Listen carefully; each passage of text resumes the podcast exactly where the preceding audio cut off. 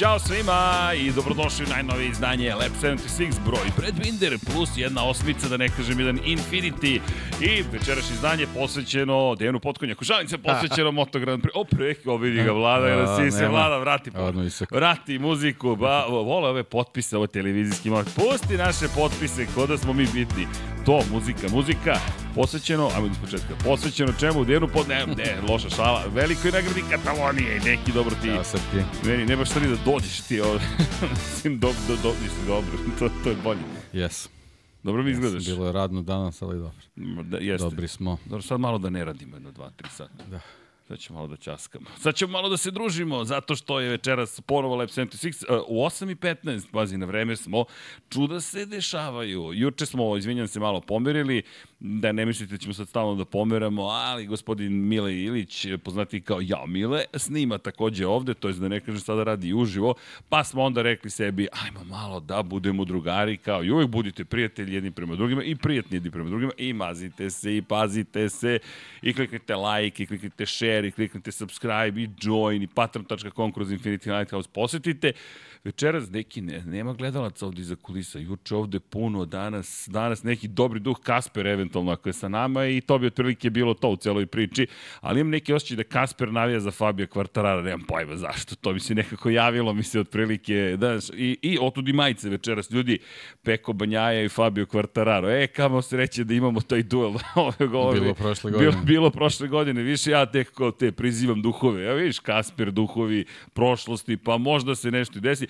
Gledam najavu na motograndprix.com i, i razmišljam, ok, kažu da su da je štrajk trenutno u Hollywoodu scenarista, kogod da je pisao njihovu najavu, očigledno je došao iz naučne fantastike, jer e, Fabio slika stoji, sve može da se desi u Kataloniji. Razmišljam, šta može da se desi, šta da potpiše za Hondu, za Ducati, to je jedino što može da se desi. Čak ni ti ni ja ovoga puta ne spominjemo toliko Fabio ili možda nećemo spomenuti Fabija. Za Red Bull Ring smo rekli možda Fabio nešto uradi ko je bio na Red Bull ringu, nadam se da uživao, kažu da je bilo sjajno oni koji su bili tamo, kažu da je bio lep moment, taj hero walk čuveni, odete kroz pit lane, pa upoznate nekoga, vidite, potpiše vam se i tako dalje. Ako ne znate za koncept, pitajte one koji su putovali na trke, imate taj moment da odete na hero walk i kroz pit lane upoznate vozače.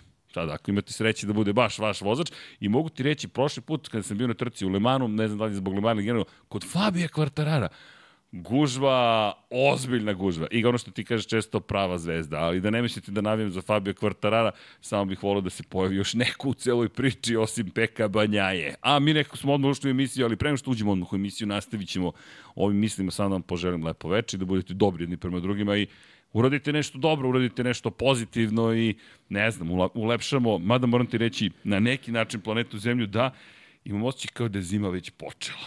Dolazim, temperatura pada, nije da se žalim što je temperatura makar malo pala, ali mrak i razmišljam, ne, idu kratki dani, neću da se igram, ali dobro, ljudi, leto se završava, ko ide u školicu, osnovnu, srednju, počinje nova godina, back to school.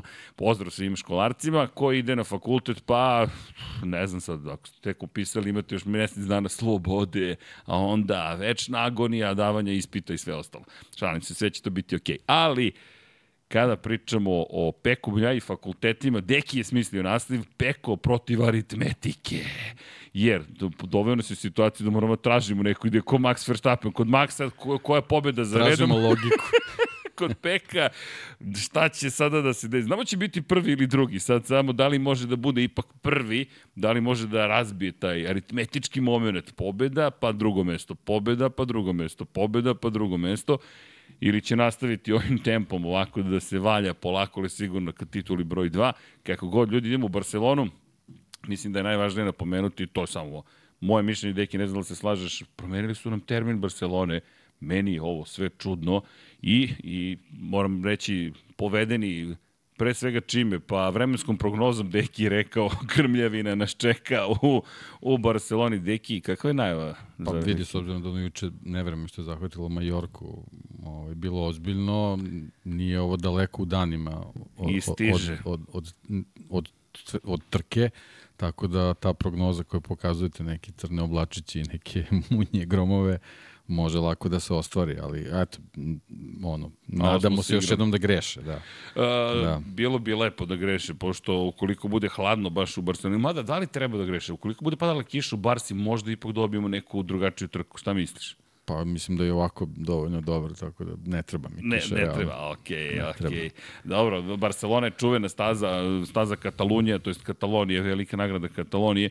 Trenutna prognoza kaže za Montmelo konkretno, nemojte da gledate Barcelonu, naša makar topla preporuka, jeste da pogledate Montmelo s obzirom na činjenicu da je to ipak deo, to je gradić mesto pokraj Barcelone, najavljeno je za subotu veče će padati kiša, za nedelju veče će padati kiša, za subotu pre podne će padati kiša, ostalo da će biti mestimično oblačno sunčano, međutim to se menja iz minuta u minut, pa da vidimo zapravo kako će nas vreme dočekati. Ali to može da odigra važnu ulogu. Meni iskreno se ne dopada, moram priznati što su pomerili i još jedan moment poklapa se s velikom nagradom Italije u Monci, Formula 1 i nije mi jasna i dalje logika kako spakoš u isti trkački vikend dve legendarne staze u Italiji i u Španiji uz obrazloženje sklanjamo veliku nagradu Katalonije od velike nagrade Španije koja se odigrava na istom ovom mestu u Barceloni, da bi publika imala dovoljno prostora da eto, kupi ulaznice. Pa čekaj, ako je publika Formule 1 došla, A ako putuju karavani, možda će ta ista publika sada da kaže, pa čekaj, idemo u Moncu, to je ipak legendarno mesto, a Barcelona ima svoju neku priču za motocikliste. Kako god držim palčeve, Moto Grand Prix, pa ajde mi da vidimo šta će se tu sve dešavati i da li će biti popunjene tribine. Kada je reč o nekim novitetima, u Moto Grand Prix nije da ima nekih noviteta, osim što se tu i tamo pojavi neki intervju. Gledao sam vrlo pažljivo ovih dana šta će se dešavati, znači ipak se počeo drugi deo sezone ima jedan intervju sa Jorgeom Martinom, otprilike iza kulisa Marka Becekija u Red Bull ringu, najava da svašta može da se desi u Barceloni, to bi bilo otprilike to što se tiče Moto Grand Prix. Mislim da oni imaju kao neki državni posao. Imam još par dana odmora, daj to da iskoristimo pre nego što krene, ali nije da ih ne razumem. S obzirom na činjenicu sada kada krene akcija, već za sedam dana kasnije će se vratiti na stazu, baš kreće akcija, baš kreće žestoko u, u Moto Grand Prix. Podsjetiću da, da je Barcelona jedna od poslednje dve stanice, čekajte samo da namestimo, pruža mi otpor ruka. Dakle, ovo je poslednje, jedna od poslednje dve stanice u Evropi i mi onda krećemo put Indije Dakle, 3. 10. septembar, velika nagrada Katalonije, velika nagrada San Marina Rimini je 10. septembar i onda smo u Indiji, u Japanu, u Indoneziji na ILP. Jeste, pa i, i to što si rekao ovaj, vezano za, za te njihove aktivnosti, možda još ne rade dovoljno na tom PR-u. Pričali smo o tome, eto, možda je ova, ovo pomeranje velike nagrade Katalonije, eto jedan dokaz da je zaista tako ako oni stvarno moraju jednu od svojih najpopularnijih trka u kalendaru da Bukom. da pomeraju zbog Formule 1, to dovoljno govori i o tom nekom možda i obimu ljudi koji su zainteresovani da prate to. Mislim, naravno, iz naše perspektive Moto Grand Prix je gotovo ono, identičan kao i Formula 1, međutim znamo i sami da ipak tu ovaj, postoji ipak neka razlika ovaj, u broju gledalaca, posebno sa, sa ovom sezonom Formula 1, stvarno smo svedoci da, da ono, da smo, da smo blizu ono, pola miliona u, u ljudi u trkačkom vikendu, to je i dalje onako prilično daleko za Moto Grand Prix, tako da verovatno i te PR aktivnosti nisu toliko toliko ovaj uh, uzete za ozbiljno, ovaj oni se s vremena na vreme pojavljuju tu na nekim nekim simpatičnim ovaj objavama, dobijemo ono, s vreme, vreme, vreme na kašičicu neke vesti i u principu za Moto Grand Prix je stvarno mnogo važno da, da, da budeš na licu mesta da bi mogao barem približno da imaš količinu informacije kako, kako ti je dostupna što se tiče Formule 1 na, na svakodnevnom nivou, na, na, na, da kažemo online. Pa kada je reč o gledalcima, napravih poređenje sa Red Bull ringom, s obzirom na činjenicu to je jedna od staza koje posećujemo u relativno bliskom periodu kao Formula 1. Dakle, kada govorimo o Moto Grand Prix-u, ove godine na Red Bull ringu 304.000 gledalaca. To je zvanična informacija koju je Red Bull ring izbacio kao, kao saopštenje za javnost. A kada pogledamo pre par nedelja kada smo imali zapravo priliku da gledamo Red Bull ringu trkanje, to je bilo negde oko 170.000 ljudi koliko se ja sećam. Dakle, a nije da nije bilo posećeno. Dakle, pogotovo trkački dan, nekako nedelja je puna uvek kod Moto Grand Prix. Sprint je donekle uspeo da popuni tribine, ali dalje nema tog karnevalskog nekako osjećaja kao kod Formule 1. Da ne ulazimo sada u probleme zašto je to tako ili nije, ali ovo će biti važan eksperiment videti zapravo da li se nešto promenilo. Da li će sada to što se sklonila od Formule 1 trka Moto Grand Prix dovesti do toga da mi kažemo ok, ovde imamo neku Znaš situaciju. kako, može, možda može da bude i, taj moment da Moto Grand Prix dalje, na sreću, se ne smatra kao zabava nego ti ljudi što idu na Formula, na, na Moto Grand Prix su stvarno posvećeni tome i žele da gledaju te trke. Formula 1 je nekako uvek karneval, Pa cirkus, jes, zabava. šta se zbiva okolo. Tako je, i onda, onda se verovatno ovaj, sa, ovim, sa ovim nekim promenama koji su izdešavale privukao dodatni broj ljudi koji nisu na, baš nešto spektakularno zainteresovani za tih 60-70 krugova u nedelju, nego ih zanima sve to okolo, šta se dešava i onda zbog toga dobijamo taj, taj, taj veći broj, a Moto Grand Prix onako stvarno i dalje za fanatike. Trkački dan. I dalje je za fanatike. da, rekao. I dalje za fanatike. Slažem se, ko ode, dakle ide u tu grupu fanatika. Ali, vi ste naši fanatici, mi se nadamo, ali 278.805 gledalaca je broj koji smo dosegli ove godine u Francuskoj i to je maksimum. I postoji par razloga. Jedan je očigledno Fabio Quartararo, dodaću Joana Zarka u celu priču, ali Francuska kao, kao taj karnevalski moment, deki, jel ti znaš Le Mans, topla preporuka, zaista se ne šalim, svim obožavaocima Moto Grand Prix, ne samo Quartararo, za Quartarara je to njegov dom, zaista je posebna atmosfera. Ali verujte, Le Mans je potpuno drugačija priča trenutno odnosu na ostalo. Ono što je nekad Mugello bio, sad je postao Le Mans. S jedne strane Fabio jeste i naslednik Valentina Rosija kao šampion u Yamahi, s druge strane zaista zvezda, ne poredim ga jedan na jedan s Valentinom Rosijem i nekako Mugello koliko god je sad u nedelju gledalaca puno, nema više taj moment da od praktično utorka do nedelje su ljudi tamo. Sada je to Le Mans. I Le Mans to ima kada je trka automobila u pitanju, to je i kada je 24 časa Le Mans u motociklizmu i sada za veliku nagradu francuski u Le Mansu topla preporuka skoro 300.000 ljudi, to je dakle na tom nivou Formula 1 za trkački vikend, spektakl je zaista zagarantovan. Da. I kad smo, samo da, stvarno da ne zaboravimo, ovaj, Jer to ne kad smemo da kad zaboravimo. Smo, kad smo u Francuskoj, ovaj, jako lepa vest, Martin Ugrinec će voziti poslednju trku svetskog endurance šampionata Bol d'Or koji se vozi na Paul Ricardu. A Paul d'Or da, koji i, da, nije na manji kuru. Ne, ne, neće biti. Poslednja trka sezone biće na Paul Ricardu i dobio je poziv ovaj, da učestvuje, tako da... Bravo, Martine.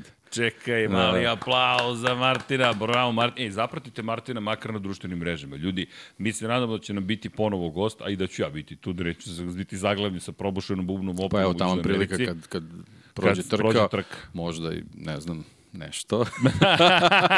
da, ali Možda u svakom slučaju, eto, kad prođe trka, ne bi bilo lepo, ne bi bilo loše u stvari, da bilo bi lepo da dođe do studije, da, da možda, eto, i te neke utiske sa Endurance ovaj podeli. A do, to je posebna trka, zaista. Bol d'Or je 24 časa Le Mans, spomenjamo pre svega automobilizmu, motociklizmu je fenomenalna trka, ali Bol d'Or je Bol d'Or, tako da je to fenomenalno. I počeo da vozi trke izdržljivosti, tako da ovo baš velika stvar. Bravo Martine, u, jedno čekam da čujem njegove utiske kako je to sve prošlo, pogotovo što su to neka, neka legendarne trke. Sad meni je nekako manji kur prva da ti gledam. Bol d'Or, manje kur. Ma, bukvalno. Da, da. Ali okej, okay, Paul Ricard vidjet ćemo. Da nije Paul Ricard za motocikl, to mi je nekako... Ne, teško mi da trenutno zamislim kako Možda su zbog perioda godine se odlučili da, da bude tamo.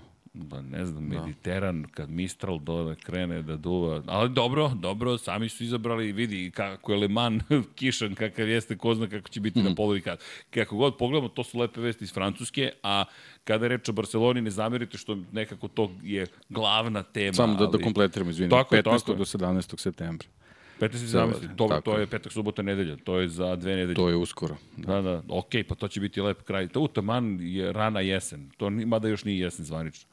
Ma da vam kažem, zima je počela što se mene tiče. Ali dobro, nemojte padati u depresiju. Ko voli zimu, idite na planinu ne, ili nešto slično tome. Ok, krenut će zimski sportovi, makar se nadam da će ih biti, ali zaista ne zamerite što je tema zapravo ovo pomeranje Barcelone. Za mene je to kulturološki šok, moram priznati. Možda sam ja Treba samo slušao da. matora, da. ali da. nekako taj moment, kažeš, počela je sezona, pa idemo u Jerez, pa idemo u Le Mans, pa onda idemo ili u Barcelonu ili idemo u Mugello. Ako idemo u Mugello, posle toga je Barcelona. Ako smo otišli u Barcelonu, idemo u Mugello pa onda da li je Saxon Ring, pa Asen ili ćemo imati, ne znam, Kimi Ring u nekom trenutku, mada šanse su male da će Finska organizovati trku u skorije vreme i onda odjednom dobijete informaciju, e, znaš šta, nema Barcelone. Kako mislite, nema Barcelone na poč u maju ili junu ili julu makar, nema, sklanjamo se od Formula 1, zastrašujuće, zato što ne to tako davno... To je kao kad bi Monako i Moncu pomerili od, iz maja ili septembra. Bukvalno, deki, kao neko kaže, e, znaš šta, ne, ipak nećemo, zašto? Pa ima tu još neko takmičenje koje je na istoj stazi, pa mi ne bismo baš da se, da se od, da odmeravamo snage sa njima. Kako mislite, nećete da odmeravate snage sa njima? Morate da odmerite snage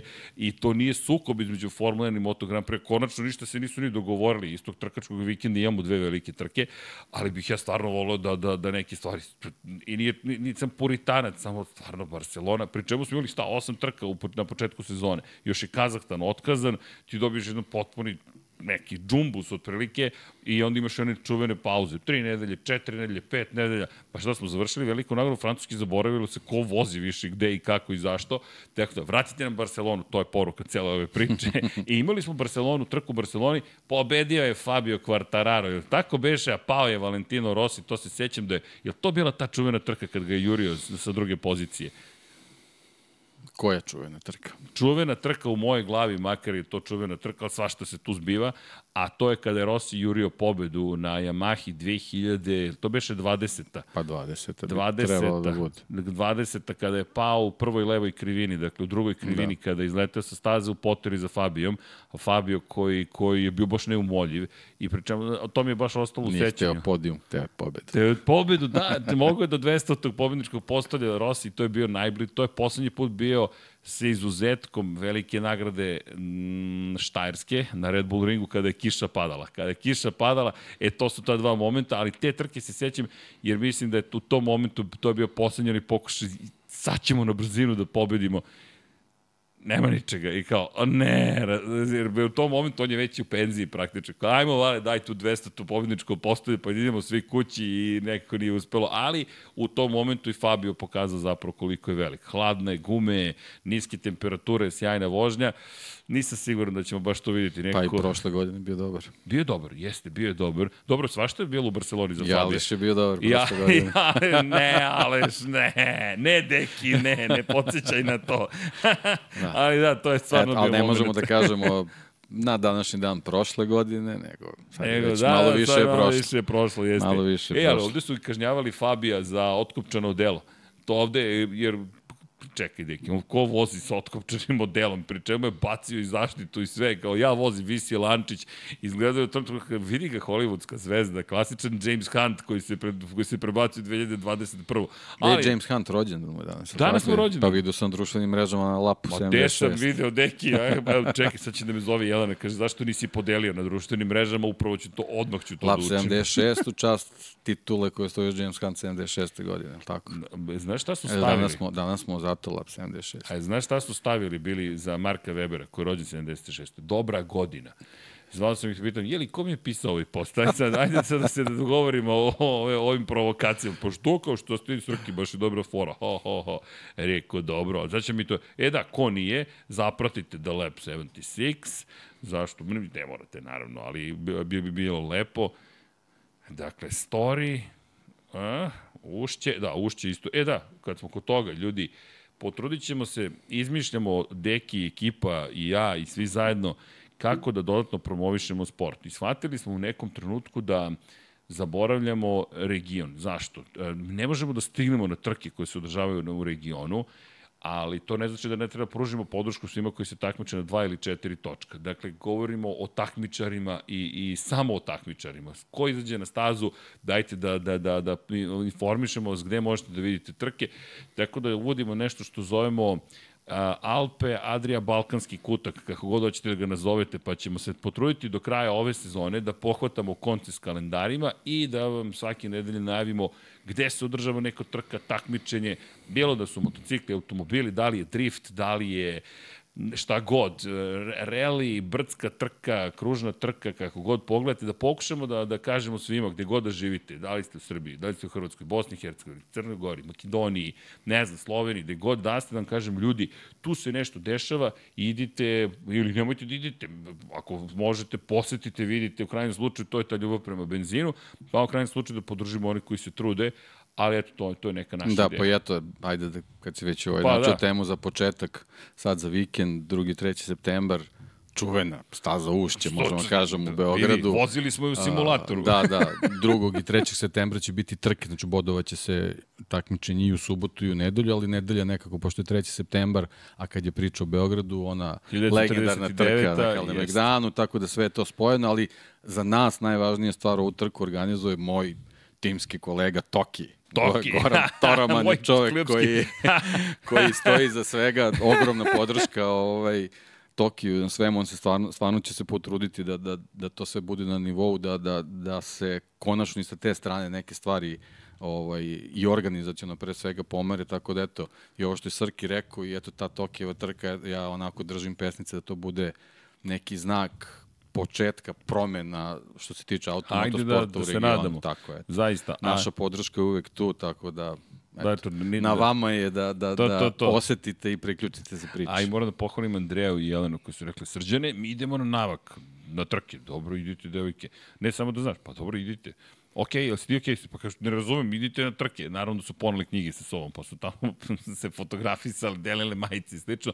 Pozdrav, pozdrav i Srkiju Velikom koji ih je podržao. E da, i pozdrav cijeloj ekipi koja organizovala trke, dakle, potrudit ćemo se, kažem, da spomenjemo i to u napred, ne samo post Da, moramo da smislimo formu, ali, ali generalno ovaj, želja nam je da, da, Da informišemo, da, ako ništa da drugo. informišemo, da ljudi spoznaju na koji način želimo da promovišemo automotosport Da. u regionu. Sport pre svega. Tako dakle, je. mi pričamo o sportu i da li ćemo se, odmah da vam kažem, uvek slagati s nečim, sigurno nećemo, svašta smo prošli, ali to ne znači da nećemo dati podršku, jer poenta nije u tome, e, ne dam podršku, ajde sad, ne, ne, ne, mi podržamo od početka. Sport, takmičenje, bezbednost, edukacija. Tako je. To su stvari koji, za kojih mi bismo volili da stojimo i više, ali ne, ne znam, što ne dolaziš na trke? Kada? Da, e, da, znate, kad, e, da li znate, Vlado, da li ti znaš kad mi je sledeći slobodan vikend?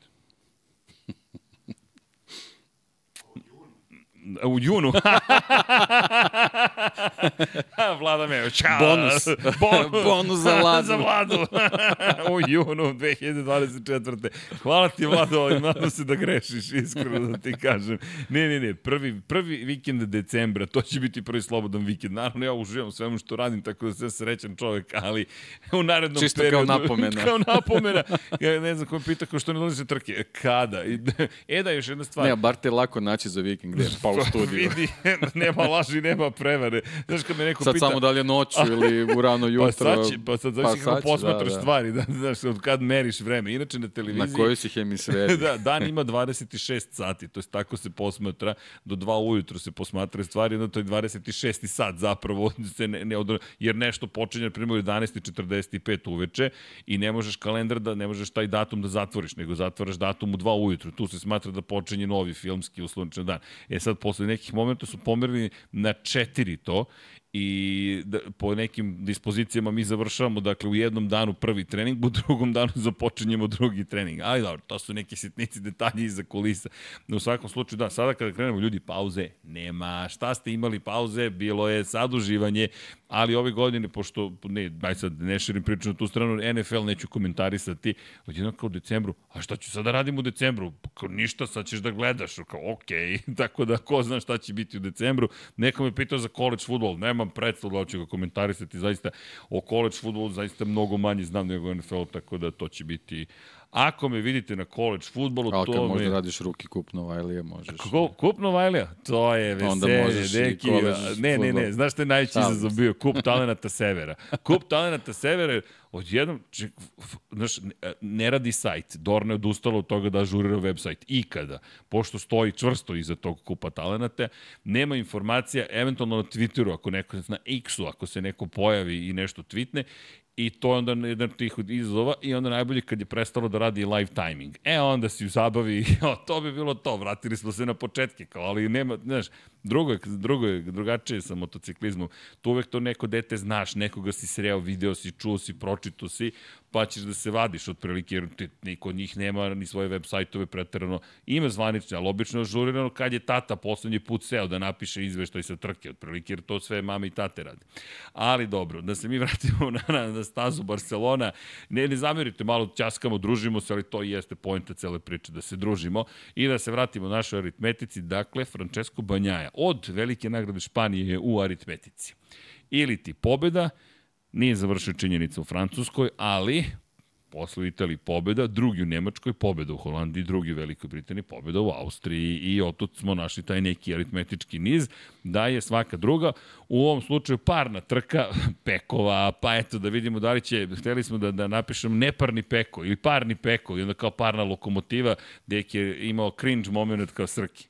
Come on čekaj, nemamo preterivati negde, moramo da podvučemo crtu tome, ali dobro, stvarno je kao parna lokomotiva i šta da kažemo, da, samo da podsjetimo u šampionatu sveta, 251 poen, 189 bodova ima Jorge Martin, Marko Beceki 183 i Suštinski o ovoj trojici najviše i pričamo. Da, Brad Binder je tu sa 160 bodova posle dva uzastopna plasmana na pobedničko postolje, međutim, Deki, ja zaista imam osjećaj kao da bismo lagali kada ne bismo pričali o tome da Peko Banjaje zapravo ovde zatvara zatvara niz. To jest, mislim iskreno da si baš lep naslov dao, jer sam ubeđen da će pokušati da izvede ne po svaku cenu, ali da će sav trud svesti na to da sada pobedi u Barceloni i u Mizanu narednog vikenda, jer sa ta dva triumfa... Pa sa dva triumfa razbio bi sve, sve ove priče o, o aritmetici, ali matematički bi to bilo to. prilično ovaj, kako bih rekao, opustio sebi priču za završetak sezone jer vraćam se i na prošlu godinu i vraćam se na činjenicu da idemo u Indiju. Indiju niko još nije vozio. Dakle, mi idemo na potpuno novu stazu, ne znamo ko će se tu najbolje snaći. Pre čemu, kada odete van nekog ustaljenog puta u Evropi, dolazimo u situacije koje mogu biti problematične. Prošle godine njegova poseta Aziji nije baš bila toliko uspešna. Dakle, imao onaj pad u Japanu, bio treći na Tajlandu, bio treći u Australiji, U Maleziji jeste pobedio, ali kada pogledaš, nije to bio njegov najsnažniji moment u sezoni. I iz te perspektive imam utisak da želi da završi bilo kakvo pitanje da li Jorge Martin nešto može ili ne može, ili da li Marko Beceki može ili ne može. Iskreno mislim se da su se njih dvojica samo eliminisali. Martin koliko god da je sebe nahvalio i rekao smatram da mogu da se merim sa Pekom Banjajom, smatram sam konstantniji vozač od Marka Becekija, mm, ne, ne mogu baš da prihvatim to tako jedan na jedan, da kažemo da je zaista tako, pošto to ne vidim trenutno, ne vidim da može da ugrozi Peka Banjaju. Bilo da je to greška na startu trke, bilo da je greška u kvalifikacijama, nije mi prosto na tom nivou. Pa, generalno problem zbog čega ne može da ugrozi Peka Banjaju je ta nekonstantnost u stvari. On brzinu ima, to je više puta potvrdio, međutim suviše su veliki suviše su velike te rupe koje se dese u trenucima kad treba velika količina bodova da se osvoji. I to je u stvari ta, ta, ta stvar koja njega, njega čini manje konkurentnim u borbi za titulu, jednostavno mora da bude mnogo, mnogo konstantniji na kraju krajeva i sezone unazad su pokazale da neki vozači koji nisu imali dominaciju vezano za pobede su zbog konstantnosti bili uvek u prilici da se bore za titulu, uključujući Aleš Espargara prošle godine, ako već pričamo a, na, na taj način. Znači on koji je bio prilično uh, daleko po broju pobeda u sezoni, evo na primjer taj kiks koji ima u, u, u Barceloni i, i onaj problem ovaj, u Silverstonu sa, sa, sa padom su ga praktično od, udaljili od borbe za titulu i u sve one probleme sa elektronikom ili šta je sad sve već bilo, oni gremlini koji su imali ovaj, na, na tom azijskom delu vezano za Apriliju, ipak su ga do nekog trenutka držale u toj borbi, iako nije imao veliki broj pobjeda. Tako da jednostavno moderni Grand Prix pokazuje da, da je konstantnost jako važna. Jorgeu Martinu očigledno izuzetno odgovara ovaj novi format sa, sa sprintom, gde u principu on, on anulira te neke svoje, svoje kikseve vezane za veliku nagradu, ali sa ovakvim raspoloženim pekom banjajom vidi se da to jednostavno nije dovoljno. Moraš da budeš uh, u svakoj sesiji moraš da budeš na maksimumu i da, da koristiš svaku priliku da skupiš što, je, što veći broj bodova po mogućstvu da bude dvocifren. Iz moje perspektive, zaista mislim da polako svi mogu da počnu da se oprastaju od šansi za titulu ukoliko ove dve trke završi posao Banjaje. Piši ovo, Vlado, molim te. Piši da sam to Piši izjavio. time kod Piši ovaj. time kod, zašto? Bojim se... 29. avgust, Ja, 20 kad časova i to 44 upišeš- minuta. kad mi to upišeš, obično treba da se brinem, ali dobro. Ok, izjavio sam, znam da to možda sad će pekovi navijači kaže što, što opet po nama, zašto nas diraš? Ne diram vas ljudi, zaista samo mislim duboko da, da ukoliko ove dve trke zabeleži pobede, da je to to. Zaista mislim da je to to i na psihološkom nivou na svakom drugom nivou. I ono što je rekao zanimljivo Martin i tu se u potpunosti slažem, Peko je došao do nivoa kada može da bira. Može bukvalno da odredi, ok, danas ću biti drugi, danas ću biti treći. To je Ne, danas ću biti drugi, sutra ću biti prvi. To je sledeće nedelje ću to, biti prvi. ili, ili, mogu danas u sprintu da budem drugi ili treći, ali ću sutra da budem prvi, ovo ću da iskoristim.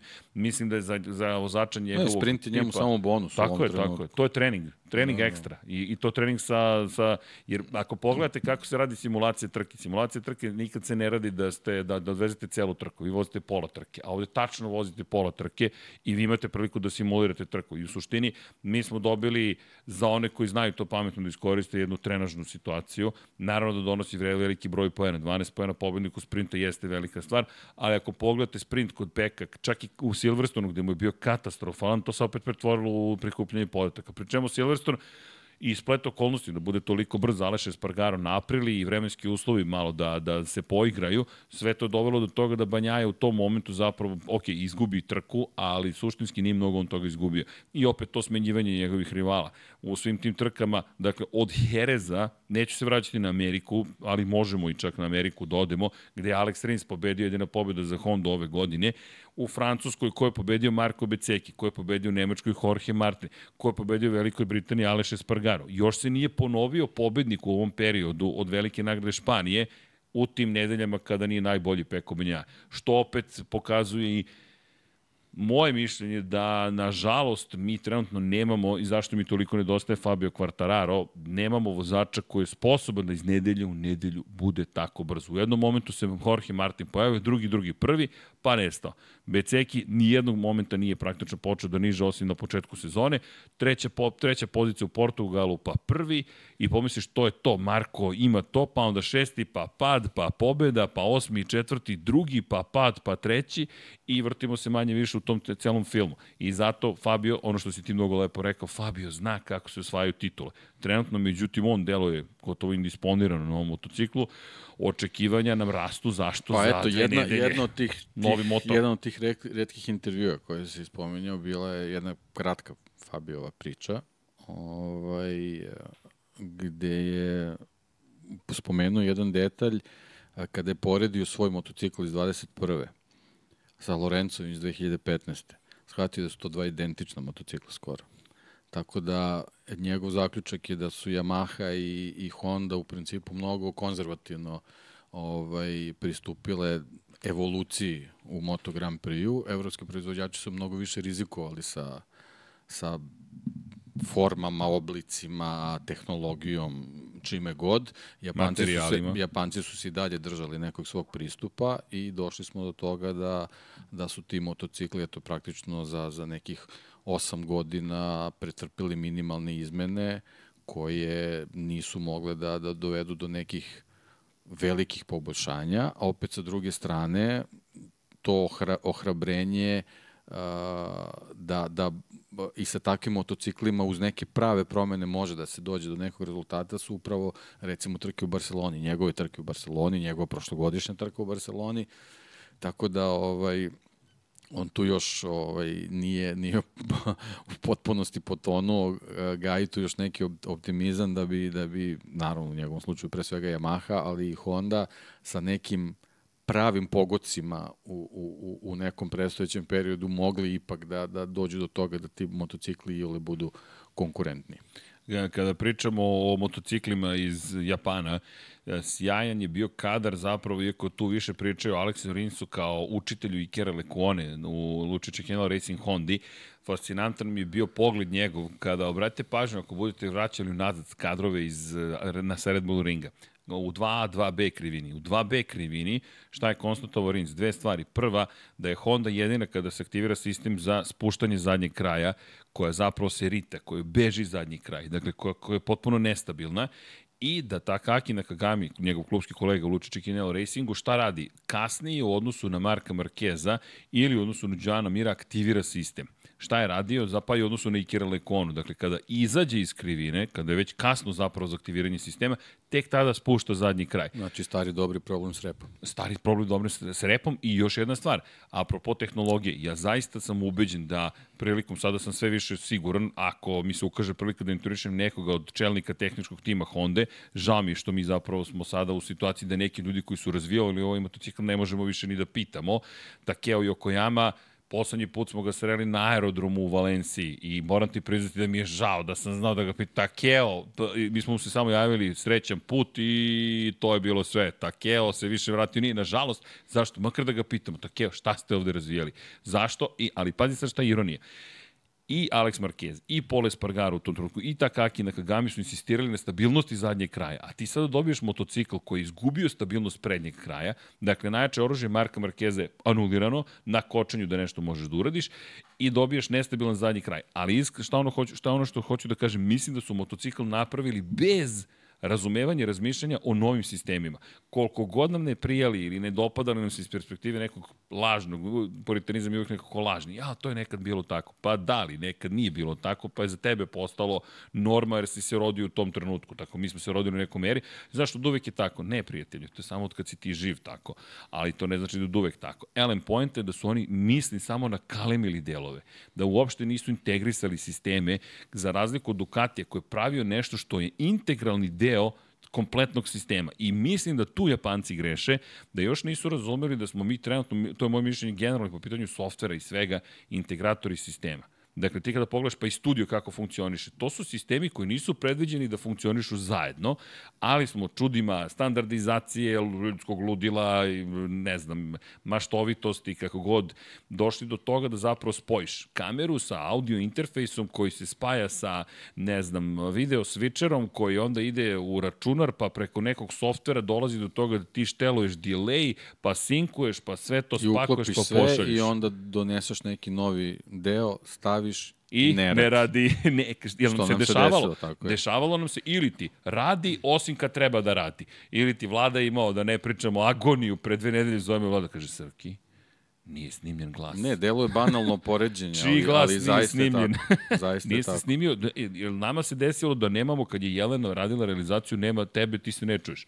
A do tog momenta ista oprema, nismo kabel, nismo prišli opremi, sve radi odjednom ne radi. Ni dan danas ne znamo zašto nije radilo. E, imamo će i Honda tako, nemamo pojma zašto nije radilo, ali... Da, samo da što je kod nas malo bezazlenije kad ne radi. malo više bezazlenije, ne izlaziš iz krivine da. i ne pa i, 350 na sat. Pričaju pa svoje da, jeste, ali, ali, ali ovaj, ne pravdaš neke milione nečega, to je, to je razlika. Mislim, da, da, ipak, ali tamo osjećaj, ipak biznis. Ali, biznis je jako važan. I jeste, ali, ali znaš šta mislim da nedostaje? Ovo što vlada ima, to ti je osjećaj gorčine da, u stomaku kad što se nešto desilo. Ja imam se Ken Kavuči. Ken Kavuči, ja mislim, a dobro on... Sve mu se više usne spuštaju dole. ali moramo da... Moramo Treba da, da nosi na japanske maske. Znaš šta moramo da uradimo? Da ga pitamo za fotku, ali za komercijalne svrhe. Da napravimo foto, sliku sa njim, da, da, majicu sa njim, Ken Kavuči. Zato što ali on... sa osmehom. Umesto smajlija, znaš, naš smajli će se zvati Ken. Smejao se jednom, sme... Znaš ali ne Barbie Ken, znaš. Ne, si gledao Barbie? Naravno da ne. Ne, ba, deki, pa nemoj, kao filmofil, morat ćeš da ideš. A da, nekom trenutku. Dobio smo zahtev, inače, da sad ne imenujem od koga, da uvedemo roze stolicu, jer neko su nema problema, ako nađeš, samo nam recite Trenutno da Trenutno idite, gledajte Gran Turismo.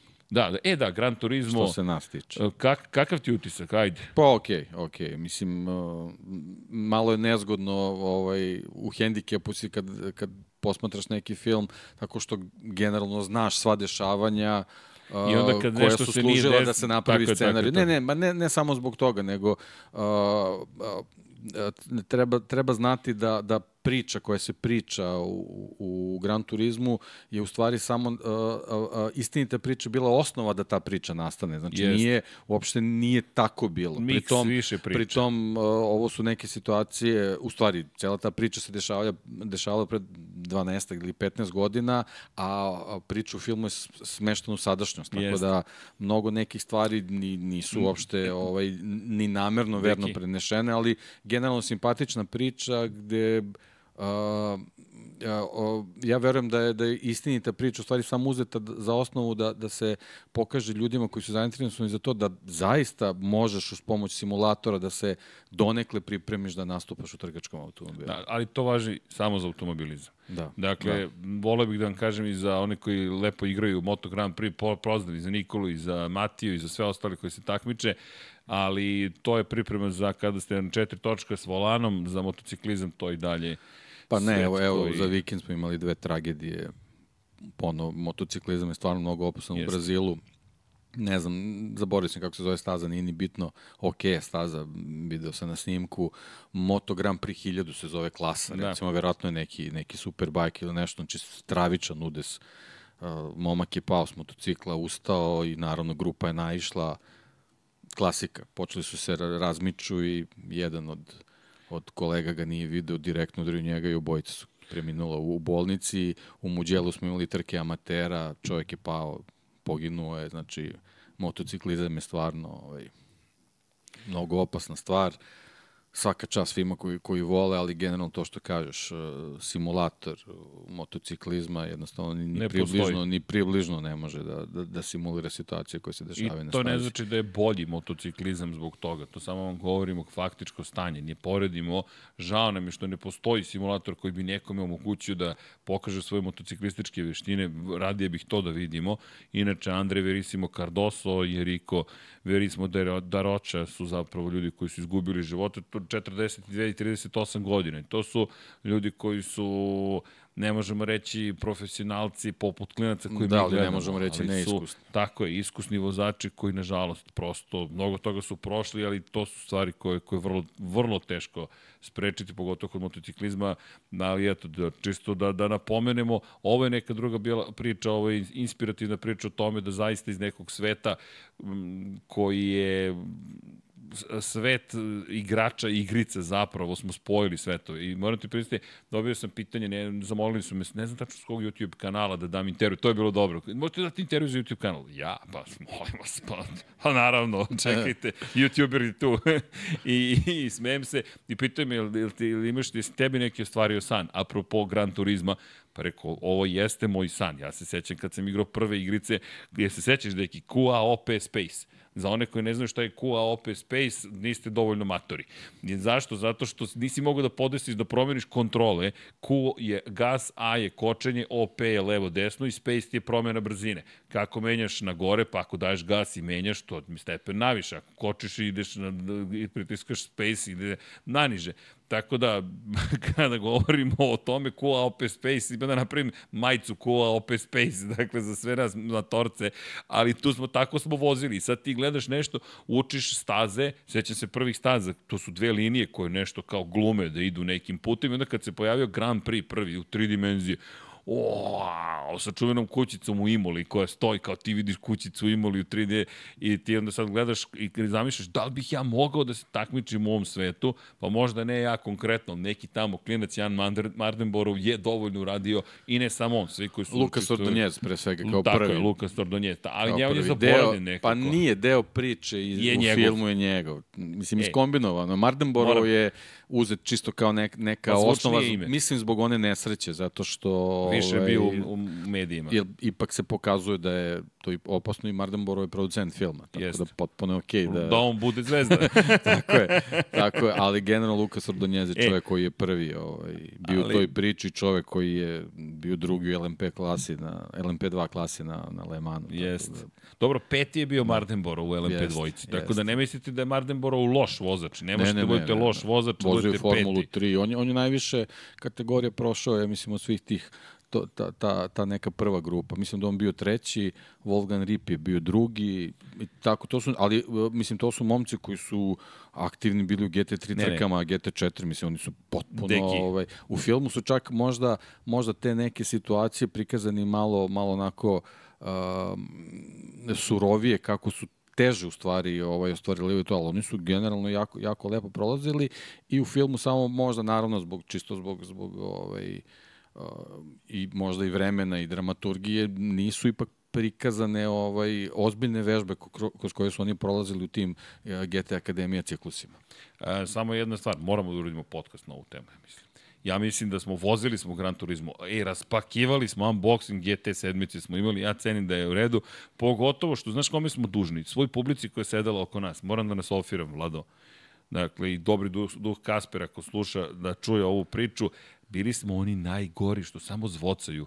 Dek, samo zvocaju. Ovo, ovo nije ta krivina. Šta je ovo? Ovo nije ta staza. Šta šta ovo liči? Da li je moguće ovo? A oko nas ljudi uzbuđeni, znaš, sve, sve dramatizovano, Hollywood, ceo, ali dvojica deda sede i ovako. Molim, pa nisu boje, ivičnici nisu taj boje u Lemanu. Znaš šta ovo liči? Vidi lišće, mora da su jesen snimali, pa... Najgori smo bili. Najgori, bukvalno. I ako smo se pogledali na trenutku, ti svesno da samo mi ovde zvocamo, gunđamo u celoj sali. Znaš, Čuli smo se mi i krckanje onih.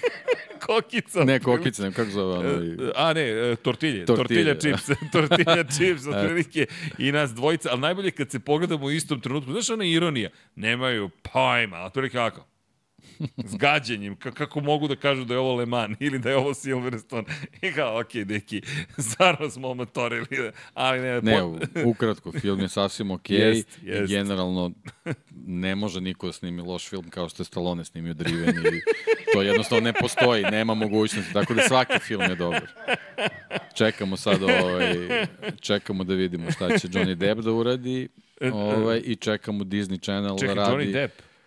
Ne Johnny Depp, izvini. Sad si me tiltovao, znaš koliko su nam oči, šta snima Johnny Depp, ne, Johnny Depp, Brad Pitt. Ne, Brad Pitt. Moj te deki, ovaj, Brad Pitt. I Keanu Reeves je ubačen u priču e, Disneyevu sa Bron GP-em, to jest sad vidjet ćemo da li je to u stvari dokumentarac, neki poludokumentarac, nisam sad ni siguran kako će to da, da, da izvedu, ali, ali eto, u svakom slučaju dva ostvarenja nam ovaj, slede, tako da tu ćemo onda da poredimo, da imamo ko je, ko je uzbiljniji, ko je kako radio i na kojoj stazi je snimao. A znaš kako smo stigli do ovde? Nemam pojma. Od Kena Kavučija i Kena Barbikinog. Vraća se, vraća se, vraća se Kena, u Kataloniju. Vraća se Kena Kavučija. Ne, njega pusti, vraća se na Kataloniju. ne, ne, ne, ne, ne, imamo tu priču. Apropo Honda, samo da zaključimo, dakle, da pitamo šta ste razmišljali kada ste razvijeli ovaj motocikl, s obzirom na činjenicu da zaista deluje kada je kalemljeno čudo neko, ne integralni jedan sistem koji mora se koristi, jer ti slušaš Aleksa Rinsa koji primećuje stvari koje ne bi smele da se došlo. Deki, od kad mi koristimo sistem za, spu, za, za, za spuštanje zadnjeg kraja? Od kad mi koristimo ride height device? Ja mislim od 2017. Ducati da je krenuo da eksperimentiše s tim. Honda i dalje time nije ovladala. I to je ono što je Marquez prošle godine pričao. Pa u kojoj sezoni? To je, to je da sezona posle titule kad su se Miri Rin žalili da nisu imali na Suzuki-u ništa. 2021. godine su počeli i prednji kraj da spuštaju. 2020. osvojio Mir titulu, I sledeće godine nisu imali ništa. Da, nisu imali ništa. E, pa to. Da, da, nisu imali... Ne, ali Ducati je već počeo godinama to, to unapred. kažem, to kažem. Znači, ti već imaš šampionski motocikl i, i ne praviš taj korak. Št, kakav je problem? Osvojio si titul. Stavljaj to da vidiš kako funkcioniše. Ne, oni imaju svoju filozofiju i to, to je o čemu pričam. Da, Mislim, da. Te, te stvari nisu, nisu o, obavezno pogrešne, ali jednostavno u ovom trenutku su mnogo kasne zbog toga što su sledili svoju filozofiju i mislili su da niko neće rizikovati, niko neće, ovaj, da niko neće uspeti. ekstremno o, probati da promeni neke stvari ekstremno su promenili Evropljani i sad je ta jurnjeva, ali to meni bio fascinantan komentar i još jedan komentar vrlo značan, ovo čisto da obogatimo priču i o Hondi, Iker Lekona, pita ga Alex Rins, jel možeš da skrećeš? Kaže, nekad sam u, u, u, kada sam pri visokim brzinama. Oni pri visokim brzinama ne mogu da skrenu s motociklom. Motocikl ima uh, tendenciju da podupravlja, da zapravo nastavlja putanjom pravo i da vi ne možete da skrenete. I sad dolazite u situaciju da motocikl zapravo fundamentalno nije dobar. I u, zašto mislim da su ogromne ovolike razlike? Smanjio se uticaj vozača svakako, poništio si najveću prednost svog najboljeg vozača Marka Markeza i još jedna bitna stvar, u, ce, u celoj toj priči ostali su toliko napredovali da ti sada na, da, veliko na je pitanje gubiš. da li bi išta bilo drugačije da Marquez nije imao neku pauzu, da je, da je mogao aktivno da učestvuje kroz ne trke u razvoju, da li, da li Nisam bi nešto siguran promenio? da bi, da bi čak, da bi, da. mislim da čak ni on ne bi mogao to da promeni, jer on do sada nije... Pa on bi možda insistirao na, na, na, na, na napretku nekom. Znam, ali da. ovo je... Ali kažem, eto, konkretno imamo iz, iz usta prvog vozača Yamahe koji kaže da osam godina praktično Yamaha nije promenila motocikl. Ne, zastrašujući, bukvalno, e, bukvalno je zastrašujuće, ali se poklopa sa onim što je govorio i Valentino Rossi, sa onim što je pričao Maverick Vinales, sa onim što priča sada Fabio Quartararo. Franco Morbidelli, njega bolje da ne slušate, on je toliko ogorčen na Yamahu da e, komentari su na ličnom nivou, otprilike pitajte Lina Jarvisa, ne, on je, ba, Franko je toliko ljut. Ja se ne sećam da sam ga ikad video ljutog na bilo koga. On je trenutno na Yamahu ne ljut nego to je, baš se vidi lično nešto, tako da nadam se i kada proistekne ugovor, ne, ne želim prljave nikakve detalje, samo da nam objasni šta se zapravo dešavalo sve iza kulisa. Kako god njega menja Alex Pa Rins, ništa se nije dešavalo, to je problem. to, to, to je problem, To je problem. si neki, da, da, da.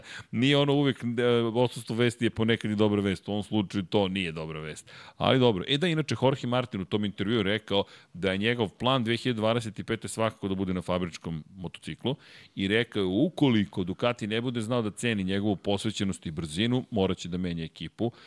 S druge strane, ja ne vidim da će, Marko, da će Jorge Martin biti prvi izbor. Dakle, osim ako ne sledeće godine izvede čudo i ne bude ne bolji od Becekija, nego se bude borio za titulu do kraja sezone, u suprotnom ne vidim da će izabrati ispred Becekija bilo koga. Zaista mislim da Becekija čeka taj skok, ukoliko naravno budu otpuštali ne u Bastianinija.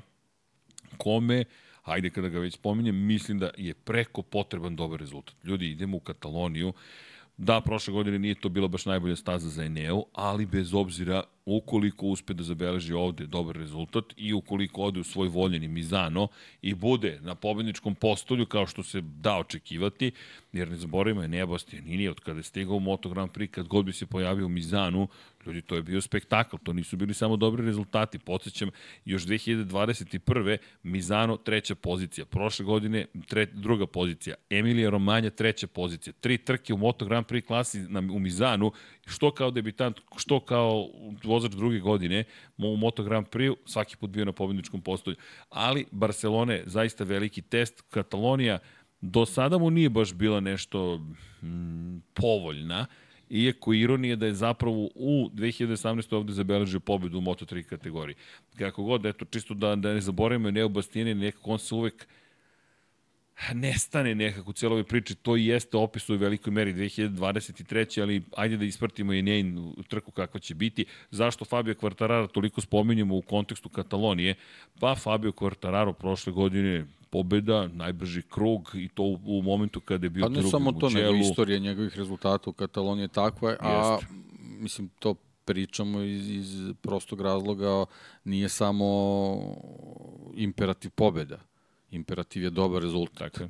A ako gledamo ovogodišnju sezonu, pobeda Rinsa u Teksasu apsolutno nam daje za pravo da o nekom vozaču koji ima dobru istoriju Na vožnji na nekoj stazi, da, da, da možemo da računamo da, da i, u, i u situacijama kad baš, baš ništa ne ide ovaj, od ruke na, na, na tim mestima možda, možda da, se, da se ostvari neki dobar rezultat. od kada je počeo da vozi u šampionatu sveta, u Kataloniji osvajao poene ili, ili imao sjajne rezultate. Dakle, ko prati karijeru Fabio Quartarara zna da u Kataloniji, inače ko prati karijeru pre svetskog prvenstva, on je momak bio dvostruki šampion Španije dok je to još bilo špansko prvenstvo, zbog njega i preimenovano u svetski šampionat za juniore, pošto su napravili to čuveno Quartararo pravilo, za njega su menjali pravila. Honda je toliko verovala u projekat Fabio Quartararo da je 2014. lobirala za 2015. godinu se dozvoli osvajaču titulu šampionatu Španije da iako je mlađi od 16 godina vozi u šampionatu sveta. I to je urađeno.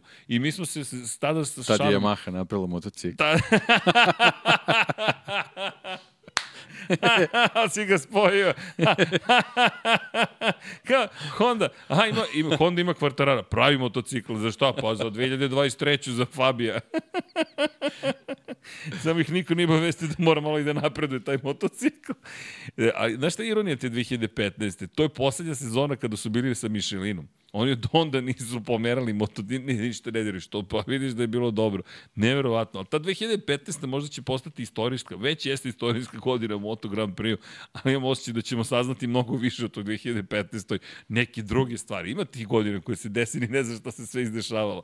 Ali Katalonija za njega te godine, 14. 7. je bio naredne godine. Inače čovjek koji je menjao motocikle u tom periodu, Honda pa KTM za Leopard, inače Da, to ćemo da spomenemo, ali ajde možemo samo brzinski da spomenemo. Ajde, možemo i posle. setit ćeš se posle. Pa da, da, da ne mešamo kategorije. Setiću se, da. setiću se. Da. Zatim je prešao na Kalex u Moto dvojkama, pa je našao speed up u Moto dvojkama i šta se desilo kada je bio na speed upu 2018. u Kataloniji? Prva pobjeda u karijeri. To je taj moment gde dan danas pamtim tu njegovu prvu pobedu. Zašto? Bili su neki dragi ljudi u, u poseti sa, sa ovih prostora. Bilo mnogo ljudi i, u Kataloniji i sa ovih prostora i jedna od porodica je insistirala da ode da vidi Fabija Kvartarara i toga se sećam i razmišljam pre početka vikenda Fabio Kvartarara. Ok, njegovi rezultati do tog momenta 20. 22. Inače, to 22. mesto u Argentini je početak njegovog sazrevanja, jer i to je ispričao više puta u Argentini kada je stajao na začelju i rekao, pogledao sam iza sebe i nema nikog iza mene osim bezbednostnog vozila. I bukvalno je sebi rekao, Fabio, trenutak i da razmisliš o svom životu. Šta ti zapravo želiš od života? Nema nikoga iza, svi su ispred tebe, ti si na začelju, otprilike vozilo bezbednosti je tu i onda počinje njegov uspon. Dodlaze prvi poeni, 15. u Americi, pa 10. u Španiji, u Francuskoj 8. u Italiji 11. i pobjeda u Kataloniji uz pol poziciju i seća se radosti cele porodice i Fabio, pošto njih pet otprilike došlo da ga isprati, pošto Joan Zarko u tom trenutku zvezda i francuskih navijača koji su relativno blizu, jel te jug Francuske bukvalno tu, i dolazi i daje mi ni slajdere, delove sa odela, sve, sve podelio i radost. Ja, sređene, nabavili smo delove. Fabio nam je sve poklonio otprilike i toga se sećam, ali ljudi od tog momenta kreće jedna nova karijera, bio je drugi u Holandiji i spletom nekih čudnih okolnosti. U tom trenutku Petronas Moto Grand Prix ekipa traži vozača za svoju novu ekipu i kao vidi ovog malog u Moto dvojkama nije brzo. Ima čak i snimljeno iza kulisa Johan Stigefeld i Razan Razali pričaju o tome koga bismo mogli da angažujemo. I sad šta ti je ko Kotor kad nam je pričao, Midre Kotor, šef Leopard Racing, kad je pričao kako su Lorenza da Laporto angažovali. Jer čovek koji s kojim je trebalo da vozi tog popodneva otkazao, to je poslednji dan za prijavu vozača i da Laporta koji prolazi ispred garaže na svom motociklu pogleda unutra u Leopard Racing i ništa i nastavi dalje. I Mio kaže, ajmo njega da angažujemo. I dve godine kasnije on postaje šampion sveta sa Leopardu. Ne, ne, to su A te priče. četiri godine kasnije on pokloni kacigu. Poklonim kacigu, potpisan, uh, ne znam negde, gde. Negde, nema veze. ok, to je negde. Ali Trebalo je da bude, ali nismo uspeli da uklopimo sa zvezdom smrti, pa smo morali... Znaš šta da... moramo da otmemo? Ma njegov motocikl treba da otmemo. To treba može, da otmemo. Može. može. Kažemo, Mio, treba da nema motocikl Ma nećemo da, mu, da ga pitam. Samo odemo do Luksemburga i pokupimo. Ali činjenica je da je, da je Fabio u tom trenutku svoje karijere zaista imao i sreće. Moramo malo te pogleda sreće i pogledate sreće i daju mu Yamahu i on sledeće godine postane zvezda Moto Grand Prix. E, tu zvezdu čekamo i podsjećam da Fabio samo jedne sezone nije imao od onda pobedu i to je bila debitanska sezona 2019. Pobedio 2023 puta, pobedio pobedio u svojoj šampionskoj godini. Pet puta tokom sezone prošle godine. Tri puta pobedio, uključujući triumf ovde. I dolazimo, kao što si rekao, na mesto uspeha, Peko je prošle godine ovde bio eliminisan. Takaki Nakagami napravio onu veliku grešku, eliminisao mnogo više ljudi nego Jorge Martin. Šta ti je reputacija? Zamisli da je Takaki Nakagami izveo ono što je izveo Jorge Martin na Red Bull ringu. Ja mislim da bi Takaki na Kagamiju zabranili da priđe stazu. mu licencu. Bukvalno. I bilo bi ne sad izvinjenje jednom čovjeku, da. svima otprilike. Njega Ali vidiš, baš, juče, juče smo da nač, načeli smo tu priču ovaj, sa, sa Cunodom, nekako vidiš ti Japanci ovaj, kao da, da je nekako najlakše da njih ovaj, kao Kazniš ne znaju da voze i to. Da, to, ne znaju, da, baš da. ne znaju, aha. Očito. To, to, a baš je sramota, za Jukija posebno. Sjeća se Eugene ali... kako su ga izbacili iz Formule 1. Kako ne? Koliko su vozači izbacili iz Formule 1? Nije. Da li su Romana Grožana izbacili iz Formule 1? Ne.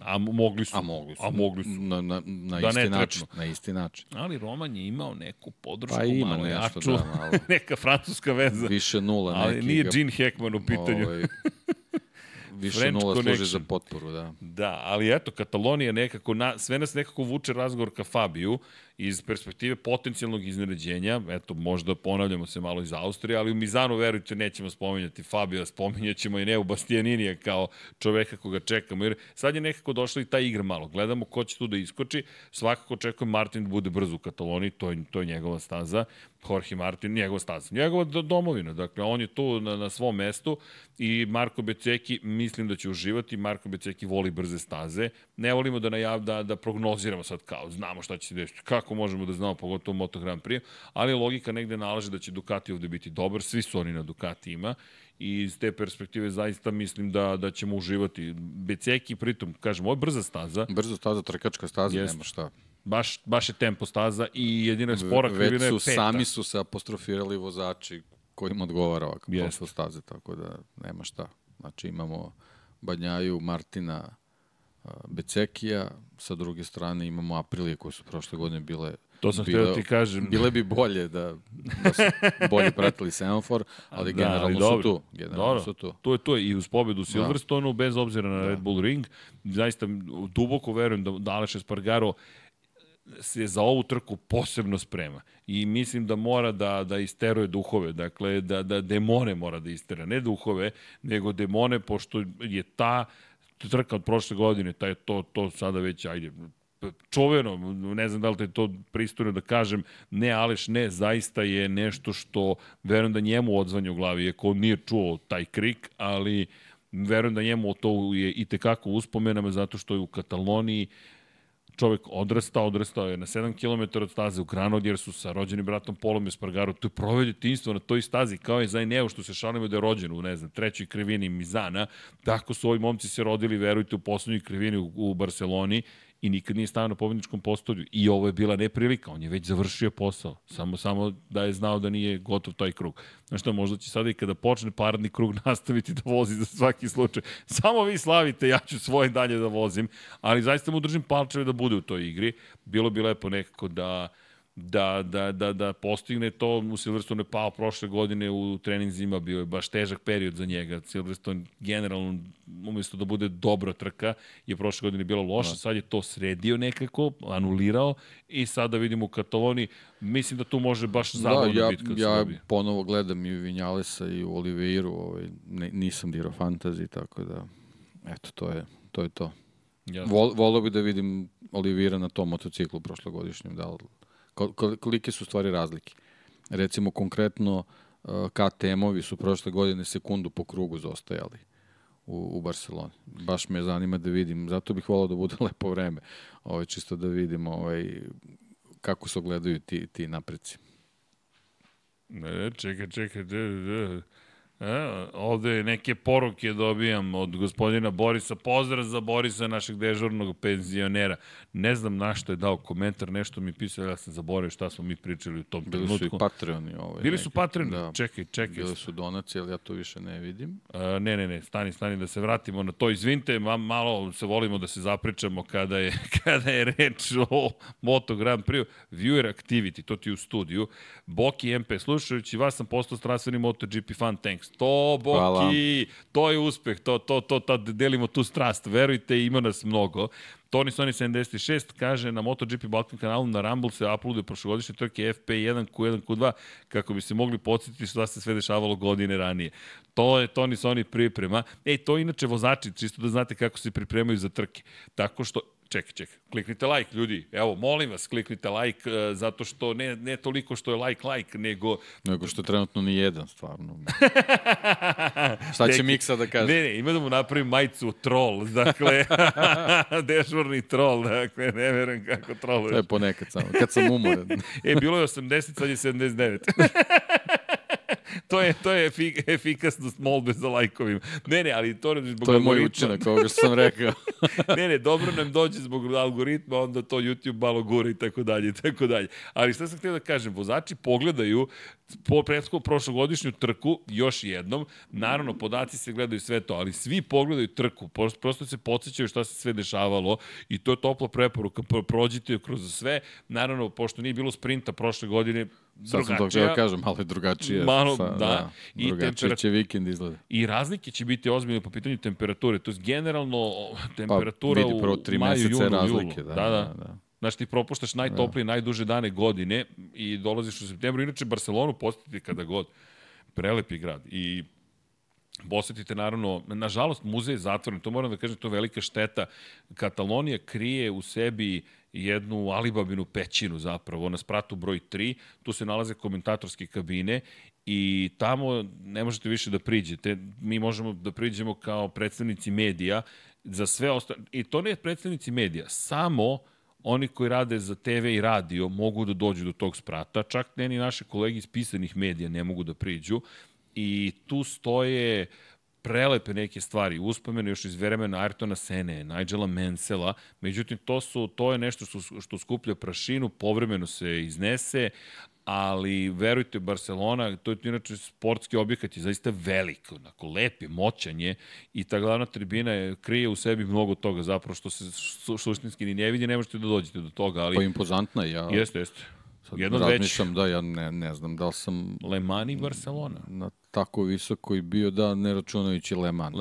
Ja mislim da, da su da, samo da, Le Mans da. i Barcelona. Mugello je Piccolo, nekako da. je sitan ja, odnosno na Barcelona. Le Mans, glavna tribina, neviđena je strma. Da, da, da, da, ne, Le Mans, to je moj da. šok, kažem ti, prvi put sam ove godine bio u Le Mansu i onda ono što je što si mi pričao, go, a, ka, kao da sam u Tolkienovom nekom romanu, taj neko staro carstvo posećujem, e, slične Katalunije. Šteta što nema, što nema toga, ali, ali da, pogledajte prethodne godine šta se sve dešavalo, pogotovo što ova trka zaista ima mnogo toga i naravno svi gledaju to, to, to čuveno pretecanje Valentina Rosija nad Jorgeom Lorencom 2009. godine, nekako to ostaje to je večni trenutak u motociklizmu. Dakle, da ti pretekneš u poslednjoj krivini poslednjeg kruga u Kataloniji, rivala, još te u borbi za titulu jedan i drugi na istim motociklima i da ti to bude 99. pobjeda, tvoj rival nosi broj 99, to je baš on, a, baš kad, kad se sve složi. To je taj filmski period Valentino Rossi, to je godina njegove poslednje titule. Tako da, eto, pogledajte. E da i pita Toni Soni, kaže, koja je najbolja tribina u Barceloni? A, meni je Uf. ona mala posle glavne. Po, e, Zato što je na kočenju... Što je, kada se završi startno ciljni pravac, pa idu krivine ovde. Pre krivine. Pre krivine ima jedna mala. Ima ona mala, da, da. Ima mala zato što tu možeš da vidiš tačku kočenja i možeš da vidiš drugu, treću kako odlaze gore. Počinju da se penju. Jeste. Bukvalno sve možeš da vidiš. A, koja je još dobra? Um, startno ciljni pravac standardno, ali da znate, standardno ciljni pravac zašto? Tutnji. Uvek tutnji. Nemojte da pocenite ko je bio na Red Bull ringu na glavnoj tribini, Ako nije poslušao savet i poneo antifon ili čipiće za uši, ja mislim da je ogluveo trajno. Verujte, uopšte nije šala. Mnogo se ljudi nasmeje na to, nije šala, ljudi, verujte, tutnji. Dakle, u Barceloni i podjednako tutnji. Tu je, tu je u stvari sam dodatak. Znaš, ono kao na bookingu, kad imaš smiley, smiley. onaj, onaj tužni smiley. Za tu tribinu tužni smiley nema, nije natkriven. To sam htio upravo ti kaže. A, pakao. makar je u maju, uh, junu i julu pakao. Pa u septembru... Uvek, pa mislim, kad god je sunčan dan, nema šta. Vidi, pošto da. će biti temperatura 9, 22, 23, 24. Znači, tu će biti 30, ako, ako Petak, bude ved. kaže 28. Ljudi, znači 40. Preklinjem vas, preklinjem vas, suncobram poneste sa sobom. Kapu obavezno, e, navlažite kako god vodu. E, na jedne godine su oduzimali vodu, ne znam da li to sad i dalje čine, pošto kao eksplozivne tečnosti, ali ok, razumem ih, ne znam sada, ali možete i dalje da kupite mnogo toga iza glavnih tribina. E sad, ima, nije to jedina tribina, zavisi šta hoćete da vidite. Glavna, na startu ciljnom pravcu je super, petkom, subotom pogotovo gledati aktivnost u garažama, šta se događa, ko, kako izlazi, ulazi, sve se tu dešava, idite na Hero Walk ako možete, obavezno, topla preporuka, dakle, to je petkom, je li tako, beš, ili četvrtkom, ne mogu da se setim. Subota i nedelja. Evo, imamo ovde pomoć prijatelja, dakle, subota i nedelja. E, da ne, da ne znate pogrešno, znam da su to menjali. Još jedna stvar, pošto, pošto kada se to dešava, takva je gužva, da više ne znate ko, zašto se desila gužva, ali to iskoristite. Inače, Barcelona, ko dođe motociklom, raspitajte se, obično četvrtkom uveče, ili petkom dozvoljava da se izađe na stazu u špaliru. Dakle, imate priliku da bukvalno sa motociklom dođete, ne znam da li će to biti slučaj ove godine, ali Katalunja zna to da izvede i bukvalno se prijavite na vreme, stanete u kolonu i svi izađu na stazu i prođu stazom. Dakle, to je neka osnovna kultura motociklizma. Pod određenim uslovima. Pod određenim uslovima, naravno, ne možete da divljate, nemojte, pogotovo ne u Španiji, možete da, da se družite i sa policijom, ne preporučujem to druženje. I još jedna stvar u Španiji, ne smete da fotografišete policiju. Ni pod kojim uslovima. To je jedan vrlo restriktivni ružan zakon koji je donet pre jedno pet godina, gde čak ni slučajno ako snimite kamerom policiju, mogu, imaju pravo da vam, da vam to obrišu ili ćete moći da, završite, da provedete noć u zatvoru. Nije šala. Dakle, to je sad neka druga priča, ali čisto da znate, vodite malo tu računa, prema turistima su mnogo razumljiviji. Vozite računa. Vozite računa jedni od drugima, ali eto, čisto I da imate informaciju. I ne ostavite I ništa u da, automobilu. Da, da, da. preklinjem Posebno vas, to, da. ništa u automobilu. Dakle, nemojte naučiti da sa suncu da ostavite u automobilu, razbiće vam prozor, vrlo su velike šanse, ostaćete bez toga. Ali aj što ćete ostati bez toga, morate popraviti prozore. I, nažalost, Barcelona kao staza je ozloglašena po pitanju krađa iz automobila, tako da apsolutno ništa ne ostavljajte, vodite računa. A što se tiče tribina, moja preporuka, ako niste kupili za sedenje, idite u šumu iznad krivine broj 9 i iznad krivine broj 4. Tu imate brežuljak 1 i tu je, imate zapravo izletište za piknik, a, pošto je Monster, ja mislim da je ove godine glavni sponsor, tu vam je Monster tribina. Tako da, ne samo Monster tribina, tu vam je Monster toranj i bazen i tu je i motocross i svašta tu može da se desi. Da biste ušli na tu žurku, morate budete pozvani, ali ne znam, trepćite, budite uporni, možda vam neko i da narukvicu ili propusnicu, ali Monster to organizuje uvek neku zabavu. Tako da, eto. Ta krivina 9, to je, to je deo staze gde se pravi ovaj um, rally cross, ali tako? Jeste, jeste, da, to je ali ta. to je ona super brza, gore na, Da, da, na da. brdu kad se Da, da. popneš desno, e ona ima i nastavak, e tu iznad nje imate brdo sa kojeg To je možete lepo da Kovalinova krivina, tako? Tu je Heiki nastavio Jeste, pravo. jeste, tu je pa i Jorge, I Jorge, Lorenzo, da, to, je, to je on izleteo sa staze, ali, ali da, Heiki između, između ostalih. Ali tu, tu su, na primjer, lepe pozicije, a da imate hladovinu. Zato je lepa pozicija, zato što ste podno nekih borova, ako se dobro sećam, pa tu možete da, da, da nađete i hlad i imate tamo kod, ali to su tribine Vinjalesove i Markezove, mislim, još uvijek čak i Rosijeva je tamo na, na kraju zapravo, to je kod krivina 12, 13 i dole spuštanje ka 14. To sad zavisi šta hoćete da vidite. Tu možete da gledate lep prolaz brzine, brzine kojom prolaze kroz krivine, ali ovo što je Deki rekao je super, zato što tu vidite maksimalnu brzinu, snažno kočenje, tu ćete vidjeti i koliki je pad u prvoj krivini i onda kako menjaju smer kretanja i kako ulaze u trojku koja je zapravo uspon na brdo i idete gore iza brda i onda se vraćaju, čak možda mislim da i peticu mogu da, da Pa, vide. sad sam teo da kažem, na nekoj poziciji na toj tribini, verovatno taj neki gornji deo možda može da se vidi. Petica, jer Da. da. znate kako stoji petica? Petica vam je, ako je ovo spuštanje ni startno cini praci, ovde skreću prva i druga. Petica je praktično ovde. Pa vazdušnom linijom možda 200 metara. Ma nema ni toliko. Možda nema ni toliko, Nema ni da. toliko, zato Da, što da. tu znam Pa dobro, ima, ima, ima onaj Ima onaj šljunak i, i prolaz. Možda ima, da. Motocikli su ipak mali. Jeste, Da, ali, ali- ali, ali nešto drugo, da. ne čak i između temena krivine, koliko taj prostor gde, gde je servisni put. Tu bukvalno fotoreporteri Pa slikaju ja s jedne uvek strane, tu, pa sa druge novinari strane. mogu tu, ja, Tako, ja tako tu odgledam trku svaki put. E, to, i to je baš dobra pozicija. To je sjajno, da. Na Moto Grand Prix puštam Formula 1, tu ne može se priđe, ali na Moto Grand Prix može. Da, na Moto Grand Prix uvijek je mnogo manja Pa restriktivnost. dobro, da, Sve ima tu su, svoje. ono, neke, neke fizike tu ne deluju, što bi na Formuli delovalo. Nešto malo manja masa. Da. Da, u svakom slučaju, e, kada pričamo eto, o Barceloni, mnogo toga može da se priča o Barceloni, ali činjenica, apropo Španaca, kao što je Mugello mnogo važan za, za, za Italijane, ovde je za Katalonce posebno važan. Dakle, ne samo Špance, već za ljude koji dolaze iz Katalonije i iz te perspektive braća Marquez takođe su kod pa kuće. dobro, španski je onako neko herezija ipak. To je Španija, To je onako baš njihova neka, da kažem, veća tradicija, duža. jeste. A ovo je evo, Katalonija, eto, 30 godina koliko ta staza postoji, i stvarno se izborila za svoje mesto. Mislim da je možda ovaj, zaslužno, zaslužno i to što su ekipe ovaj, u, u svim ne, ne samo Formula 1, Moto Grand Prix, Barcelonu biraju kao mesto gde se testira Da, da. za sezonu, verovatno zbog konfiguracije staze, a prevashodno zbog, zbog vremenskih uslova. Tako da je zbog toga je onako nekako postala zvučne i, i našla to svoje mesto, a stvarno je odlična je konfiguracija staze, zaista. ove godine nije upotrebi kao probna staza, opet isti razlozi. Mizano već za 7 dana i u Mizanu ćemo vidjeti te prve nove motocikle. To baš sa nestrpljenjem čekamo, ali do tada, apropo Katalonije i, i, i očekivanja, zaista mislim da, da, da, da, da šteta što Jorge Lorenzo više ne vozi, njemu je ovo mnogo značilo. Dakle, njemu je pobjeda na Kataloniji značilo možda više nego bilo šta drugo. Tako da Jorge nema, i apropo Jorgea, da, Cristian Gabarini se oglasio i rekao je da ga, da ga po tom stilu ne samo vožnje Peko Banjaja podsjeća, nego po želji da se uvek pobedi. Je to nešto što mi nismo, na primjer, dovoljno možda uočili, ali Gabarini kao šef ekipe Peka Banjaj rekao ne, on uvijek hoće pobedu. Što mi je vrlo zanimljivo, iskreno koliko god možda da želi, mislim da je racionalniji po tom pitanju. Ako nije moguće ostvariti kao da će prihvatiti, ali lepo je čuti i Gabarinija da, da zapravo nam daje malo uvid iza kulisa u, u razmišljanja Peka Banjaje i Gabarini tvrdi da ne, prosto želi, želi pobedu, ne po svaku cenu, ali silno želi pobedu. Vratio bih se međutim na, na KTM, jer to su teme koje si otvorio. KTM koji ove godine, ako pogledamo brze staze, dakle, Brad Binder, kada pričamo generalno poređenju u odnosu na prethodnu sezonu, na mnogim stazama se vidi jasan napredak za KTM.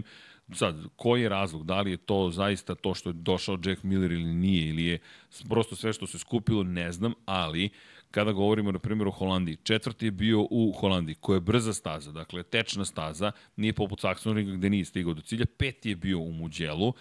U Herezu je bio drugi, koja nije baš da liči na Barcelonu, i onda u Silverstonu treći i sad u Austriji drugi. Tako da, vidi, mnogo smisla ima to što govoriš. E, ono što je meni zanimljivo, međutim, po pitanju Breda Bindera, jeste činjenica da je u kvalifikacijama postao mnogo bolji. Ili je makar na Red Bull ringu bio mnogo bolji i ovo mi je mnogo zanimljiv test za njega, da li Brad Binder je to samo uradio na stazi koja je domaća, pa sad inspiracija, potpisan novi ugovor, ili ćemo mi dobiti u kvalifikacijama Breda Bindera koji je mnogo konkurentniji. Iskreno, ukoliko su to pitanje rešili, jer pazi, Binder je deseti bio u Velikoj Britaniji i u jednom skoku prvi startni red, ajmo da vidimo da li su napravili taj, taj iskorak koji je preko potreban. Ukoliko jesu, pa mi imamo do kraja godine imamo prava da razmišljamo o vrlo ozbiljno ka temu. I još pride, kao što si rekao, Miguel Oliveira na, na prošlogodišnjoj aprili, deluje da bismo mogli da dobijemo sve veću zabavu. Znaš šta bi moglo da se desi? Kao prošle godine Alex Rins na Suzuki kada je odjednom nekako otključao šta god da je otključao i krenuo u akciju, da neko, ne, i to ne samo jedna osoba, više njih zapravo da sada u završnici počne da, da pokazuje zube, uslovno rečeno, Ducatiju i Peku Banjaji ali ko će to biti, nemam predstavu. Znaš koga svakako želim da istaknem? To je Jean Zarko. Zarko je ovo bio dom. Ljudi, Zarko je rođen relativno blizu staze i do pojave Fabije Kvartarara, Zarko je imao najveću podršku sa tribine koju možete da zamislite. Kada je bio šampion Moto2 klase, to mi je bilo mnogo lepo, je veliki broj gledalaca iz Francuske dolazi da podrži Zarka. Zašto napominjem Moto2 klasu? U Moto Grand Prix nekako ljudi dolaze pa dolaze, ali kada ste vozač Moto2 klase, a ljudi dođu zbog vas, to je baš velika stvar. Ne, bilo je super. Ovaj, na tribinama u Barceloni, što se tiče Zarka, često se vide one zastave sa japanskim motivom. Jest. I to je u stvari dokaz od kad su te zastave. Jest. Od kada ga podržavaju. Od, od, za one koji ne znaju, Zarko je tu, tu kacigu zapravo nosio, imao i to je kaciga koja je imala uh, zapravo to je japanska ratna zastava, ali je prošarana bila različitim zastava različitih država, jer je Zarko insistirao na tome da zapravo govori o jednakosti ljudi duž cele planete.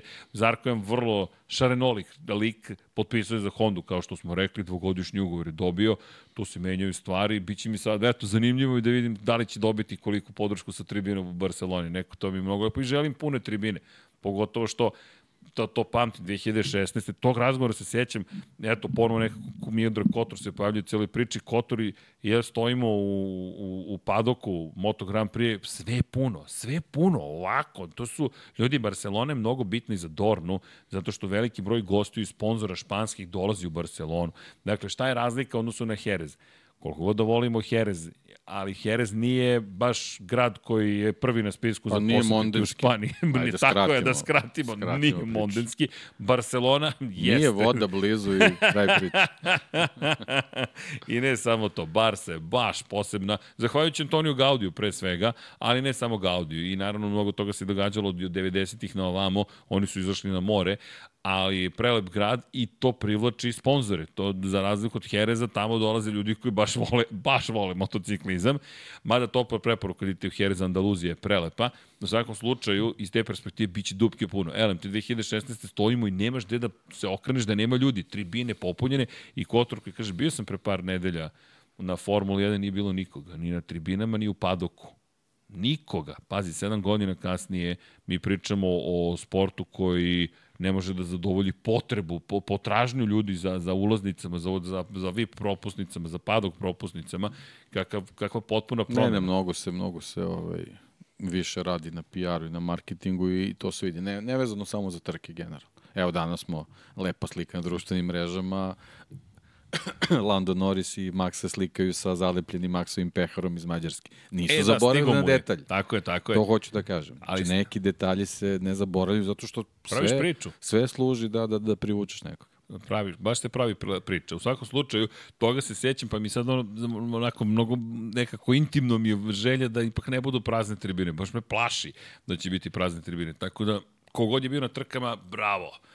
Veliki pozdrav. Gde god da ste išli. E da, i vidite u Mizanu ako možete. Mizano je relativno blizu, 1000 km od Beograda, dakle gde god da ste, eto nekom to bude neki parametar, gde god da živite, autoput, kad se izađe na autoput, stižete, možete i na koji Zadar Ancona je isto trajekt koji možete da, da, da, da hvatate, to isto, da, pa, ajde, nije prečica, ali praktično jeste, ne vozite, samo se vozite i lepo je, Jadran je još uvek miran, nadam se, inače, ko nije video Jadran kada je nemiran, huh, ozbiljno more, nemojte ga pocenjivati, volite ga. U svakom slučaju, Zadar Ancona i onda tu vam nije daleko da, da stignete do Mizana ili gore sve preko Čizmice, lepo da se spustite dole do, do Bolonje i onda ne vidite pravo nego skrenete levo i dođete u dolinu motosporta i dođete tamo gde možete da, da posećujete mnogo toga. U svakom slučaju, eto, Mizano relativno blizu. Pa, da, evo, Dragan Matić kaže ide u Mizanu trajektom iz Splita. Iz Splita, pa eto, da. to je to, to je to.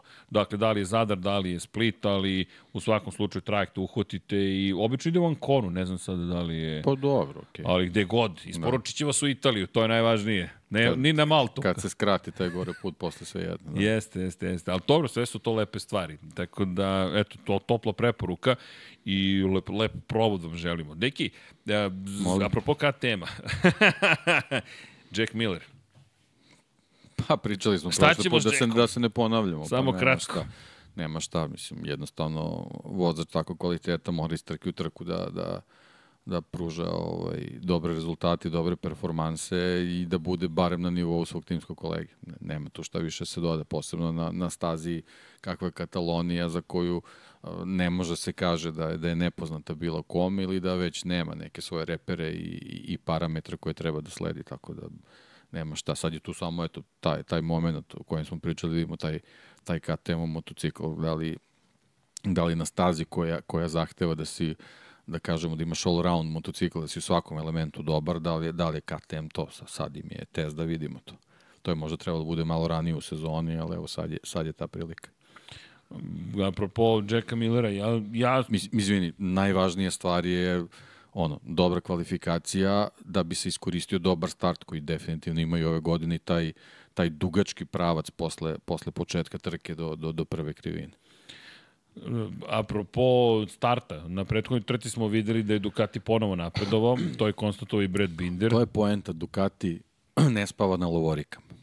Oni konstantno rade, to je Gigi Linja, To sam htio da ti kažem. Upravlja ekipom na taj način da mora konstantno da se radi. Da, Dalinja, inače, ko je rekao, za one koji ne znaju šef Ducatija, je pre svega tehnički genije i zaista mislim da će, da, će, da već možemo da ga zovemo nekom vrstom Adriana Newija, Moto Grand Prix, ne samo zato što je došao, došao do titule za Ducati, što je Ducati sada dominantan, već način na koji pristupa čak i u periodu dominacije razvoju svog motocikla, on je čovek koji isto kao Njuj, e, samo gleda, razmišlja kako da se unaprede, posmatra konkurenciju, posmatra prošlost, voli ovaj sport, voli motocikl, to je čovjek koji je bio čovjek Aprilije zapravo, decenijama pre nego što otišao Ducati, oglasio se po pitanju koncesija za japanske proizvođače i Dalinja je rekao da je spreman da razgovara. Dakle, to su neki ustupci, to je uvek kada je reč o pregovorima neki kompromis. Razgovor je uvek pametan postupak. Pazi, a jeste pametan postupak, jer trenutno KTM je protiv toga, KTM je vrlo... Da, ali ne možeš a priori da budeš. Pa, to je, slažem se. Mislim, meni je to malo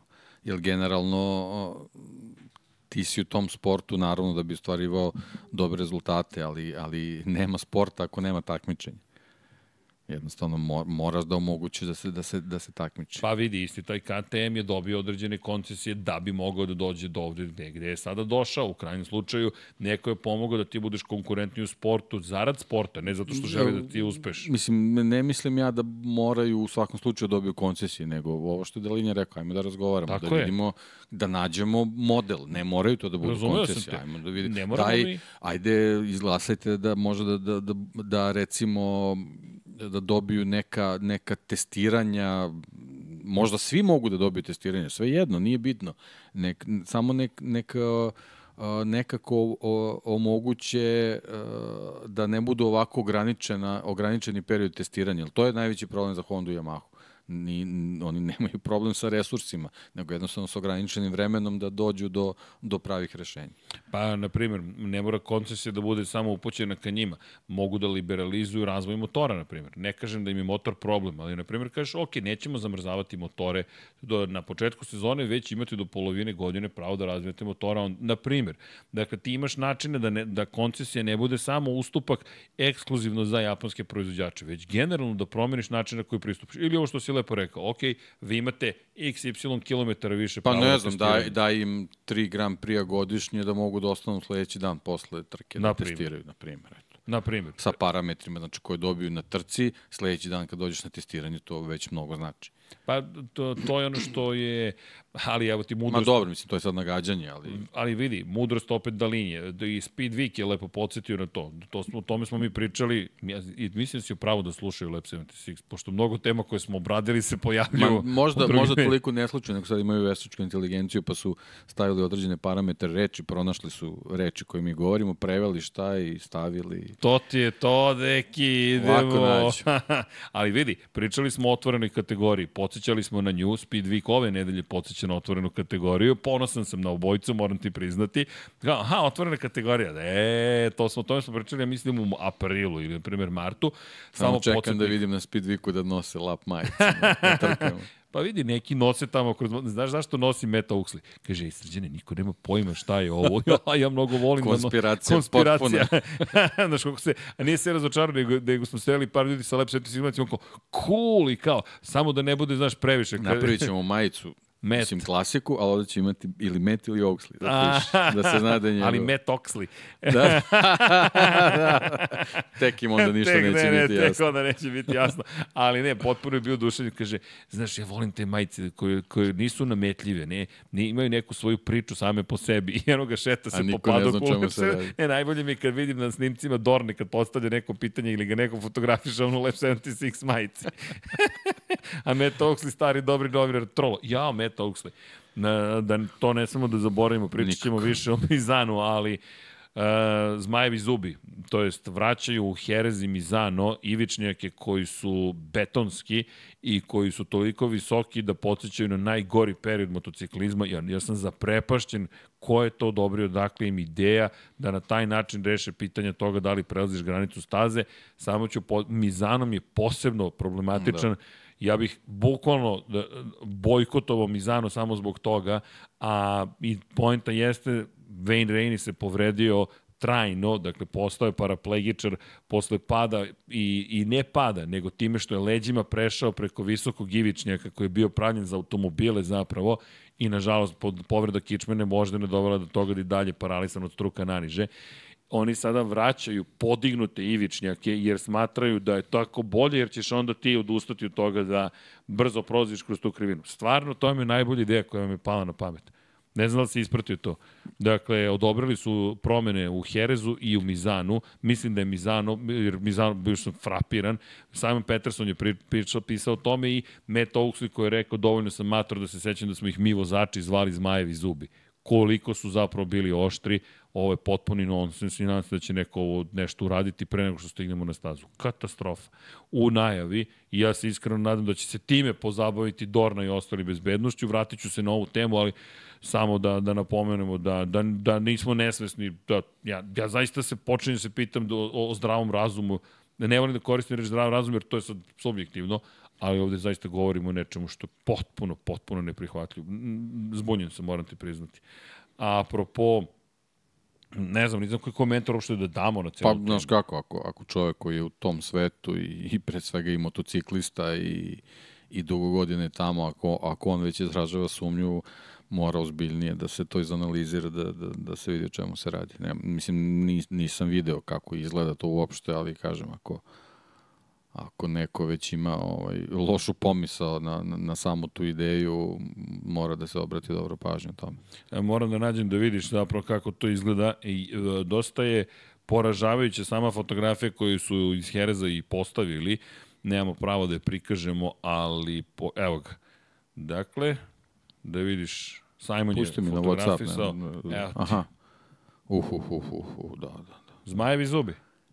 Dakle, baš su rešili da, da se neko povredi, da pogledaj ti na što ovo Da, liči. da, da, da, da. Dakle, to, to planiraju da stavi. E, ok, vidjet ću da li ovo smemo da Nadam se stavimo. da je samo proba, Tražit ću Simonu da je dozvolu. samo eksperiment. To već postavljaju.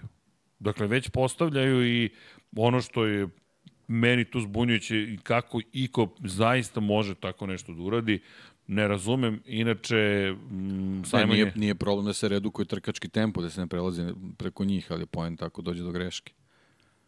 To je da, baš, ovo baš je, je previsoko. Ovo je ugrožavanje bezbednosti. i, i čim imaš taj taj udarni ugao, ne, ne znam, mislim, stvarno nije jasno, oni ipak momci nose, oni, oni kombinezoni, kao da nemaš ništa na sebi.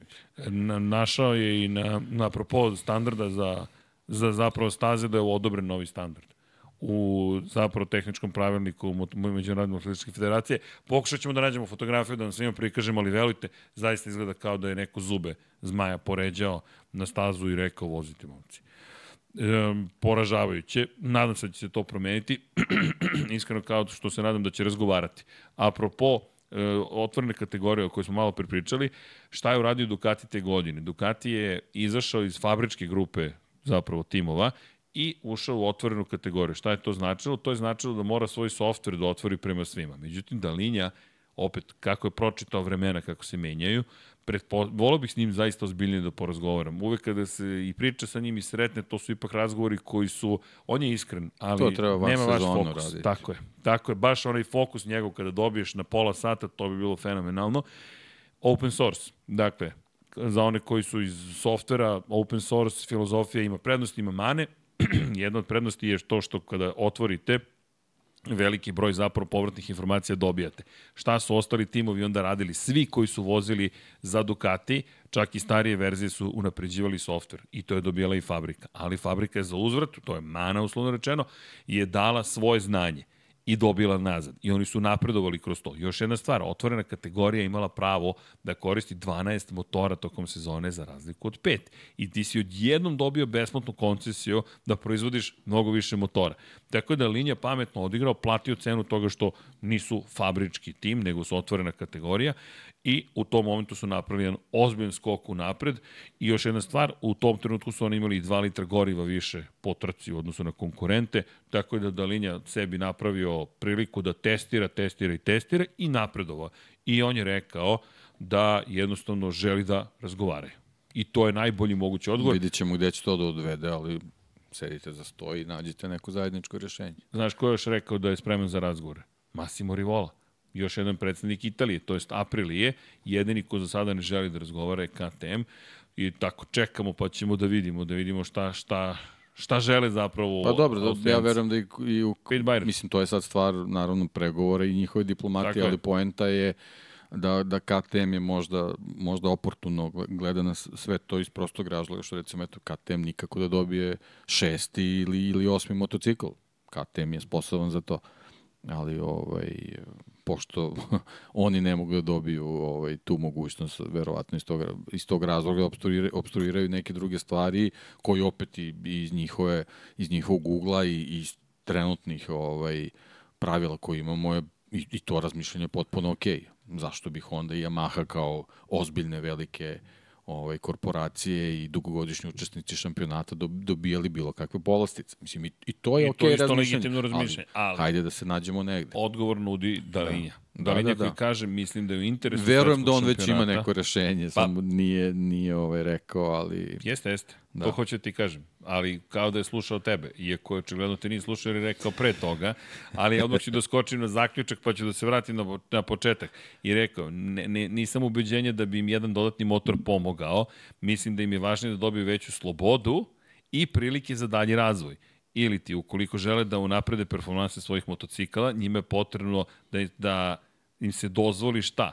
Da im se dozvoli da imaju više mogućnosti, na primjer, da testiraju, da im se dozvoli da imaju jedno pa, aerodinamičko na primjer, više. to može, ako smo već u ovaj, matematici, aritmetici, i tako to, treba se napraviti koeficijent. Znači, ako Yamaha ima samo dva motocikla na gridu, ona mora dobije mnogo više vremena za testiranje od Ducatija koji dobije To posle svake trke osam, osam čaršafa, Čaršafa sa, sa, sa od podacima. podataka. Znači, eto, može, može po tome da bude, na primjer. Da im i recim ne može da bude možda fabrički vozač, ali mogu da budu probni vozači ti koji će dobijati više kilometara Tako puta, pa je koeficijent da izjednačimo kilometražu. Pa je sad na tome, sad to, je, to je opet jedna stvar u atraktivnosti, kao što je KTM napravio uh, atraktivnost uh, svoje garaže time što je Danija Pedroso angažovao za čitavu priču koja, je, koja se ispostavila kao uspešan recept. Eto, to je prilika da se aktiviraju neki, neki, neki momci koji možda sad ne mogu da voze, pa da, ne znam zašto, na primer, nemam pojma, može da Yamaha delegira Topraka, na primjer, da bude test vozač. Dobro, dobro sad Naprimer. više ne može. Nema veze, ne. Šalim sad, sad mi je, prvi mi je pao na Sad pamet. BMW pa, može, pa sad može po- voziti Nema veze. Pa dobro, sad može da vozi safety bike. Dakle, Može, da. Deki ozbiljan, ja Da. sam morao da ubacim šalu ovde. Ali vidi, apropo Dalinje, Dalinje je lepo rekao. Kaže, ljudi, moramo da napravimo razumnu odluku. U suprotnom, mi ćemo doći u situaciju da su tri proizvođača ostalo u šampionatu od šest. To nije dobro, to nije u interesu Pa nije svetskog dobro, šampionata. nije- nije u interesu da, da, ja mislim da on uh, ima filozofiju koja je vrlo Taman da ispravna. ostanu dve Honda i dve Mahe trebaju da ostanu, ali, ali ajde da budu bar konkurentne, da ne budu, da ne budu tu da se samo vozikaju. Da, i, i moram ti pristiti da mi se dopada njegov pristup, a Znaš, njegova ovo, reč mi nije generalno KTM i ovo rebrendiranje, to gas, gas, Agusta, to je KTM, mislim, to nije, samo će, samo će drugačije biti ofarbani motocikl, ali poenta je da ti imaš više nekih filozofija u, u, u razvoju tih novih tehnologija, jer to na kraju krajeva, pošto je Moto Grand Prix generalno pera, perjanica motociklizma, to će se ovaj, i odraziti na, na razvoj saobraćaja i, i, i serijskih modela, mislim. Jednostavno, to, to je ne, neka krajnja priča. Inače, ne znam da li znate, ali da li znaš kako se, znaš kako nazivaju ovi pokušaj da se dođe do koncesija? Ja se sećaš Lex specialisa, to se dosta spominjao. dobro, da. Dakle, to je doktrina zapravo kada je reč o određenom tumačenju zakona. Ovo zovu Lex Ma- Mark Marquez. Jer smatraju da Dorna na sve načine želi da prosto zadovolji Marka Markeza da ostane u Hondi, ne samo da se promeni i ode negde drugde. Ne bih se složio da ima ve mnogo veze sa Markom Markezom, Pa koliko da, ima veze bi malo, sa malo da šire se, da se slika. skoncentrišu i da shvate da imaju Fabija Kvartarara koji, koji bi trebao da im bude velika zvezda. Zamisli duel Banjaja Kvartararo da traje.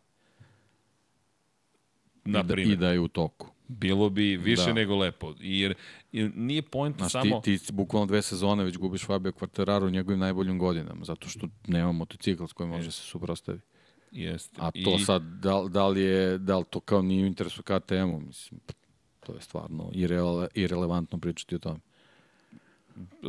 Pazi, 100% se slažem. Znači, naj, Mnogo najveću zvezdu što Moto Grand Prix to, od, od mladih vozača, znači apsolutno najveća zvezda, ti ga dve godine nemaš zbog, zbog motocikla. Imao si ga u, u, u, u, ono, u prvom delu prošle sezone da u stvari pokazao E da, to... kakav je kvalitet. Znaš šta, to mislim da Deki mnogo većina ljudi nije shvati, ne, ne, ne ljudi, izvinjam se, to nema veze sa ljudima. To ima veze sa Dornom i sa novinarima.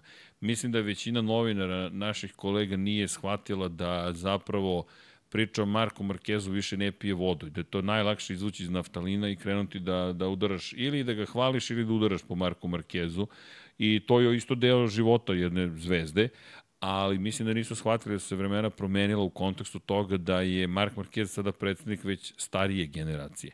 Nije on više predsednik mlade generacije i mlada generacija pre svega gleda Fabio Quartarara. Fabio Quartararo bedljivo najveća zvezda po tom pitanju. Ljudi, ja, i to ne govorim namerno, ali to je istina. Fabio Quartararo je veza sa, sa novom generacijom tinejdžera, tinejdžerki, uh, ljudi koji tek ulaze u svoje 20. Mark Marquez je već u svojim 30. i Fabio Quartararo i Lando Norris. Tako, eto, to, to, je, to je to. Lando Norris je zaista najveća nova zvezda. Pa, Lando Norris koji nema pobedu. koji nema, koji nema ne titulu, nema pobedu, ali ima dobar bucket hat. Da. I Ima dobro, bucket. naravno, Max Verstappen koji Dobro, Max je superstar. superstar, ali, ali mi ovde sad pričamo o nečem drugom. E sad, Peko, na primjer, nema, je zvezda, ali na drugi način. Pa Da. Fabio Quartararo da, da je motocikl na, tom, na toj tehničkoj razini bi bio superstar. Pa on bi bio najbliži nasledniku Valentina Rossi. Ali nije čak ni Valentino Rossi, jer njegova harizma je drugog tipa. Drugog kova je priča o Valentinu Rossiju i ono što donosi Fabio Quartararo. Fabio Quartararo je stvarno predsednik nove generacije. I, i činjenica da mi njega gubimo zapravo u celoj priči, dok je Francesco Banjaja nekako između svetova. Više je motociklista nego što je zvezda, a Fabio jeste motociklista, to, to, o tome ne, ne, ne bih ni diskutovao, ali nosi to nešto hollywoodski pomalo u sebi, tu celu priču društvenih mreža, kako god, mnogi mu zameraju, e, on se zezao na društvenih Ne, on se fotografisao, nije on jedini zabavljao. Šta sad treba da se vraćamo na Banjaju i prošlogodišnji incident sa Ibice? Pa šta mislite da se Banjaja nije zabavljao ovog leta? Jeste, samo što nije vozio, verovatno, i što je bio pametniji u celoj situaciji, ali iz te perspektive, da, Fabio Quartararo je zapravo zvezda. Ali okej, okay, da ne zaborimo da su se oglasili, to su bitne stvari u ovom trenutku koje se događaju, koje imaju veoma ozbiljne zapravo posledice za budućnost Moto Grand Prix. I sad kako će se završiti... O, Moto Grand Prix treba da razmišlja o tome, Dorna treba da razmišlja. Da, i ima još jedna stvar koju bih spomenuo, jeste da je to povezano mnogo više sa Moto2 kategorijom, ali moram da, moram da napomenem u ovom momentu, pošto se tiče budućnosti i apropo dolazaka i odlazaka, jedna od ružnih vesti koje, koje smo dobili tokom ovih desetak dana, sedam dana, jeste zapravo da je ekipa Ponsa saopštila da se povlači iz šampionata sveta, što je tragedija. Bukvalno za nas je to, baš je udarac, rekao je njegove reči, ponekad morate da donesete odluku i mislim da je vreme da zatvorimo ovo uspešno poglavlje. Dakle, od kada je tim osnovan, želi smo da budemo na čelu zapravo šampionata da se borimo iz godine u godinu, kako u Moto Grand Prix klasi, tako u Moto 2 kategoriji. Mislim da su naši nastupi bili ekstremno uspešni, ali prosto je došlo vreme da se da se povlače iz šampionata. To je baš velik udarac. Da, negde, se, ne, negde su se provlačili priče ovaj, u nekim španskim medijima da je on pokušao čak i da uđe u Moto Grand Prix, da ga je Dorna sprečilo u tome, da je, da je to jedan od, od, i od razloga zašto je zašto se i odlučio, odlučio na ovaj korak. Nije, nije se to dešavalo u nekom skorijem periodu, to je Jeste. u prethodnim nekim godinama bilo, ali ali da nije dobio priliku da, da se vrati ponovo u Motogram da, Dorne, gde, gde je bio. Dorne baš zatvorila vrata. Čvrsto ih je zatvorila i rekla je ne poštamo nikoga unutra. S jedne strane žele da podrže manje timove, to jest neke timove koji su nezavisni i privatni, s druge strane odbijaju jednog od velikana već godinama, pa i Makse Bjađe su dugi niz godina odbijali da mu daju priliku da bude šef ekipe. Dakle, i pazite, samo da se razumemo, ne, ne, ovo nije na nacionalnom nivou. Sito Pons je legenda Španije. Sita Ponsa ne odbijate tek tako. To je prvi šampion iz Španije koji je svoju titulu svetskog šampiona u 250 kubika u srednjoj klasi i čovek koji je stvorio jedan mega uspešan tim za takav start kakav imao, 71 pobjeda, 230 plasmana na pobjedičko postolje, njemu su rekli ne. Isto tako su rekli Maksu Bjađu, četvorostrokom šampionu 250-ica. Ne, ne veze što italijan, Prosto odgovor je bio ne. Za Ponsa je Aron Kane bio kap. Koja ja pre... ti kažem da, da ne smem da osuđujem se da, da izgovorim, ali ali Kane ono, ih je sve dotukao. Ne, rekao, ja stvarno ne mogu više. ne, ne, ne, bazi, da nije istina da se povuče. Nije, ne, ne, ne, sad baš, evo, mislim, mora sam onda izgovorim jednostavno, ali... Da, Svima nam je u mislima. Jadan Aron. Ne, neko, ne, ne, ne, du, ima, duhovi ovde progovaraju. Da, da, završava na kraju ove godine poslednje, poslednje trke. Su narednih ovih devet trka. Jel devet? Koliko ih je sad? Ne znam, ne znam ti znaš. Sad, sad, ti znaš koliko vikenda ima. Kraj. Kraj na kraj 2023. Kraj. Da svi smo u šoku. Svi smo u šoku. Bo, boš smo u šoku. Jer Sergio Garcia je došao ove godine u ekipu, Aron Kane. Međutim, Aron Kane nije ni, čak ni surovo, ali da, dotu, kao ih je, a nije, Sito Ponce dugi niz godina. Pobedu u Valenciji. Ne, ali, ali to je, ne znaš kako, premalo titula. Premalo jest, titula. Jest. Baš sa Aleksom Rinsom nije uspeo da osvoji titulu. Alex Marquez je ljutito otišao iz ekipe Ponsa u Mark VDS Racing jer je smatrao da ga ne podržavaju dovoljno. S druge strane si imao situaciju u kojoj sa Polom Espargaro su osvojili pre 10 godina titulu. 30 godina, onda ti dolazi Jorge Navarro, najbrži u testiranjima u predsezoni, sve je super, sad će Jorge to sve da počisti, ništa. Dolazi Aron Kane, Evo sad će da pobedi, ne pašće. Evo sad će da pobedi, ne pašće. Evo sad će da pobedi, ne pašće. Znaš šta će sad da se desi? Sad će da pobedi. Sad je, to ti najveća ironija, ima sad u Barceloni da pobedi Aron Kane i onda ćemo svi da se uhvatimo ovako za glavu i da kažemo, aj, jao. To, pošto to tako obično biva pošto, pazite, i za njega je ovo veliki udarac. Inače, Teo Martin ulazi u, u Moto2 kategoriju, za one koji ne znaju, Teo Martin, Teo Martin je sve prisutan, ja mislim, u nižim kategorijama, na 2 na 4 točka i MT Helmets, MSI ekipa, Teo Martin zapravo će, on preuzeći zapravo da pa pretpostavljamo promoviše Dioga Moriru u Moto2 šampionat. Pričalo se da ide u Ital Trans Diogo Morira, ali očigledno da ide u Moto dvojke Diogo Morira, brazilska zvezda i neko od koga se mnogo očekuje, ali eto si to Pons više neće Da, sad je to. samo bitno da li će taj tim Sito da ostane na okupu, da će samo da se preozme, što bi bilo, bilo dobro, mislim, generalno, da praktično se re, da se rebrandira tim, mislim, naravno, šteta je ostati bez imena kakav je Pons, ali ako, ako bude došlo samo do rebrandiranja ekipe, možda to i, i neće biti toliko strašno za, za sam Moto Grand Prix. Da, meni kažem ti, mnogo mi je žao zato što je to ekipa koja Jeste, je apsolutno, da. prebogate istorije, Sito Pons sam po sebi. To je jedno što Srki voli da kaže emotivno. Emotivno je, kako Pa da, nije. Pazi, jeste, oni su krenuli 1992. godine da se takmiče.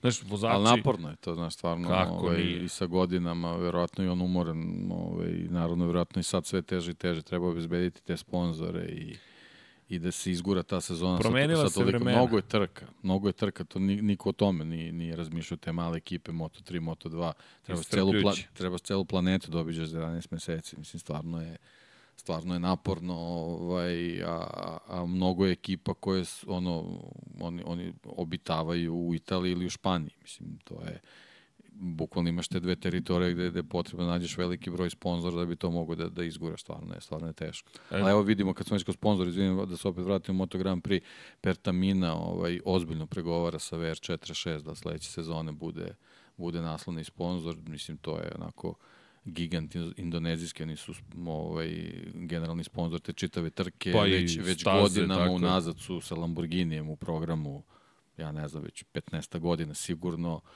ozbiljna, ozbiljna priča, što u stvari govori koliko VR46 sve ozbiljnije ovaj, Ima ozbiljno. ovaj, nastupa u Moto Grand Prix. Mislim, Muni, naravno, okay, u, u svom poslu je sigurno ovaj, me, među najvećim u Italiji, ali i Pertamina koja je baš onako ovaj, kako bih rekao, posvećena to, tom, tom, tom svom nastupu i, i, i potrebi da, da, da ima što bolji rejting u, u, tom svetu kao, kao vodeći naftni proizvođač iz tog regiona ili, ili ne znam čime se sve, sve i bave ovaj, sa, sa povezivanjem per, ovaj, Lamborghinija i, i VR46 u Moto Grand Prix stvarno će na, na, na velika vrata da se pojave sledeće godine. Mislim, već su, već su oni tu, naravno.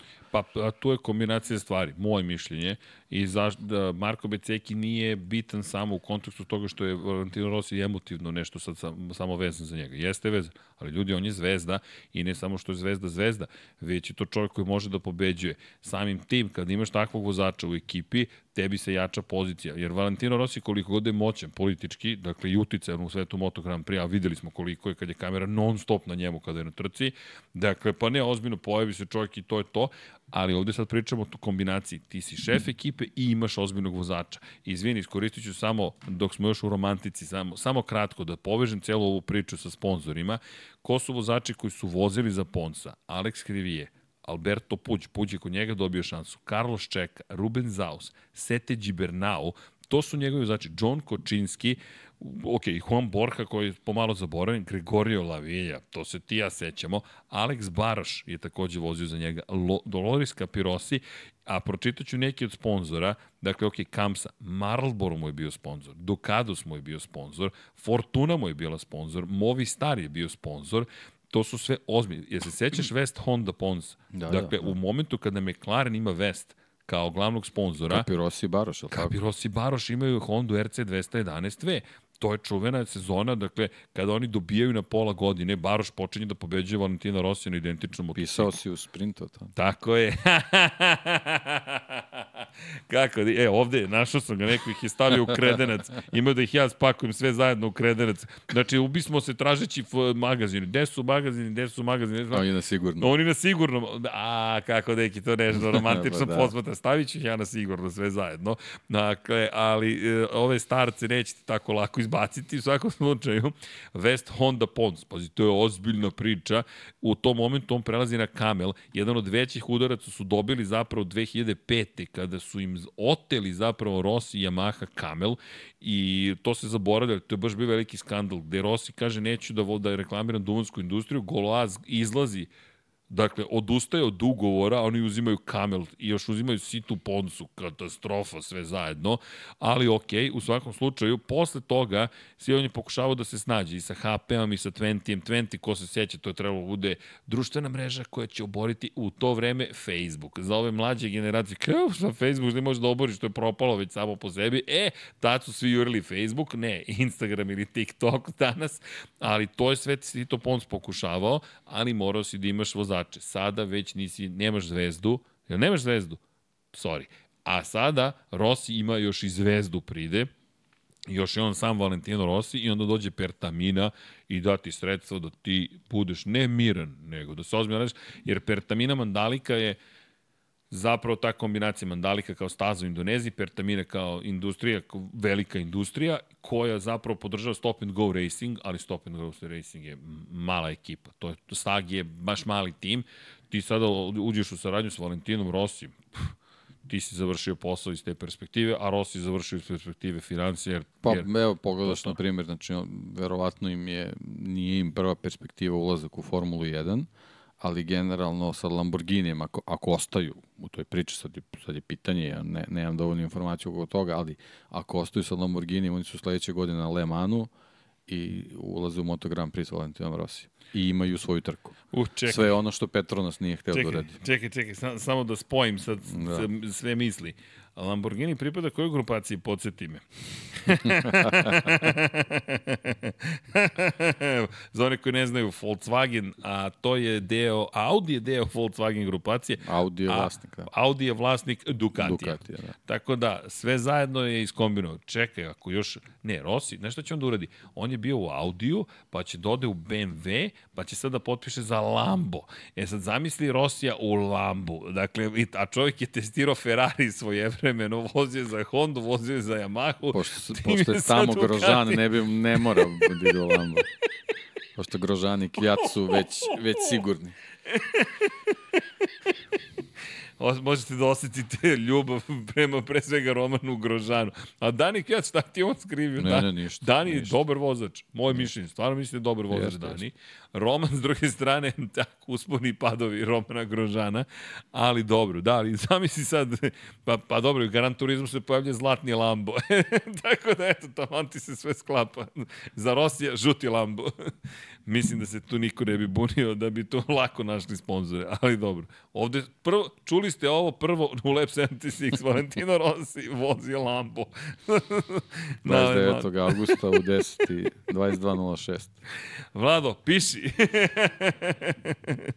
Neko će to i da pročita. Ok, da vidi. Dakle, šta čekamo? U Rossi u Lambu i Hamilton u Ferrari. da. Ali dobro, da, mislim da bi oni bili vrlo zadovoljni tim razvojem situacije. E, deki, ne znam kako smo završili ovde, dakle u celoj priči, ali došli smo do Dosta. ovde. Dosta, ajmo se vratimo, bili smo na KTM-u, na Jacku Milleru. Ima tu još priča. Da, Miller sad stoji kaže, ja, ja, ja, ljudi, ja, čak ni ovde ne mogu da dobijem svojih pet minuta, šta vam je, ljudi. E, moraš da se ozbiliš, dečko, inače, inače mrka kapa. Da, Jack Miller, baš mu ne ide u ovom trenutku. Ja sam eto tipao da će u Austriji da bude njegov vikend. Neviđeno sam tipovo ko se, koji je ispratio moju prognozu, nije se lepo proveo, ali dobro, ogroman tamo pritisak, baš je ogroman pritisak. I kako gledaš, Augusto Fernandez, eto, kod kuće, pa Pole, e, Pole Espargaro, to hoću da istaknem. Pole Espargaro ne samo što je prelepa priča, već sada postoje preozbiljna priča. Čovjek ne da se vratio na stazu, ne da se oporavio. Pa da, više, sad ne, ne moramo da pričamo o toj povredi. Ne, ne, ne. Sad pričamo o, o vožnji. Da. Sad pričamo, on dolazi u Barcelonu, kao što smo rekli, nje, kuća njegovog brata i njega. I jedva čekam da ga vidim, iskreno. I ja mislim da će on biti baš naoštren da sada ovde pokaže šta zna, jer ovo je baš njegov dom. Ok, sad ste kod mene kući, pa da vidimo šta ćemo ovde da uradimo. Tamo je bila KTM-ova kuća, to, je, da je, videlo se da je inspirisan. Ajde sada dve nedelje kasnije dodatni oporavak, snaga itd kakav će da bude i mislim da on ima jasne mete, da iskreno imam otisak da su mete fabrički vozači KTM-a, jer to su poređenje u krajnjem slučaju, to su klubske kolege. Na kraju dana, to su ljudi koji imaju isti motocikl kao i ti. Njih moraš da pobediš. I, I radujem se, radujem se toj trci. To baš želim da vidim kako će izgledati. Dodao bih ga u celu onu priču koju smo pričali i sa Maverikom Vinjalesom i za ostalima. Apropo priče o tome koga bih ubacio, ne znam za Marka Markeza šta bih rekao, nemam pojma, zaista. Ne, ne, ne, čovek je jasno stavio do znanja da nema nameru nešto previše da rizikuje život i da... Sam je rekao. Da, da, da. da. ja vozim, završim da. trku i sam se smeje celoj situaciji, ali kao, ok, tu smo gde smo, pa ajmo dalje. Ali svakako mislim da treba gledati Aleksa Markeza iz istih razloga. Zašto? Alex Marquez na ovoj stazi je dominirao i u Moto3 kategoriji i u Moto2 kategoriji i siguran sam da jedva čeka ovde da nastupi. Apropo, dakle, Moto Trojke, Katalunja, 2014. godine, to je njegova šampionska godina u Moto Trojkama. Potpuna dominacija u toj trci. Ja se dan danas sećam te trke zato što se tako redko vidi da neko na, na stazi u Barceloni pobedi 3,3 sekunde pred 2 sekunde prednosti ima u Moto 3 klasi. Dakle, mi pričamo o kategoriju u kojoj se ne beži tako lako. 3 bez problema 3,3 i pol pozicija, baš je bio impresivan. Katalonija 2017. Moto2 klasa, pol pozicija, pobeda. Kada pričamo o prednosti koju je stekao tokom te trke, 4,4 sekunde u odnosu na Toma Lutija i zabeležio još jednu pobedu ovde u šampionskoj godini 2019. godine prednost 2 sekunde u odnosu na Toma Lutija, 1,9 sekundi. Svaki put kada je bilo raspoloženje, Alex Marquez je ovde bio ne samo brz, nego zaista impresivan. Sada prvi put dolazi s Ducatijem na stazu Katalonija i ja mislim da, da tu, da mislim da njega treba gledati od onih ostalih koji su na privatnim motorima. Zaista mislim da ovde i da može da sklopi vikend u svojoj glavi u kojoj će ostati pribran dovoljno. I naravno, sreće mora da ga posluži, to je da ne bude opet nekih nepredviđenih situacija, ali to je čovek koga zaista mislim da treba izdvojiti čak bih rekao da ima šansu da se bori za pol poziciju, upravo iz, iz tih iskustva i dalje mislim da je Peko tu glavni favorit, da je Peko jednostavno u drugom filmu, ali me neće iznadati ako Alex bude na prvom startnom mestu. Tu su i na Suzuki bili na prvoj poziciji startno i, i svoje vremeno Aleš Espargaro zapravo na Suzuki. Da, dobro, dobro, bit će to zanimljivo. Biće zanimljivo. Ne, ne znam da li isticati još nekoga posebno, samo bih spomenuo da Joanu Miru želim uh, srećan vikend. Jeste. I, I bezano za njega su se pojavile neke glasine. Ovaj, Karlo Pernat u stvari, naravno, iskusno ponovno raširio glasine. Da je Joan Mir pristupio ovaj, Gresiniju i ponudio svoje usluge za sledeću sezonu. To je priča koja se sad već ponavlja. A, to je malo onako iz perspektive pregovora nije baš dobro da vozač nudi svoje usluge, što znači da ga niko ne traži, a opet sa druge strane je dobro u smislu da ipak možda ne razmišlja o tome da završi karijeru. To Mislim su onako da se tu odreće... pozitivni i, i ovaj negativni delovi ovaj te priče, ali generalno ovaj volio bi da ostane u, u, u šampionatu, naravno, pošto mislim da, da ni, ni, ni blizu nije prikazao šta, šta može, ovaj, e sad, to mesto u Gresiniju je prilično onako poželjno, tako da vidjet ćemo što, što, što je naravno dobro i za šampionat i dobro i za sam Gresini da je, da je, da je na taj način ova ekipa dobila taj, taj neki rating, a opet sa druge strane i Gresini u miru dobija nešto što do sad nije imao. Ima, ima čoveka da, da ovaj, mogu da, da i oni gledaju taj neki komercijalni aspekt da, da sponzore privlače s čovekom koji je nekadašnji svetski šampion.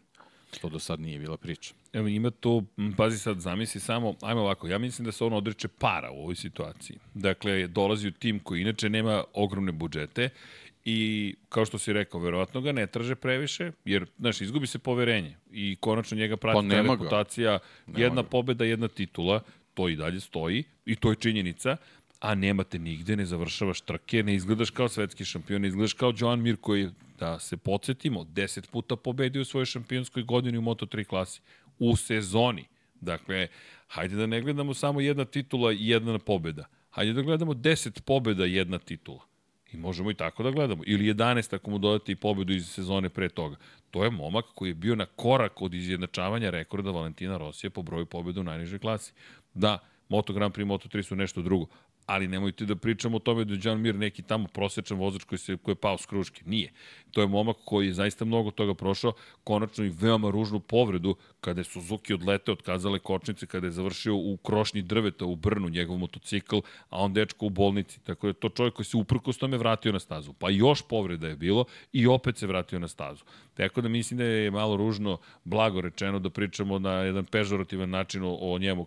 Evo, to je jedna pobjeda titula molim lepo, u datim okolnostima bio najbolji.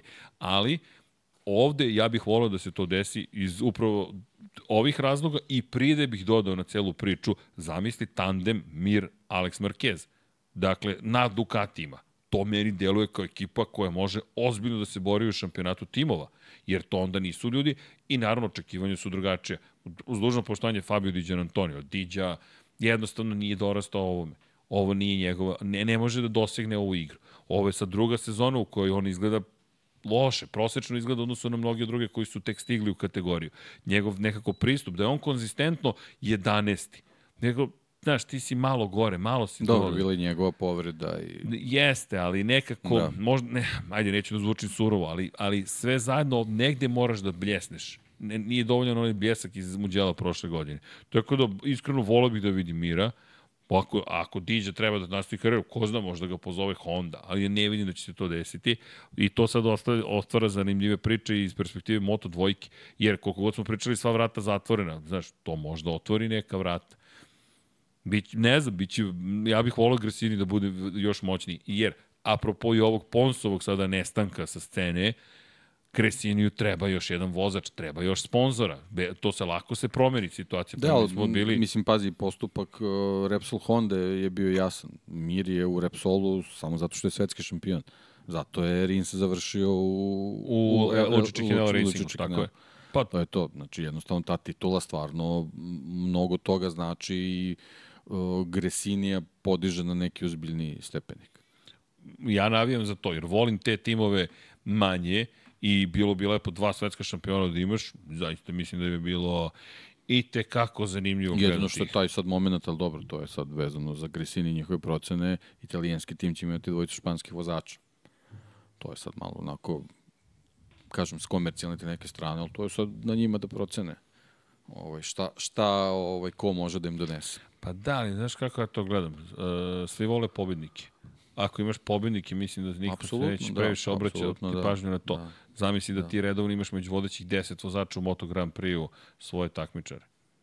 A sponsor ti je, naći ćeš, ja mislim, i sponsor iz Španije. Konačno i Alex Marquez sa sobom dovodi dovodi sponzore. A imaš i globalne sponzore koji će te ispratiti u celoj priči. Vidi, on, on ima i sponzor iz Portugalije, zbog čega sam ja video Oliviru Gresinu, pa se nije desilo. Videli. Tako da to, to je globalno selo, mislim, to je to je neka druga priča dok, koju mi ono, možda imamo samo Zagreba. Ne? Pa znaš šta bih ja volao? Da kad bih našao neku poslovnu analizu koliko je Muniju skočila prepoznatljivost robne marke Sigurno, apsolutno. Znaš, jer ti sad Muni, koliko puta smo mi izgovorili Muni. Zamisli A i dalje u Moto Grand Prix nisu tako veliki budžeti, tako da firme koje onako ovaj, pametnije raspolažu sa svojim novcem pre se opredeljuju za, za, za Moto Grand Prix nego za Formula 1, a mogu da dobiju sa, sa pravom pozicijom, mogu da dobiju dobre, dobre rezultate. Da, možeš mnogo toga da dobiješ. I dalje je gledan Moto Grand Prix, ne kao Formula Repsol, 1. Repsol, kad, ali... je, kad je kretao u čitavu priču, bio i u Formuli 1, ne znam ako se sećaš.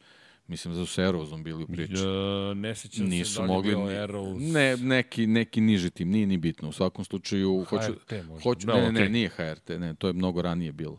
Ovaj, hoću samo da kažem da, da nisu u, to, u tim trenucima nisu mogli ni da, ni da priđu vrhunskim ekipama u, u Formuli 1. A što se tiče Moto Grand Prix, to je 500 kubika, tada su već, već imali, imali budžet da mogu da, da budu u kraljevskoj klasi u Hondi. Da, tako evo, da. Repsol da. Eros, to je posle Eros, Cepterove ere. Tako je, tako je, Kad da, je Cepter bio da. glavni sponsor sa Damonom Hillom, znači, pa posle nisu nisu mogli dalje od Eruza. Jednostavno toliko. I nisu imali para ni za pa, ceo bolid. To kažem. To imali kažem. su za pola bolida. To kaže. Znaš, a ti Znači, si ovde Formula velik. 1 može stvarno mnogo da ti donese ako si u mogućnosti da, da, da se pojaviš u toj priči na pravi način. Ako ne, Moto Grand Prix je sad mnogo, dobar, mnogo dobra ovaj, niša za, za, za, za te firme. Neću prežaliti, kažem ti, 2018. sam sarađivao sa sa, sa nešto u drugom poslu sa grupom uh, ljudi koji su razvijali aplikaciju kripto svetu. Ja im govorim, budite, imali su dovoljno novca, budite sponzori Zaubera, budite sponzori Zaubera. Pa da, ali sređane, da li kripto svet ima veze s Formulom 1? Budite sponzori Zaubera, budite sponzori, za, pošto su u Švajcarskoj stacionirani, i ne, na kraju su odustali od celog tog projekta i sad danas gledaš, svi kripto su tamo i razmišljam, jesam nam repo rekao da Pa nema uzmete šta, kome treba, za kome treba prepoznatljivost ako ima dovoljno novca Formula 1, ako želiš da napraviš neki onako uh, kako bi re, rekao, ovaj, odgovorni, odgovorniji paket, tu ti Moto Grand Prix, se nema šta. izrazio da. odgovorniji paket, sviđa da. mi se. Jednostavno je to.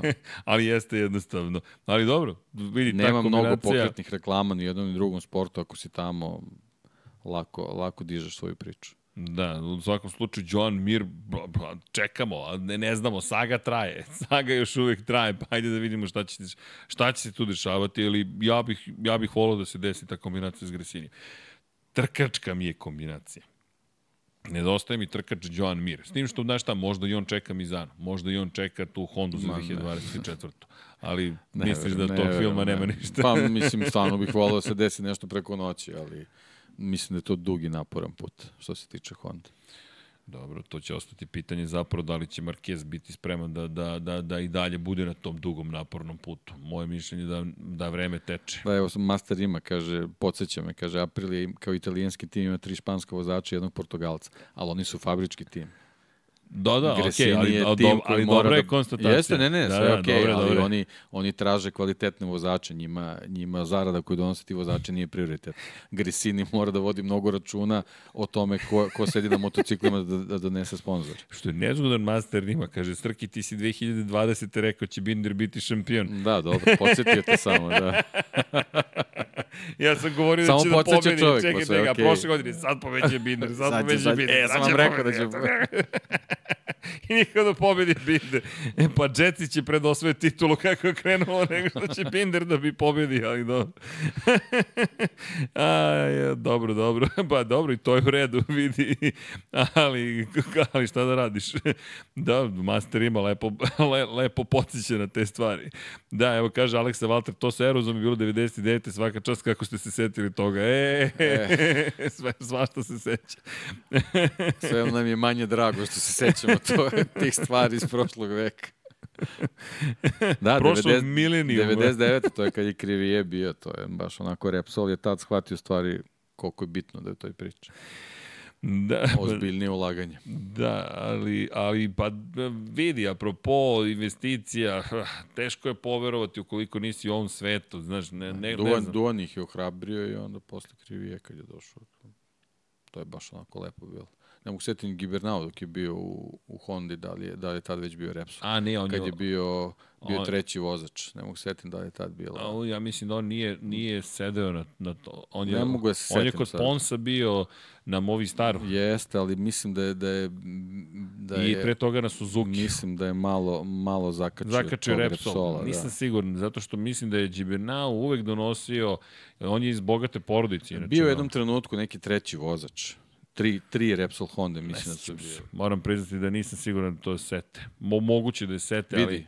kucam Google, Gibernau Re, izlazi mi, Sete Gibernau Repsol Honda. A, Sad ćemo da vidimo, čekaj, čekaj, samo sekund.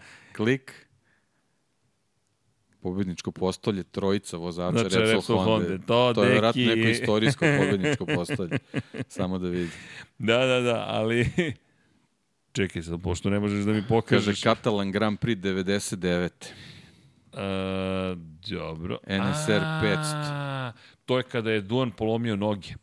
Yes. To je kada je Duan, ne, to je ta godina kada je Duan Da. polomio noge i kada su bili zamena, zato što je to, e, to je Tadayuki Okada, verovatno. Jeste, znači Ta- tad i- Krivije je pobedio, kada je bio drugi, To- to-. Gibernau treći. Da, da, da, I to je mi je- istorijski podium. Verovatno, pazi, ja, ja se nećem, ja se sete, ne sećam u tim bojama. Eto, Katalan Grand Prix 99. 99, Sad eto, pričamo sve, o se, tom. sve, Eto, to sve se slaže. Zato što se sećam da sećam ga se na na Repsol na, na Honda. Repsol Hondi. Da, Ne, i ja sam- sećam se da je bio mladi, da nije bio u, u, u, tim tandemu, bojama. nego da je bio treći. Ne, ja ga od treći vozač. 2000-te pamtim kada je dotišao na Suzuki i pobedio da. u Valenciji. Pa Ali ovde, ovde To je proboj imao kad, kad se ovde Pa pojavio na verovatno, Repsolu. ali sam zaboravio da je on menjao Duan. Da. Zapravo on je, jer uh, uh, Krivije je već bio u ekipi, e, tada Yuki Okada takođe kao Hondin čovek i Mick Duan kao zvezda i polomio je obe potkolenice Duan te 99. u Herezu, to je kada je zakačio belu liniju koja je bila pokrivena vodom u treningu broj tipa 2 ili 3 i toga se baš sećam da, da je posle toga rekao, okej, ovo je znak. Vreme je da se da se ide kući jer to nije prva povreda Mika Duana, pogotovo ne velika. Mik Duan je toliko oštećenja imao zapravo desne noge da je uveo sebi kočenje zadnjom kočnicom na palac leve ruke. I on je taj koji je prvi počeo da to primenjuje, ali ne da bi usporio zadnji točak, nego da bi što je mogao da koči. E sad, ko je vozio dvotaktaše, zna da kočenja motorom popularnog nema i jednostavno... Eto sad, da, da Duan vozi u današnje vreme, kako bi spuštao zadnji kraj kočije. Ko? U On? stvari, Da li si svestan? Kod Mik, da mi, pa da li, vidu si šta je imao naš... bi ko na biciklu zvonca. na sve strane. Ja mislim da bi se Mix našao. Ne, ali kažem ti, meni je žao i dalje Jorge Lorenzo što nisam vidio na ovom, ovim motociklima. Ovo je rođeno za njega. Bukvalno ovo kao da si pravio kategoriju za, za Jorge Lorenzo. Ali dobro, Jorge Našao bi je nešto da mu drugom smeta. filmu. A pa dobro, to je Sigurno bi svakako. našao nešto. Ne, ali najbolje mi je sa njim. Ali ljudi, ovo nije kritika Jorge Lorenza, prosto je takav i sa njim je uvijek super zabavno razgovarati, ali uđe u, u domaćinstvo Yamahe, sedne, ako sedi, klima. A, da se popravi klima. Klima, zašto prejako duva? Na tom nivou, dakle, uvijek je nekako bio kao da je napet, osim kad sedne na motocikl. Kad sedne na motocikl, deki i dalje neki ljudi ga pocenjuju. Ma kakav Jorge Lorenzo, kažem, ljudi moji, samo pogledajte Mugello 2012. Kako je prošao tamo kroz Kazanovu Severi, te godine, seća se da je imao posebnu kacigu, mislim da je Mambu tada nosio, ali znam da sam bio uživo na tim krivinama, ja sam rekao, okej, ovo nema nikakvog smisla. Uopšte ne razumem kako ovaj čovjek ovo izvodi. Nikad nisam vidio da je neko više oborio motocikl u toj krivinama i on prolazi kroz te krivine. To su one čuvene Bridgestonove gume, baš je izgledao kao šampion. I, i čak i italijanska publika kako nije mogla da ga smisli zato što pobeđuje na terenu Valentina Rosija je bilo znao, ok, ovaj, ovaj dečko zna da vozi. Jorge Lorenzo zna da vozi. I to ozbiljno zna da vozi. U svakom slučaju, sete Repsol sete, deset toga sete, deki. Put it here, bam, bam. O, evo više imam kačka. A sve, i, I Millerova majica. Da. A sve je krenulo od. Jacka Millera. Jeste. Tu je i Mir, tu je Valentino Rossi, tu je Fabio Quartararo, tu je Dani Pedrosa. Danija najavljamo sledeće nedelje, Dani nam stiže u Mizanu da pobedi. ja mislim, ako bih hteo, ima, mogo bi da pobedi kako je krenuo da vozi. Ali dobro, to Dani u sledeće nedelje malo više. Da, zanimljivo ček da si se setio, ali vidjet ćemo. U svakom slučaju, ko bi mogao tu kao sponsor da upade, mislim da je Gresini zreo za isto jednog velikog sponzora, ali evo šta ti je razlika možda i da imaju bolje rezultate bi bi još neko došao, ali ne samo to, ti imaš Valentina Rossi Pa znaš kako, ekipe. sa, sa, Znaš, sad, u Veru, sad opet neka, 46. neka priča. Naravno, nije, nije uopšte obavezno će tako biti. Uh, I Mir i Alex Marquez su u ovom trenutku Red Bullovi vozači. Jesu. Tako da možda ima i tu neka konekcija Da, koja, koja da- može da se desi. A teš, znaš šta, to je teško uz KTM fabrički. Kad pogledaš fabrički KTM, Ne, ne, apsolutno da, pa da, ali to je Red Bull Španija, to nije, to nije Red I, Bull I Austrijski. činjenica, da, da, da, to se isto zaboravlja ponekad. Da, da, A to ne smemo da A zaboravimo. to ne smemo da zaboravimo. Da Malo ljudi zapravo sarađuju sa austrijskim Red Bullom van okvira svoje nacije.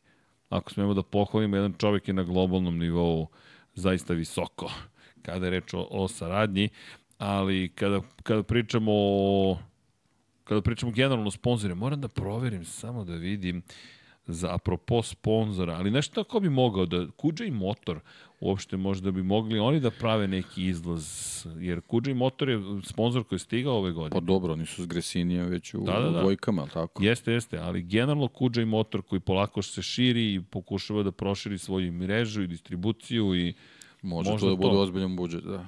Jer oni Da, zaista da, da, da. da zaista imaju ozbiljnu priču iza sebe. Eto, to, to mi pada na pamet. Inače, kada pričamo o, o Red Bullu, samo bih, eto, da, da vam skrenem pažnju na, na Peđu Vučkovića. fotografa koji je zapravo iz Beograda, ali koji je čovek koji je na najvišem mogućem nivou kada je reč o globalnom Red Bullu i Peđa je čovek koji je snimao Felixa Baumgartnera kada se spustio iz svemira, jel te, padobranom iz balona, Tako da Peđa čovek koji uživa ogromno poštovanje i s razlogom na globalnom nivou u okviru Red Bulla i on je jedan od glavnih fotografa. Pa, dobro, da, Baumgartner, ali generalno sve te neke da kažemo, specijalne akcije Red Bulla vezano za Formulu 1. Pa, Voža na Himalajima, Jest. na Slanom jezeru, to je Znači, jeste, jeste, pa i Max je sad fotograf. Da, da, da, da. Peđe je bio i za Belgrade da, Show da, Run, da, tako da Peđu, ne samo posebno pozdrav Peđi i zaista imate... Mislim, generalno Red Bull globalne akcije, ali Formula 1 onako nekako ide uz njega. Da, da, Peđa je legenda, slobodno možemo da kažemo, kada je reč, ne, pa, pa generalno kao, kao umetnik je zaista čuven. Pa eto, samo da ga, samo da ga spomenemo, da, da vam kažemo, potražite ga na Google, pogledajte neki, poslušajte njegove intervjue, imate šta da čujete, zaista. I ne samo Peđa, kad pričamo o fotoreporterima, mada on ne, na drugom nekom nivou, on je, ne kažem nivou višem, nižem, nego on, drugi mu je posao, odnosno, na primjer, Andrej Isaković, koji se bavi sportskom fotografijom, koji je trenutno na, na, pa, report, na reportažnom fotografijom. Jeste, Andrej koji isto prelepe fotografije pravi, naravno Hasan Bratić, to su naši prijatelji i poznanici, moramo ponovo izlužbu da, da im napravimo. Misliš da bi to bilo u redu? bilo bi. Kako deki spomeniš izlužbu, to je kao Rosiju kad spomeniš motocikl. deki veliki ljubitelj umetnosti. Tako da, pratite ove... E da, čekaj, stanite. Da, bliži nam se žurka. 9. 9 u ne znamo koliko časova, možda 18, 1 plus 8, pa bude 9, krenemo, ali javit ćemo vam još tačnu lokaciju, Družimo se, to je subota, Lab 76 300 organizujemo i 99 yardi drugari zajedno sa nama. Svi zajedno, zašto počinje sezona NFL-a? Pa onda to spajamo u jednu priču i Lab 76 300 to izdanje, nećemo ga snimati, dakle nećemo kao prošlog puta u dogmi da se skupimo i popalimo kamere, možda upalimo kameru čisto da emitujemo da ko ne može da dođe oseti atmosferu, ali svakako nije nam plan da radimo podcast, nego više da se družimo s vama i vidite zajedno jedni s drugima.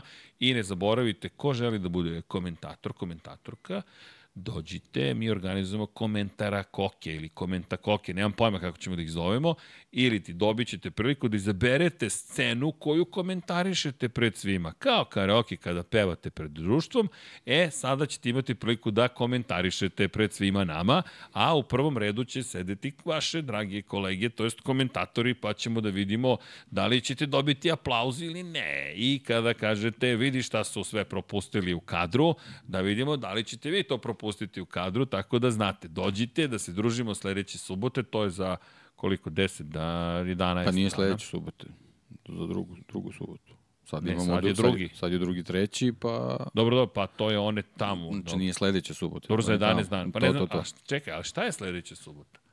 Je li ova sad subota ili sledeća subota? Pa, ova sad sledeća.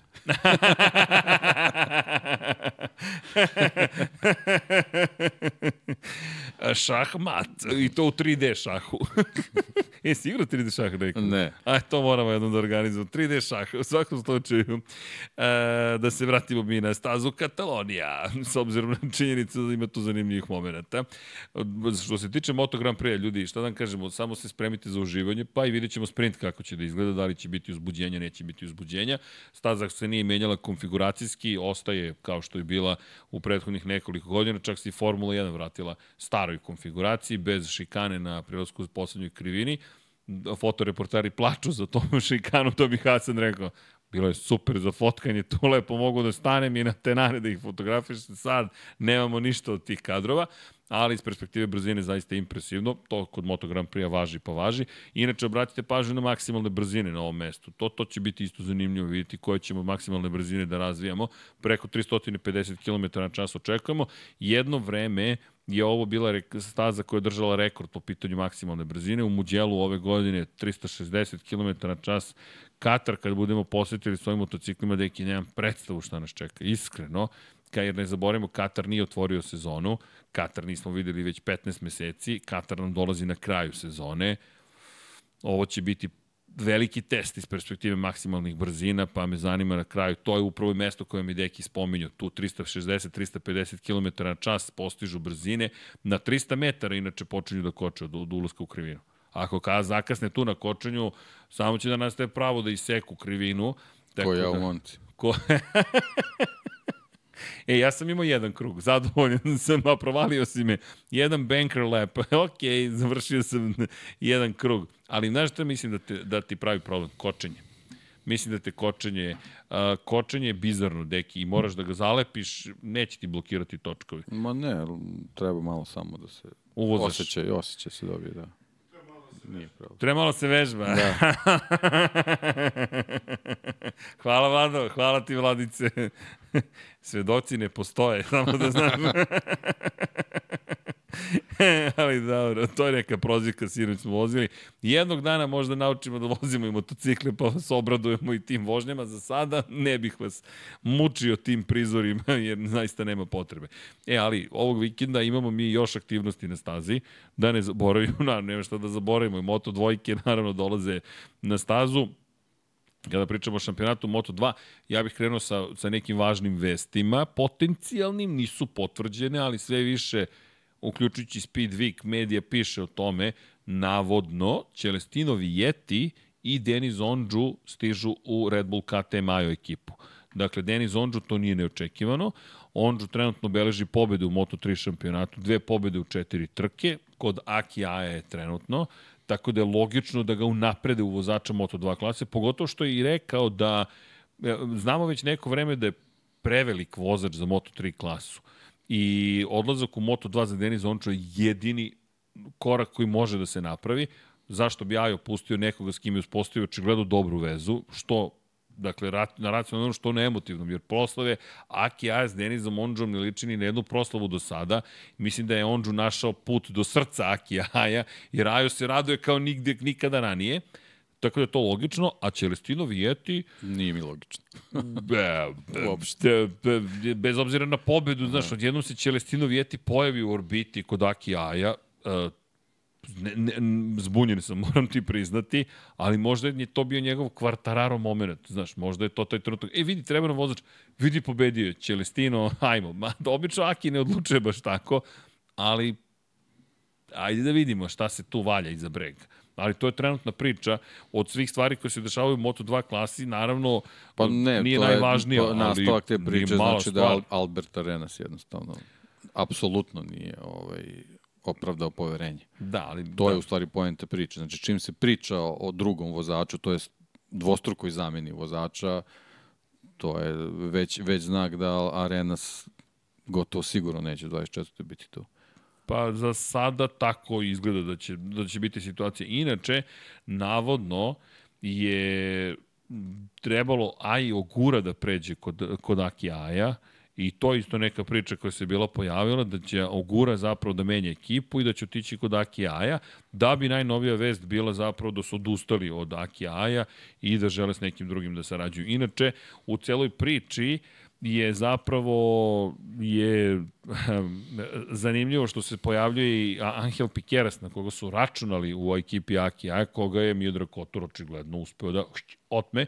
Nije nam ništa pričao, ali uh, Nadam se da hoće, da će nam ispričati kako su uspeli da izvedu, to je prilično velik uh, potez, da, da ti uzmeš zvezdu koju... Pa jeste, ali Leopard ima reputaciju. Ima, ima, kako nema. Ne, to ne, nema reputaciju. tu sad, kao znaš, da se razmišlja zašto je Pikerosov štab to, to ovaj, odlučio. Ako, ako sa, sa druge strane nije bilo u tom trenutku interesovanja, dođe ti Leopard koji ima vitrinu punu šampionskih titula, mislim, ne, nema šta tu da, da, da se razmišlja puno, posebno ako, ako uslovi odgovaraju, ako je dobra ponuda, verujem da Miodrag zna da to ovaj, lepo predstavi i da, da objasni zašto, je, zašto, je on, zašto je Leopard baš pravo mesto pa, za razvoj ba, ima, i za ulazak u Moto3. Ima tri titule u Moto3 klasi koje su razlog, a možeš da dodaš ja. i kada pogledaš... Pri tom Masija je dobar primer da ti vrlo lako možeš da promeniš ekipu, da se vratiš, znači niko, niko iz Leoparda ti ne zatvori vrata ako odeš negde ne, ne, i tako da Kultura poslovanja da, je na visokom nivou. Leopard je za početak sasvim dobro mesto. I još jedna stvar, to je tim koji je šampionski, pored toga, ako pogledaš, Fabio Quartararo je vozio za Kotura, Joan Mir je vozio za Kotura, vozio je i čovjek koji nije osvojio titulu u ovom šampionatu, ali je bio šampion super sporta svetski, Dakle, pričamo o, o Andreju Lokateliju, zatim imamo u celoj toj priči Lorenzo Dalla Portu koji jeste postao šampion, ok, nije imao uspeha u Moto dvojkama, i Danny Kent koji je sada zaboravljen, koji je bio vrlo ozbiljan vozač, da osvojio titulu 2015. za Leopard Racing. To su sve neki od vozača koji su već prošli kroz tu celu školu i to, izvinjam se, Enea Bastianini je vozio za, da, za Miodraga Fođa. Denis Fođa takođe, koji je sad u Moto dvojkama. Tako da to je jedan ozbiljan tim, rame uz rame sa Akijem Majom. Nego ono što je meni iznenađenje, KTM je taj koji uvek otme osvajača Kupa Novajlija i investira u njihove karijere. Tako da to, to je zanimljivo. To bih volao da saznamo malo više šta se sve događalo, ali to, to je sad moja da, priroda. Da, mislim što se Denisa tiču, meni je to onako potpuno logičan ovaj, Da, za Ondžua nema tu šta. Nema šta, a za Čela iskreno malo, malo mi iznenađujuće. Nije mi, ovaj, nikad, da, da smo ranije možda pravili te neke prognoze, nikad ga ne bih povezao sa, sa mislim, Čekamo. priznajem, nema šta da, da, da vidim. Posebno što, što mu to iz korena menja njegove angažmane trenutne, vezane za akademiju, sponzori za akademiju i tako dalje, i tako dalje. Malo je sve onako prilično diametralno suprotno. Ali e, okej, okay, mislim, drago mi je zbog njega. Vidi, to Speedweek javlja. Ako Speedweek te stvari javlja, Jer, inače, ako čujete neki zvuk, to meni krče creva ili ti gladan sam. Ali, no... Hvala, deki. Hvala ti. Sreća pa nije bio kadar na meni. Sreća. Žao mi je što nije je Vlada zakasnio. Da, da, da. da. Još razmišljam, ja samo da te snimi. Ne, držat ćemo mi ovde sami, pa ćemo sami da se prebacujemo. Ne, ali si, on, ali si njega nasmeo. Blokirao sam ga trenutku. Ali suzu je pustio deki što sam ja gladan. U svakom slučaju, Speed Week to javlja da je zapravo potpisan Da je ugovor. Srki gladan. to je najvažnija vest koju imamo trenutno. E, I, I čaša mi je prazna i gladan da. sam i kolice su mi se pokvarila, stolica mi ne radi. Ali pa dobro, dvojke i trojke gotove, realno. Ali tako, nemamo tako danas. Tako da. ne, ne moramo da. samo neku te, osvežavajuću tečnost da nabavimo i to će biti to. Uh, ako može, Vlado, to bi bilo to. E, sad poslaću ti poruku na WhatsApp, evo. Vlado, šaljem ti poruku na...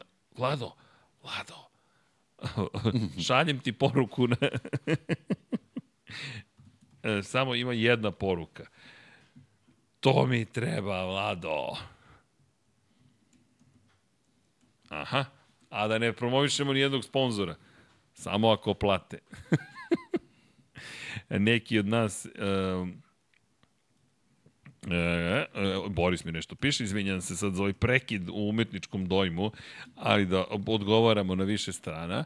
E, u svakom slučaju, da, da ako ste čuli creva, to sam ja ogladneo.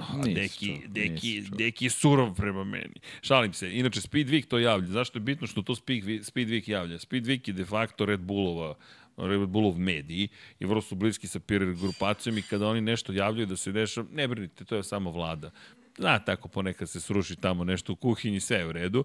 U svakom slučaju, kada oni javljaju nešto da dolazi iz KTM-a, to je Spirit grupacije, obično znaju šta pričaju.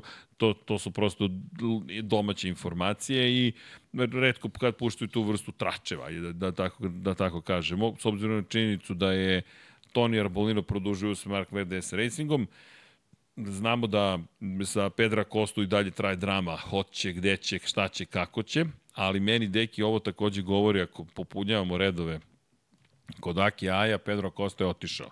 Samo još ne znamo gde je otišao, ali takođe, dakle, ne samo što je Arenas otišao, već je i Pedro Costa otišao. Sad samo niko ne zna gde je otišao i šta se tu zbiva.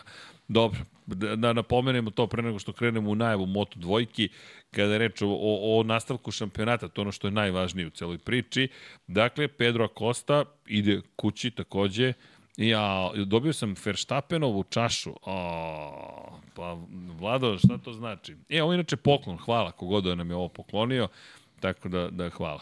Ice ti, hvala Vlado, to je lepo videti. U svakom slučaju, da, providna, Ne, danak na iskustvu. Žalim da te, samo te trolujemo, Vlada, sad te trolujemo, sad je samo dokolica, ništa drugo. Elem, Pedro Acosta, šalu na stranu. Ej, deki, nije pobedio već neko vreme, a idemo sada već u, na stazu gde bi morao da se bori za pobedu. Pa, mislim da je mislim očekivao. da će biti borbeno. mislim ne da je može, očekivao. Ne može da dođe u Barcelonu da kaže da je posao gotov. Znaš, tako da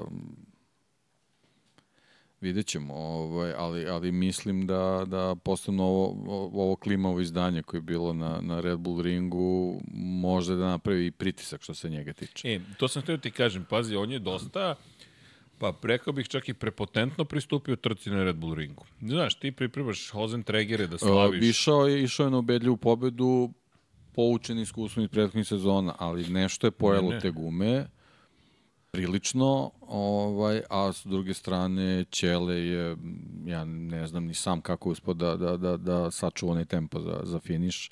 Ovo, u svakom slučaju mi smo dobili dobru i, i interesantnu uzbudljivu trku u finišu, ali mislim da, da, da je njen rasplet u stvari možda a, doneo neki pritisak Pedru na koji uopšte nije računao, posebno ne pred svoju trku. Tako da ovaj mislim da će u Barceloni da bude posebno uzbudljivo, a pošto život zna da napiše razne Dobro. scenarije i zbog svega ovog što se dešavalo s Ponsom, ja posebno gledam u jednog momka, često gledam u njega, ovaj, ne samo zbog tetovaža. Ovaj, Jesmo ali rekli ako, malo pre. ako je negde prilika da pobedi, ako ja sam nešto se naježio, da uradi, bukvalno se evo. deki naježio. Ako To Aron Kane prilika, pobedi, da. pa to će biti najlepša i najromantičnija stvar koja može da se desi. A znaš da se to često dešava. Pazi. Iz nekog razloga. Niko ne, ne, ne planira te scenare, ali neko su, nekako se uvek desi. Sito Pons, ukoliko zabeleži svoju možda i poslednju pobedu kao A šef možda ekipe. si predomisli. Možda kaže, pa čekaj, vidi. Uh, Deki, znaš da je ne, rođen mislim da Sito ne, Pons? da, ne znam. Šta misliš? Pa misliš tu negde, blizu. Ne, bukvalno je rođen A, u Barceloni. tu. To je čovjek iz Ne, htio sam Barcelone. da kažem, mislio sam da će kažeš Montmelo. mislio sam baš tu.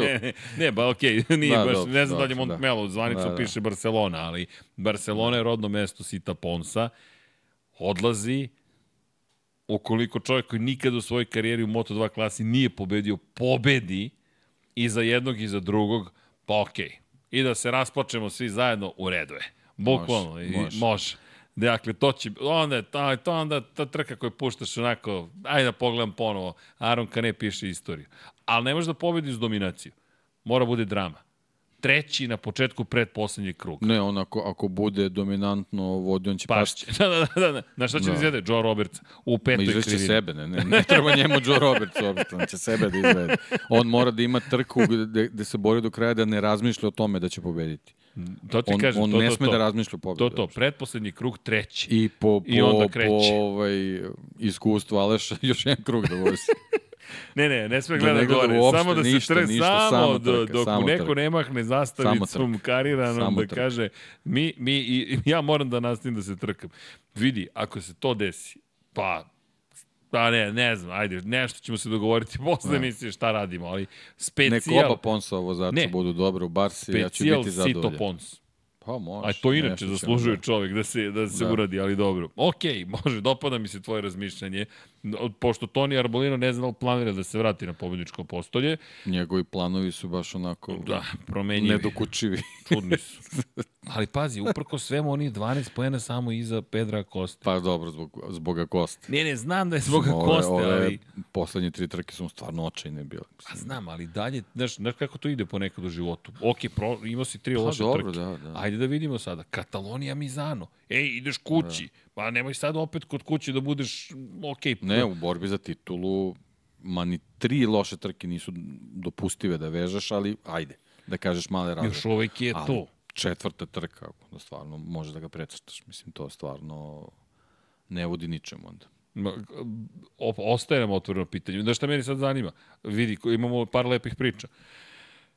Celestino Vijeti, da li je istina da ide kod Aki Aja? Da li je to onda neka dodatna motivacija da kaže čekaj sad moram da opet budem na samom vrhu ili opušten sam znam gde sam sledeće godine, u odličnoj sam ekipi, ne možeš da biraš bolju ekipu trenutno u Moto2 kategoriji, Možda možeš Jorge Martinez za spara da stvrstaš tu, ali i dalje mislim da Red Bull KTM Ajo kombinacija je najbolja koju može da nađeš u Moto2 klasi. Zatim dodajemo na sve to Arona Kane koji ako sad nije motivisan, nikada neće biti motivisan.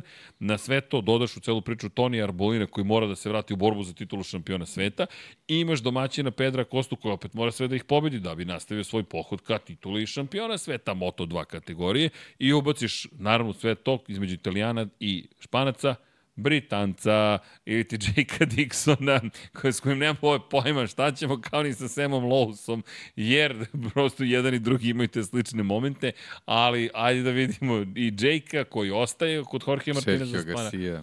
Da, Sergio, pa i on se oprašta od Ponsa, vidi. To ti kažem, dva Ponsa. Sergio, i da. jao, to da, da, da. vidiš to. I A on... onda vidiš ispod stola se pojavi Joe Robertsa, ja. A ja, ja sam pao ovde dok sam vodio prošle godine i imao Tako, prednost ne, od dve Barsa, sekunde. Barsa za Moto dvojke, onako baš zanimljivo može da bude. A ko je pobedio ovde prošle godine? U slalomu? Čelestino Vijeti, sve ih je pretekao i pobedio. Tako da, Čele otišu ka te Majo, da ti znaš Jedno što prošla, prošla godina bila na početku sezone. Pa. Jeste, prošla, ali, prošla trka, da. Ali dobro. I znaš, ne, znaš ko će da pobedi? Somket Čantra. na kraju, otprilike tako neka situacija će da, da se desi. Ne, ali... Neki Ajo Gura. Ajo Gura biće baj pri vrhu. Ili neki Albert Arenas.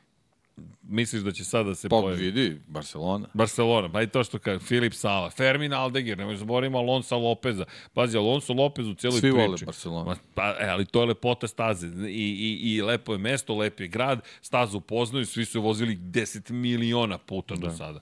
I kada... Samo da legnu vremenski uslovi, to je mislim, malo, malo nam je to onako zadrška, ali ako, ako legne lepo da bude, e sad ne znam ako bude malo toplije nego nego recimo u maju, ne znam. Ne neće biti, pa da ponavljamo. Pa da, kažu da, da, da je to ta temperatura da. Ne, sad su hladilo ovaj, ova, ova po, prethodne dva dana što je bilo baš loše vreme tamo, vidjet ćemo.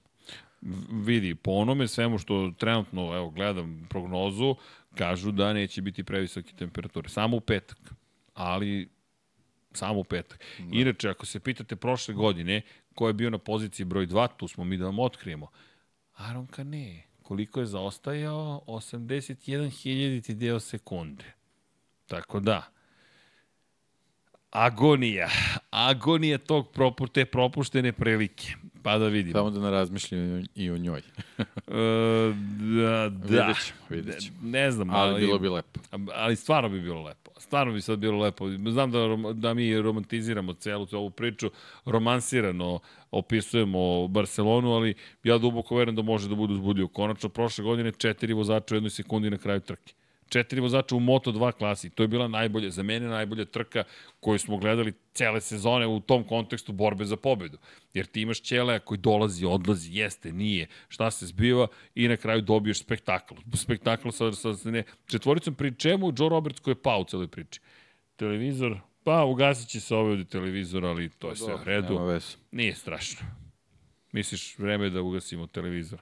E, moto trojke, čekaj, da se prebacimo mi brzinom svetlosti na Moto trojke, s obzirom na činjenicu da da, da, da, da, s obzirom na činjenicu, što ne bismo produžili Moto dvojke, šalim se naravno, ali kada govorimo o Moto dvojkama, ja mislim da ćemo mi deki ovde imati zaista jednu od lepših trka. Ubeđen sam u, u, u magiju Barcelone, pa čak i ovako u ranoj nekoj jeseni. E da, inače, ovoga vikenda se, kao što smo rekli, poklopa s Formulom 1, tako da ko želi jedno drugo da gleda, malo će morati da kombinuje stvari i inače, da ne zaboravimo, i Moto je šampionat sveta dolazi ovde, dakle ne samo Moto trojke, čisto da podsjećanje radi, dakle da imamo i tu kategoriju, nemamo Red Bullov kup Novajlija, pošto je Monster glavni sponsor i onda nema šanse da puste Red Bullov kup Novajlija na stazu, ni jedni ni drugi, ali iz perspektive bitaka biće baš uzbudljivo.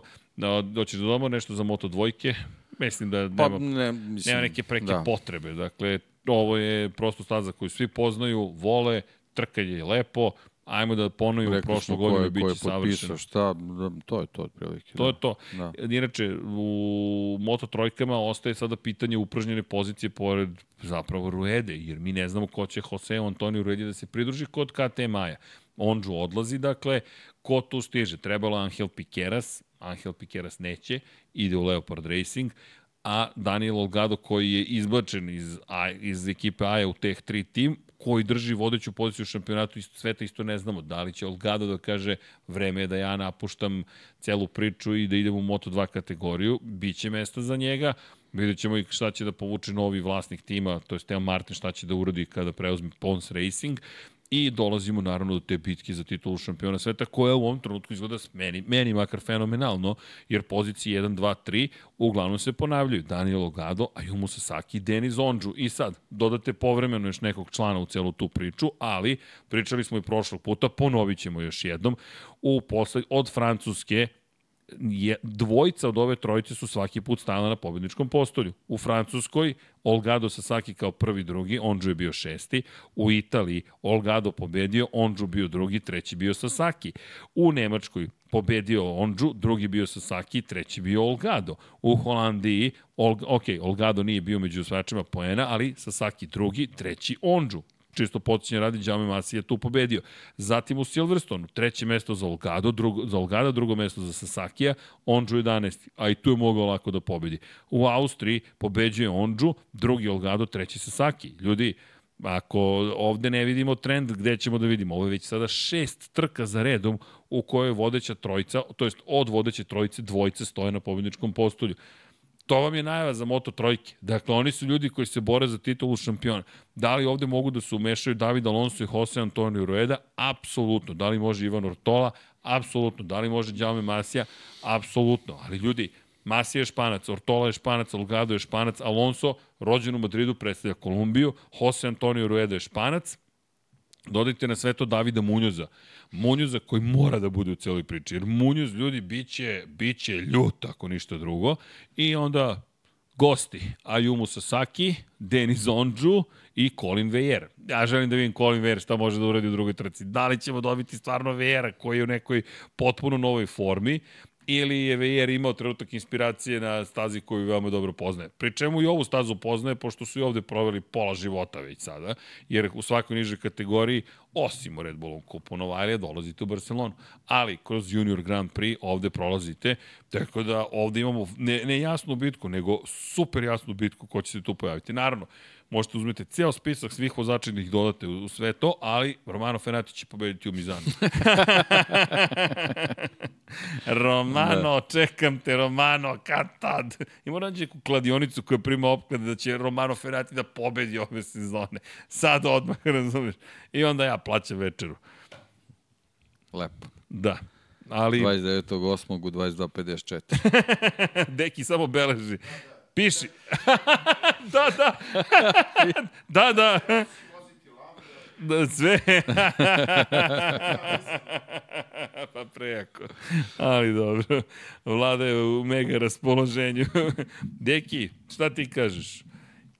Jel imamo tu neku drugu bitku koju ja ne vidim? Ne, ne, ne, ova trojica apsolutno je glupo da, da, da sad nešto se traži dalje. Nažalost, Masi je taj koji sam sebe eliminiš iz nekih priča, tako da ovaj, od njega najviše zavisi da li će se priključiti tome i Ortola koji pokazuje isto da je brz, tako da ako uđe u dobar ritam, on će biti tu za, za, za taj finiš. Nadam se da ćemo imati trku ponovo sa spektakularnim završetkom, ovaj, pa ćemo da vidimo. Ali generalno ova trojica po svemu su momci koji su pokazali su najboljoj formi i potpuno je glupo eh, bilo koga stavljati ispred njih.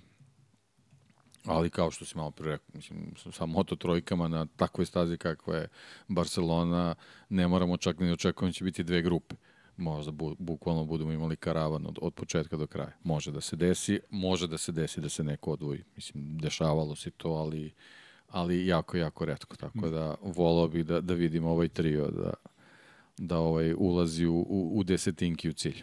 Moj utisak je da, da ovaj trio neće dozvoljavati više karavan i da su to i na Red Bull ringu uradili planski. Mislim da je Olgado vrlo mudra jedna glava i da je on svestan da mu ne treba 15 vozača u grupi s kojom mora da se bakće, bukvalno, bakće uslovno rečeno. Dobro, ovde malo teže razbiti ritam. Jeste, zato što imaš pa, kilometar pravca da, i da. svi poznaju stazu, ali zaista mislim da će to biti pokušaj. Prva tri kruga da će to biti nabijanje žestokog tempa i pokušaj da, da ga zapravo i Sasaki i Ondžu i kogod treba isprate u, u njegovoj nameri. naravno, verujem da bi volio i njih da ostavi iza sebe, ali ako ne možeš, ajmo da smanjimo grupu na, na što manje učesnika. Ja sam ubeđen u super mega giga brze krugove na početku. Ali to je samo moja neka ćemo, da. analiza. Da, da, ovde je samo problem što ne, ne postoje ta neka snažna kočenja i ubrzanja gde mogu da se razbiju. Ovde sve prilično tečno. Pa da, i čak Ali, i peta krivina je pa nije, da, da tečna. Da, da, ti jednostavno ne, ne, pa čak i ona je... Može, mogu da se prikupe. Da, naravno, naravno. Znaš, to je samo, ali aj, vidjet ćemo, možda, možda, možda se desi nešto tako. Vidi. To bi automatski značilo spektakularnu vožnju. Mislim, gledam to ka, to. to je to, to, ali gledam ka Aleksu Master Markezu. Master class, što bi rekao srđanerci. Da, pa, e, nisam dugo to izgovorio. Pa nisi, nisi. Nije bilo... Rekao si prošle godine za kvartarar. Jel jes? Jesi. Eto, ajmo da vidimo, vrati smo se mi na kvartarara. Krug je, the circle is now complete. Eto. I ti, a, sad ja imam plavu boju.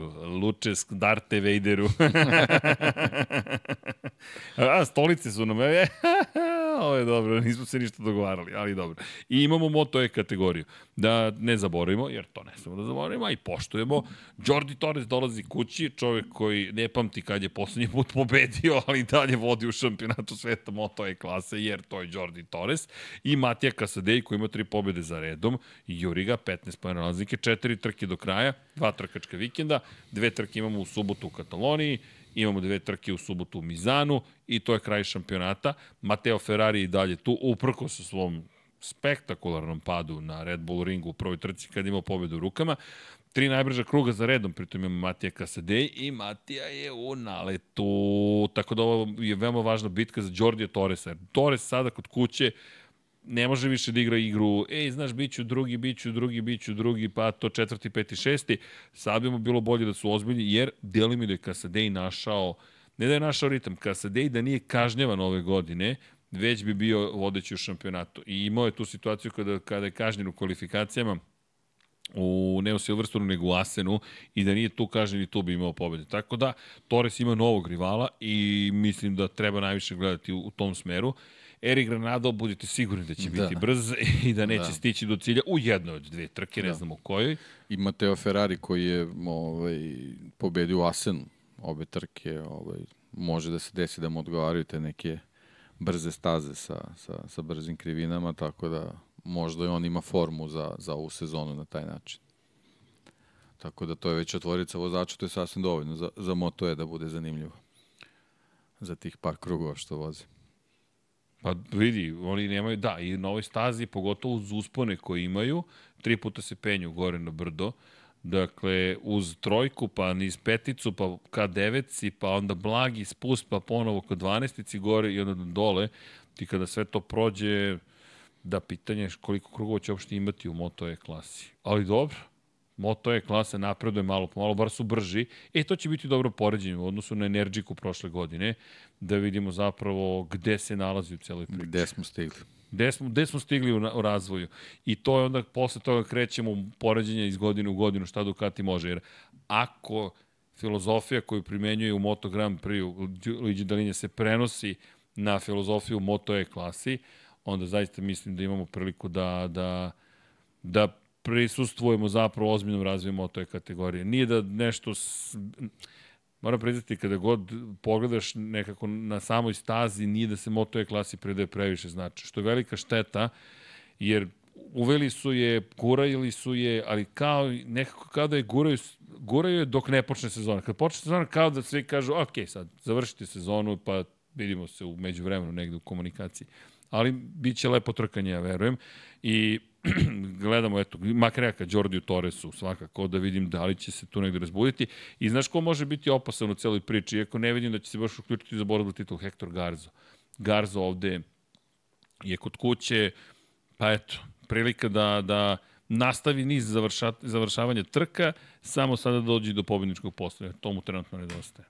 Ups, izvinite. I to bi bilo to, to bi to. bilo to što se da. tiče najava za za trku pred, u Barceloni pred nama. Sledeće nedelje analiziramo šta se sve dešavalo u Barceloni i najavljujemo poslednju trku u Evropi do kraja sezone. Pre kraja sezone, 26. novembra, zatvaramo godinu u Valenciji. Mizano je na programu 10. septembra i onda Indija, Indonezija, sad ne znam tačan raspored, svaki put zaboravim koja država ide u kom Indija je trenutku. prva. Indija je prva, to, Da. to znam, ali posle Indije da Japan, Japan, Japan. pa Indonezija, pa Australija, pa Tajland, pa Malezija, pa Katar, pa onda Valencija. Još ima baš puno da se vozi. Ti kada pogledaš, mi smo završili 10 trka, pred nama je još 10. I ta, dobro mi je bila računica. Posle Katalonije, dakle, ostaje još 9 trka. Baš mnogo ima da se vozi. Nekako kao da prerano proglašamo šampiona, ali zaista ne vidim da će iko zaustaviti Francesca Banjaja. U ovom raspoloženju, mislim da je ovo njegova sezona. I tako. Da li neko ima neka pitanja? E, mm, da, da, vidimo. E, da, Srki, šta prenosiš za vikend? Sve. Dakle, i Formulu 1 i Moto Grand Prix, samo ćemo vidjeti kad se šta kombinuje, to je kada ću biti gde, u kom trenutku. Samo da vidim e, start trka kada je. f1.com uh, schedule da vidimo uh, samo da vidim dalje trka, trka je u 3 popodne tako da čim završimo Moto Grand Prix verovatno skačem u Formulu 1 ukoliko ne bude nekih nepredviđenih okolnosti ali uglavnom sam na trkama motocikala nedeljom verovatno ću biti za trku Formule 2. Ne znam tačno, moram da vidim kada se šta pot, poklapa, ali šta god bude u tom trenutku moguće, to ću prenositi. Čekaj, dok Monci ima sprint. E, Ne, ne, ne, sprint za Formulu 2. A ili ima Formula 1? Ne, ne, ne, ne, ne. ovo je klasičan vikend. Formula To sam 2. potpuno zaboravio, da. Ne, ne, ne, nema, nema sprinta, ja mislim da li do Brazila Brazil ili... samo, kao prošle godine. E, ali mislim da ima još neki sprint. Aha. Da nije samo Brazil. Brazil i da li je Mexico City ili Amerika, tako nešto. Ali nemoj držati za reč, ne mogu sad da se... Da, dobro, ali nije Monca u svakom slučaju. Ne, ne, Monca sigurno nije, to znam po, pouzdano. Boris Trot- Trotin kaže iz kabine 2 u 3 obrnuto, pa verovatno Manje petica. više. 2 i 3 su 5. da, da, da, da. Um, kada će Vinjalesov kutak? Kutak. E, s- e, Poštedili smo ga malo danas. e, Večeras. E, Srđan Lukić, da, postao sam mu antipatičan. Žao mi je Srđane šta da, šta da radimo. Ne mogu svima biti simpatičan. Prije, mo- apropo mog komentara za, za boju okej. stolice. Ako je to najgore što sam večeras uradio, ja sam zadovoljan. Ne, ne zamerite. Da li imam ženu i decu? E, to ne odgovaram u podcastu. To je intimno pitanje, ali verujte, kogod da je sa mnom me podržava u ovome što radim i načinu na koji živim. Da li mi je lako, to morate da pitate njih, ali ja i dalje ću se zabavljati ovako kako se zabavljam. Nemam bolji humor, ne mogu da ga naučim. A, Boško Desničić 11, 12, 15, 14 i F1 je u 15. I da, da znate, nisam nešto, ne- tu nema ljutnje, to je, to je vaše apsolutno pravo i sve je okej. Okay. E da, pitanje da li je nekada tamno, tamnopoti vozač vozio u istoriji Grand Prix-a. Pa ne mogu da se Nebitno, setim, realno. Da, pa mislim, e sad kad kažemo nebitno, da ne mislite, da ne shvatite pogrešno. E, bitno je samo da ste brzi, a što se nas tiče, ne prihvatamo ni nikakvu podelu po boji kože, veri ispovesti, naciji, polu ili bilo šta. Samo, samo nam je brzina važna, ali ono što mogu da vam kažem da je Michael Jordan vozio i da, ima, i da, da je veliki ljubitelj superbajka. Pa eto, nije bio u svetskom šampionatu. da, i Ducatija, ali ima svoju ekipu. E, to mi je žao u Valenciji, tamo davno, davno, davno. Kada je bio? 2006 što ni, mi ni ti ni ja nismo bili na toj Da. trci, da. ali znam da je bio na završnici kada je Niki Hayden postao šampion, došao je da, da gleda tu trku, tako da, eto, ali Jordan da, je veliki ljubitelj Superbike. E, da, jel mislite da će ovde biti Fabio Marquez konkurentniji? A, Fabio donekle, pa i kao i u red, na Red Bull ringu. Ako Ne, ima pogledamo neki prvi pomak trening. na Red Bull ringu, da. da. Bio je prvi da. tokom većeg dela prvog treninga. Zarko mu je oteo tu prvu poziciju na kraju. Onda možda dođe zvuči čudno za. Yamahu, ali možda razumeju pritisak. Ovo sad što se dešava sa... Pa pazi, možda. Ima, Možda su bili pošteniji, pa im je sad jednostavnije. ima još jedna stvar, ono što si ti lepo rekao. Postoje staze koje ti prosto više odgovaraju. Prosto postoje staze koje ti više odgovaraju. Za Kataloniju smo rekli na početku, ako bi negde trebalo da očekivati Fabio da odgovara, pa to je, to je bukvalno ova staza, pa tu je sve počelo. Zaista ta pobjeda na speed upu je bila fenomenalna. Master ima, ko pobeđuje u nedelju? Moto 3. Aha, nismo rekli. Ko pobeđuje? Pa, Rekli smo za Moto 2. da. dobro. Aron Kane, Moto trojke. Ah, Pa, ajde, ako je Kane ovamo, pošto je španac, ajde ne bude španac. Nek bude Denis opet. Denis, pa, pa to, ima, to ima smisla. Ima smisla. Mislim da ovde agresivni vozač može da dobije. Pri čemu, znaš, domaći teren za Daniela Ulgada, to može da bude inspiracija. Nisam siguran sa Saki da trenutno može da pobedi. Na stazi na kojoj može da se pobegne, tu mislim da može da pobedi. Ovde je malo teže i mislim da će Sasaki opet da pretrpi poraz u duelu. Ako to reši, uh, ja Jumu se onda baš kandidovao ozbiljno za titulu šampiona sveta. Znaš šta, ja ću na Olgada da tipujem, čisto da imamo zabavu. Ajde. Ma, naravno. Da, ajde, Naravno. to je to, ali baš je teško prognozirati. A, kada je reč o Moto Grand Prix-u, ko pobeđuje u Moto Grand Prix-u? Uf, ko pobeđuje u Moto Grand Prix-u? Ko pobeđuje u Moto Grand Prix? Čekaj, zar nismo rekli nešto na početku? Ne mogu setim da smo konkretno. Ne, samo smo pričali ko bi pa, mogao biti. Banja- Alex Marquez. Da, da. Alex da. Marquez. Evo, Alex Marquez, ja kažem. Ti kažeš Banjaje. Pa Banjaja je ono kao, No, no, ok, sigurica. ali znaš idemo uvek na spektakl. Spektakl. Znam. Znam, tačno, znam. Šta ću reći? Znam. Šta ću reći? Miguel. Oliveira. Ne, ne, ja ću reći Miguel, Miguel. Oliveira. Ajmo, bilo bi lepo da vidimo Miguel. Dužni su to motocikl, taj motocikl mora da, da prođe prvi cilj. Možda. Nema veze, Nema veze. Ne, nije ajmo, ajmo, ajmo, ajmo, ajmo. E, da, da li si Sarin računa kao tamniji vozač? Pa, kao što ovo Deki kaže, nema potrebe ljudi da odemo tako daleko. Da, Lewis Hamilton je prozivao Dornu, ali mislim da, da, da, da Dorna nije rasistička kompanija ni po kom osnovu. Ako možete nešto da zamerite Dorni, to je često loša organizacija en general, a ne da ima nešto lično protiv nekoga. Uh, Dorna vam nije... Dorna će vam pre biti lična. Evo, Simon Peterson se susreo pre par godina, znate s kojim problemom? Što je preneo istinitu informaciju da su neki od članova menadžmenta Dorne u vremenu kada je bio, kada je karantin bio za COVID obavezan, oni pravili žurke u kojima nisu vodili računa na način na koji su propagirali to javno. Tako da oni nisu, verujte, oni nisu organizacijono na nacionalnom nekom nivou rasističkom ili bilo kom. Ne, ne, oni su samo lični. Ako smatraju da ste vi njih lično potkačili, a Simon nije nikog lično potkačio, već je samo izveštavao i rekao istinu, on je imao probleme sa Dornom zbog toga. Tako da tu nemate problem nekog institucionalnog rasizma ili ne znam ja čega. Ne, ne, to je samo lična stvar. Dakle, da li ste se nekom zamerili, niste. I vozači su imali situacije gde su se zamerili nekome koji je dovoljno moćan da im pravi problem.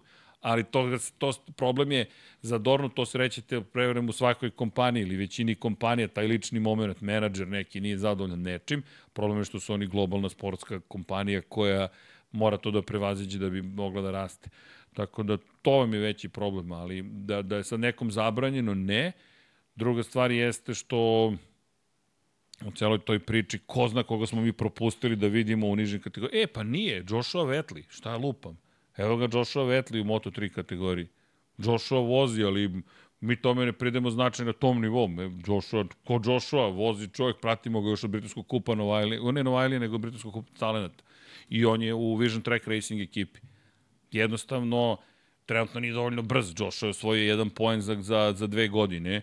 Dakle, ovo je godina i po sada, za sezona i po iza Joshua Vetlija i to je to. Ali eto, Joshua Vetli. Vidiš, zaboravio sam čoveka. Ba, ne zamerite, a mi stvarno nemamo oči na taj način podešene, da gledamo boju kože.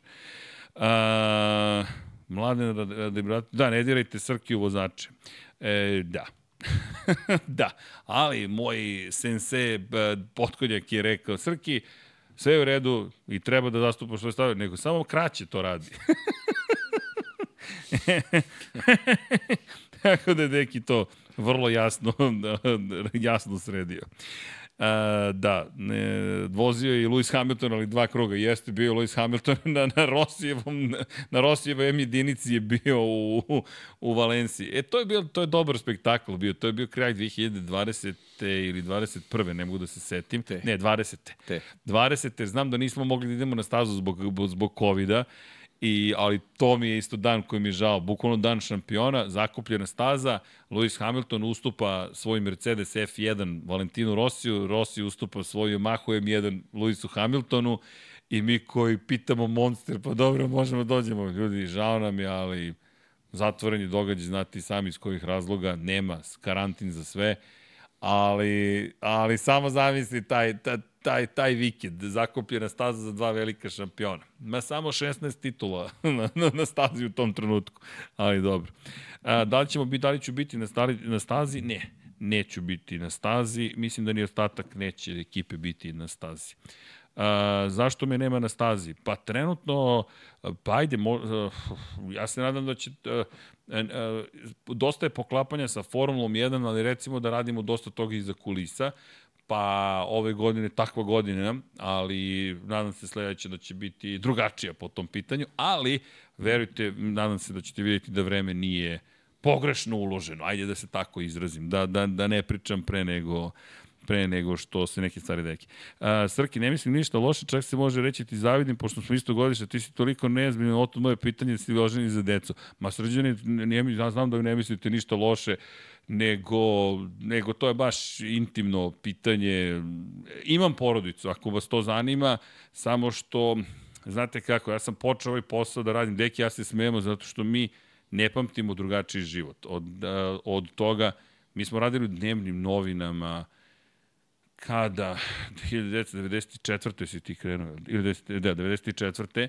Ja sam krenuo 1995. i mi smo radili bukvalno ljudi 7 dana u nedelji. Sve devojke koje nas poznaju, žene, kako god hoćete, ne pamte nas, a da ne radimo 7 dana u nedelji. Digle ruke. bukvalno. Ja ne kažem da je to dobro, ima svoju cenu, verujte, idemo, neću da pričam previše u Dekijevo ime, ali verujem da je prošlo iste faze razmišljanja, šta ja radim, da li mi ovo treba? U životu ili ne treba, ali s druge strane nije nalazimo neku lepotu, zabavu u svemu tome i to je tako. I porodici su nas prihvatile, što kaže, neki odustale su od nekih stvari, mi, do, ajde, nadam se da donosimo neku drugu radost u odnosu na neki klasičniji, ne znam ja kako bih rekao, život, ali da, od malih nogu radim 7 dana u nedelji, ne znam, jednostavno. Postane vam navika i na sreću i na žalost. Jedan period sam radio to od ponedeljaka od 9 do 5 i nisam izdržao. Nije dobro. Pa, ja kažem, svako ima neko svo, nešto svoje, neću da ne osuđujem ne, bilo šta što, što, što meni ne prija. Svako ima pravo da mu prije ili ne prija nešto. Nekom prija od 9 do 5, nekom prija da radi od 7 do 3, nekom prija da radi 7 dana u nedelji. Prosto nama, nas je ula ta buba novinarstva i drži nas, evo, toliko. To što sam neozbiljan, verujte, dok su kamere upaljene imamo priliku da budemo ne, ne, neozbiljni, ali ne, zaista ništa ne mislim da ste loše rekli, nego prosto mi smo došli u situaciju. Puno radimo mi iza kulisa da bismo mogli da budemo neozbiljni ova 2-3 sata, jer dan tako izgleda, ali ne verujte svemu što vidite pred kamerama. Mi se sad lepo zabavljamo, jer mi inače ovako pričamo o prevođu, ali stvarno je sve okej, okay. tako da znate. E, evo, ti si ozbiljan čovjek i vidi se da imaš porodicu. Hvala. verujte, da, da, prosto ja tako funkcionišem i to je to. E, Deki, mene samo zanima kako se zadržaš da ne spominješ. Uh, uh, aha, dobro, sad ovo je neka atletika. Ivana Španović, Vuleta, ne znam sad... A, to, pa dobro. Nećemo da zloupotrebljavamo podcast. e da, jedno pitanje. Ali fantastičan rezultat. Da neko u, u, ono, bukvalno na zalasku karijere, eto i sama je najavila, nastupit će još na olimpijskim igrama i to će biti kraj da, da toliko ovaj medalje osvoji da, da u, u, u, u to, to, to, tom zalasku svoje karijere napravi takav rezultat kakav je ona postigla u Budimpešti što se tiče odliče i što se tiče skoka i serije te cele koju je imala skidan kapu pravi sportski moment. Ali, Dekin, to treba da spomenjamo i dalje na početcima podcasta. Pa ovo je ljubav prema životu. Pa dobro, bilo je ovaj, svetsko prvenstvo, mnogo je dešavanja i onda nije u redu izdvojiti samo nekog. Jasne. Ali Ivanu zbog njene posvećenosti i toliko dugo godina koliko je trajala i traje u atletici, kažem, sa, sa, sa tom serijom koju imala u finalu i tim skokom 7-14, stvarno svaka čast, zaista.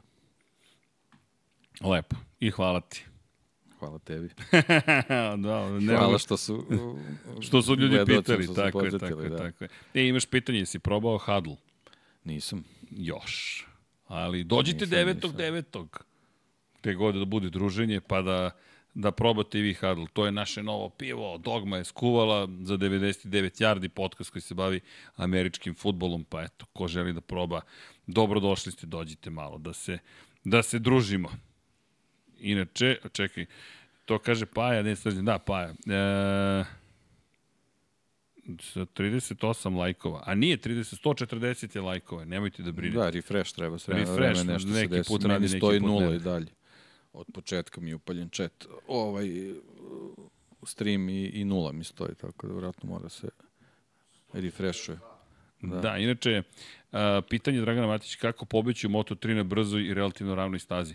Zato sam spomenuo Aleksa Markeza, jer te njegove pobede pamtim kao gotovo nemoguće, on je uspevao da pobegne i on je što vreme vozio Hondu, to je to njegova šampionska sezona, protiv Jacka Millera, se bore za titulu i sećam se te trke u Kataloniji, baš mi je ostalo u sećanju jer niko nije očekivao da će neko uspeti da pobegne u Moto trojkama. Znate kako uspeo da pobegne? Samo jednom su mu dozvolili da ostane prvi na startno ciljnom pravcu. I do kraja sledećeg kruga uspeo da ih slomi. Pri čemu ne mogu da se setim sad da li je bila i gužba pozadi, da li su se preticali uzajemno ili ne, ali se sećam da je to bio njegov plan i baš ga je sproveo u delo. Ozbiljno ga je sproveo delo. Iz, iz te perspektive zato mislim da i ovde može da igra vrlo ozbiljnu ulogu. A to je neka moja procena, to su argumenti zašto, zašto verujem da bi tako moglo da funkcioniše. Deki, hoćemo polako da se pozdravljamo. Ajmo. Dragi ljudi, tu smo već Ajmo. koliko? Tri sata? Pa da. Opa! E, Evo, Master ima, ti si samo ne neozbiljan. Ozbiljno shvataš svoj posao i ta posvećenost truje sve nas. Pa hvala, dakle, to je to, to ali zapravo i Srđan mi je dao veliki kompliment, jer ako ja izgledam neozbiljno, a radim sve ovo, onda, smo, onda je cilj neki postignut, jer mi zapravo se stvarno i, i, i mnogo bavimo ovim pripremama i tako i dalje i tako dalje. E da, ko nam je u fantaziju? To smo zaboravili. Ja da. ne menjam meni isto. Da, da, čekaj, ja, Nisam ja, ja se dirao. samo ne sećam, deki, nije da ne želim da kažem na keca, samo nego da se setim svaki put zaboravim koga sam stavio u fantazi. I da vidimo, da, Luka Marini, Marko Beceki, Alex Marquez, Augusto Fernandez. Ali ću sada, šta da uradim? Da prebacim Aleksa Markeza umesto Luke Marinija u prvi tim. A? Šta kažeš? E da, imate, igrajte i MotoGP prediktor, osvojite sat. Evo, to je to. Deki, ja sam se spremio. Ja ne bi ovo više ništa dirao. A zašto neće da mi zapamti move? Ja ću samo jednu intervenciju da uradim. A već sam uradio. Meni ne da da prebacim Aleksa Markeza. A ne, ovo mi je pomer... E, dobro. Kad sam ja uradio, ne sjećam se ovo magnovenju bilo. Šta? Pa promenio sam dvojicu vozača. Stvarno? A govoriš da, da to ne radiš? Da, ja uradio sam. Znači, moj trenutni tim je Banjaja, Oliveira, Alex Marquez i Mir. Dobro. Miru je drastično pala cena. Pa si ga onda, kupio. pa ne, zato što sam, ne, ne, ne, nego sam uzeo Markeza kojem je mnogo porasla cena. Ovo je prilika da ga kupim. Aha. Zato sam ga sad stavio za Barcelonu, čisto da vidim šta će da bude, ovaj, ali imam sad dobar, dobar budžet kod njega, ako slučajno trebam da ga zamenim. I onda mi se u ostatak para samo Miru klopio. Za nekoga ko ne menja tim, dosta si dobro isplanirao svoj budžet. Pa znaš kako, vidi. Kao što ja ne vežbam Formula 1. Ne, Vidi. vidi, Vlado, jesi primetio? Ne, ne, ja sam imao od početka, nisam dirao tim. Ne, znamo da je što si ozbiljno shvatio. Čak sam upropastio sezonu zbog toga, jer ostao mi Oliveira i Vinjales kad su bili povređeni. Čekaj, izvini.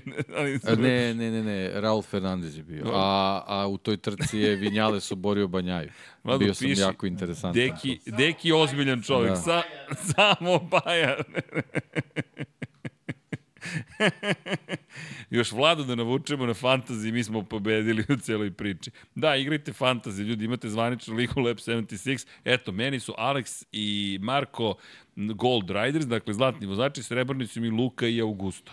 Meni su Gold, Banjaja i Oliveira, srebrni Alex Marquez i Mir. Dobro, a kod konstruktora, ko ti je? Ducati Muni. Ducati, a tim ti je Muni. Meni Apriliju držim no. kao tim, pa je držim. Pa ja nisam Apriliju stavio zašto sam imao u jednom trenutku mnogo Aprilijnih vozača i onda nije kombinacija. Pa loša trka, upropastiti ja imam sve. Muni kao vozače, da. imam Augusta. A Muni vozače nisam mogu ni da kupim. Stvarno? U trenutku, pa da. Bili su, bilo skupo, ja to kupovao pa na vreme. Dok, dok pa ja kažem ti, sad sam uspeo Markeza da, da uklopim nekako, ali nisam imao za četvrtog vozača. Ko je najskuplji? Dobro, Banja je najskuplji. Banja je. Banja je. Gori. Otišao, da. Gori. Da. Banjajica, ko, ko se to vredi sad kupiti?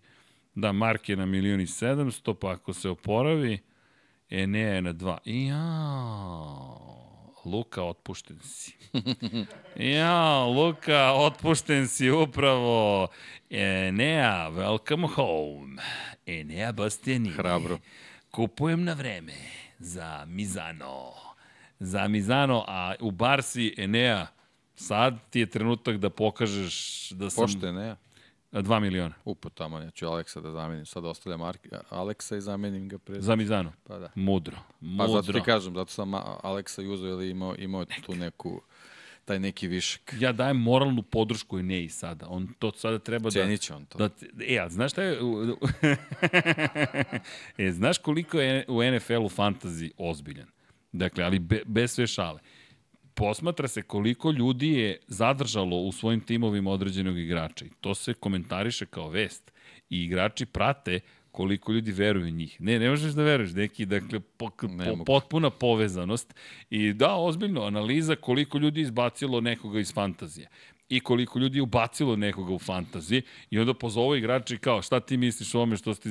Ma, molim, ali to su milioni gledalaca, milioni učesnika. Kako boostuje? Kako bu... Ne znam. Kako boostuješ?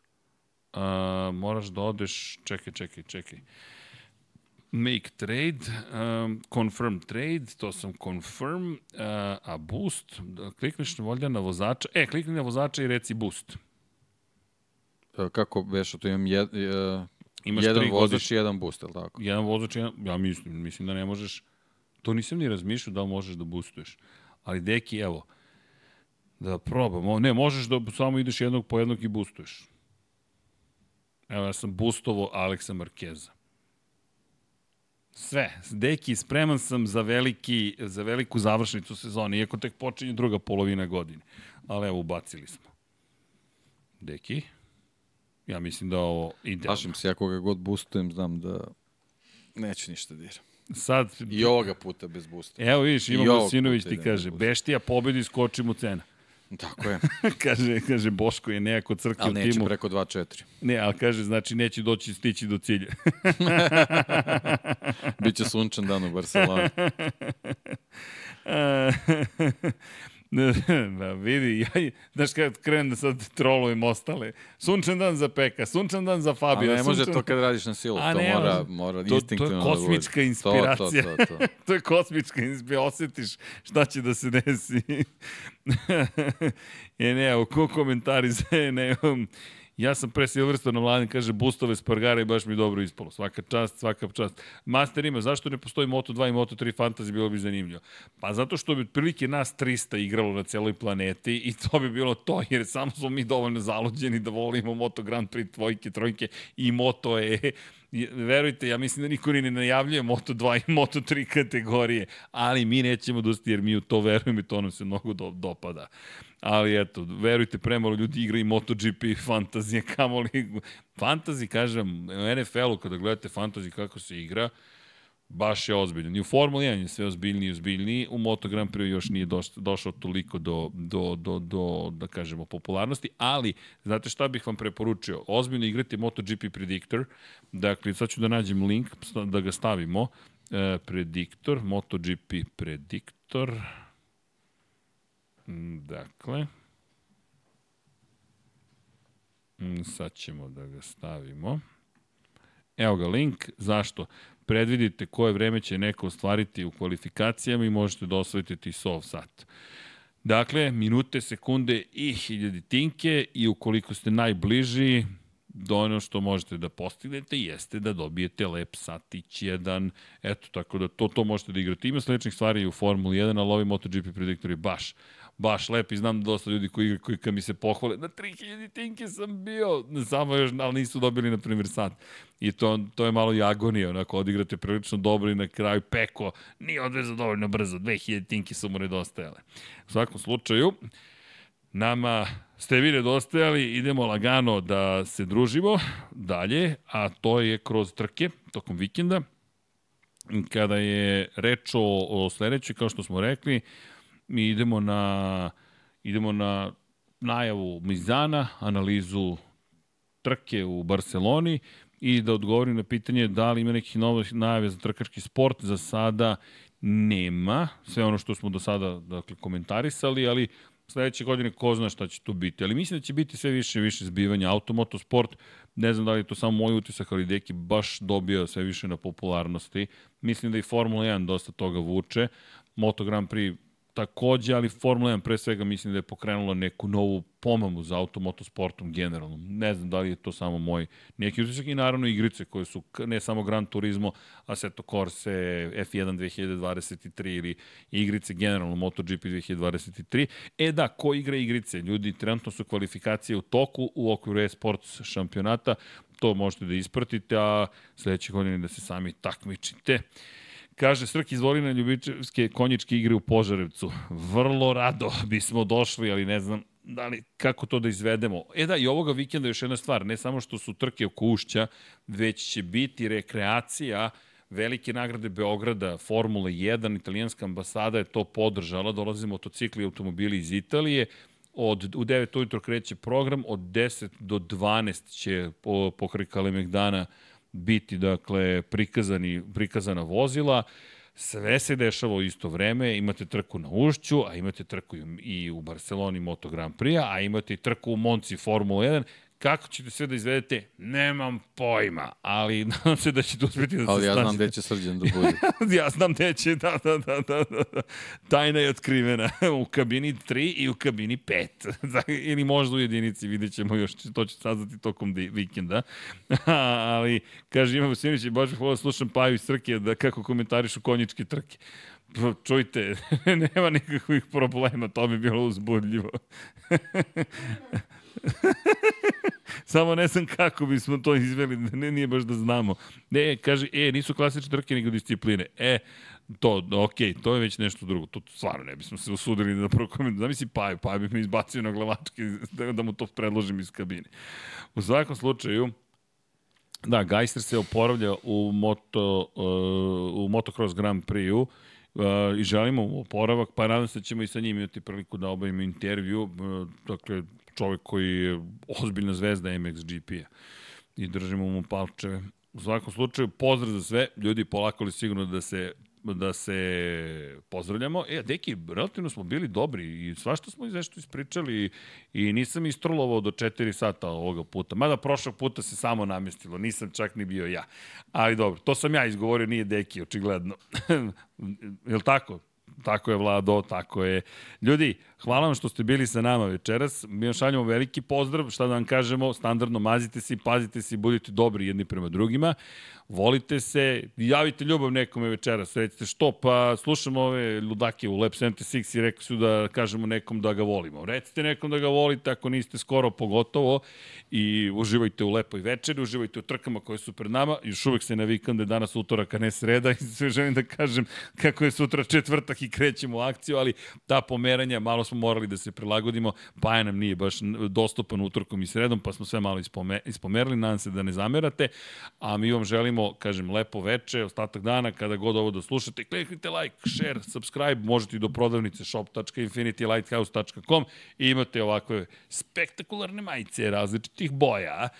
I pored toga i naravno još mnogo toga, umetničke fotografije, knjige, dukserice, svašta nešto dolazi sezona dukserica, pa eto, potražite, pa i kapa zimskih, toga imamo, dakle, krčkete, to rešavamo i tako dalje, tako dalje, patreon.com kroz Infinity Lighthouse, Šaljamo vam puno ljubavi, budite dobri.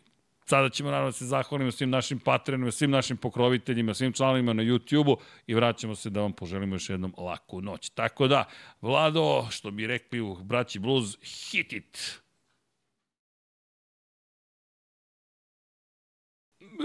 crni ekran. Dakle, hvala Alen Stojčić, Milan Milašević, Vladimir Filipović, Miloš Broćeta, Crnogorski džedaj, Stefan Ličina, Bojan Markov, Nenad Simić, Katarina, Ognjen Ungurjanović, Stefan Radosavljević, Antonio Novak, Dušan Ristić, Luka Savović, Aleksandar Jurić, Vladimir Petković, Nemanja Zagorac, Sean Hing, Mirina Živković, Deus Nikola, Živojin Petković, Nikola Marinković, Bahtjar Abdurmanov, Đole Bronkos, Đorđe Andrić, Branimir Rijavec, Luka Klaso, Nikola Božinović, Anonimus Donatorus, Žarko Milić, Marko Petrekanović, Dejan Đokić, Marina Mihajlović, Miloš Rosandić, Nikola Grujičić, Mlađan Antić, Ivan Novak Tomić, Ivan Simeunović, Vladan Miladinović, Kovačević Omer, Stefan Vidić,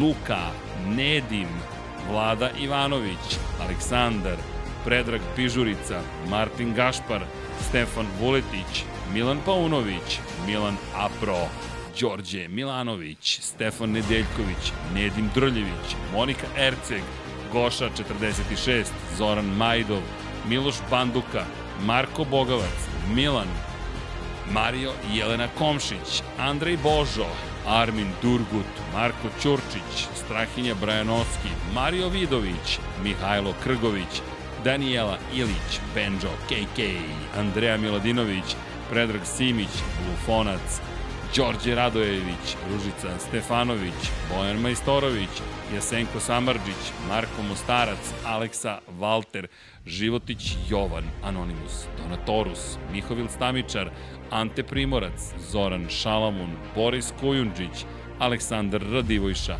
Nemanja Jeremić, Nenad Đorđević, Marko Horg, Ivica, klub štovatelja Ramona Mireza, Inzulin 13, Branko Bisački, Đole Čisjed, Ognjen Marinković, Nemanja, Milan Kića, Mladen Mladenović, Darko Trajković, Stevan Zekanović, Stefan Lešnjak, Nebojša Živanović, Marko Marković, Kristijan Šestak, Ivan Maksimović, Marko Kozić, Igor Jankovski, Matija Rajić, Toni Ruščić, Branislav Dević, Andreja Branković, Lazar Pejović, Laslo Boroš, Ferenc Laslofi, Aleksandar Milosavljević, Ivan Rebac, Dušan Delić, Lukas, Marko Radanović, Strahinja Blagojević, Zoltan Mezeji, Marko Kostić, Petar Nujić, Mladen Krstić, Igor Vučković, Ivan Panajotović, Andrej Bicok, Sava Dugi, Gloria Edson,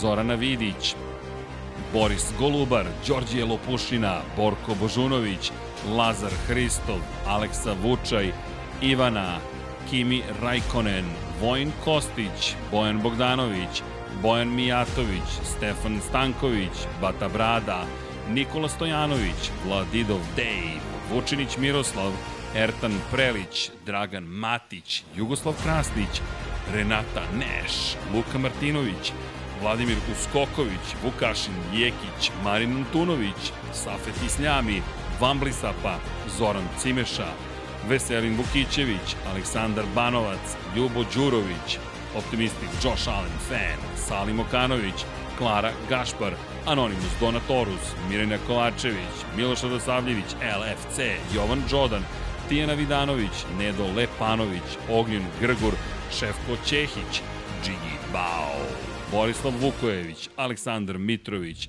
Ivan Maja Stanković, Joe Đole, QB4, Tina i Ilija, Jugoslav Ilić, Stefan Milošević, Ivan Toškov, Stefan Prijović, Aleksandar Bobić, Matej Sopta, Pavle Nj, Da žena ne sazna, Boris Erceg, Dušan Petrović, Lj Đurović, Alen Vuletić, Miloš Vuletić, Danka, Zlatko Vasić, Emir Mešić, Ivan Ciger, Jasmina Pešić, Nemanja Miloradović, Branislav Kovačević, Milan Nešković, Damjan Veljanovski, Denis Špoljarić, Šmele, Ivan Rečević, Nemanja Labović, Bogdan Uzelac, Stefan Dulić, Andrija Todorović, Nenad Ivić, Stefan Janković, Dimitrije Mišić, Nikola Milosavljević, Jelena Jeremić, Aleksandar Antonović, Aleksandar Čučković, Miloš Rašić, Dejan Vujović, Aleksandar Anđelić, Luka Manitašević, Srđan Sivić, Branislav Marković,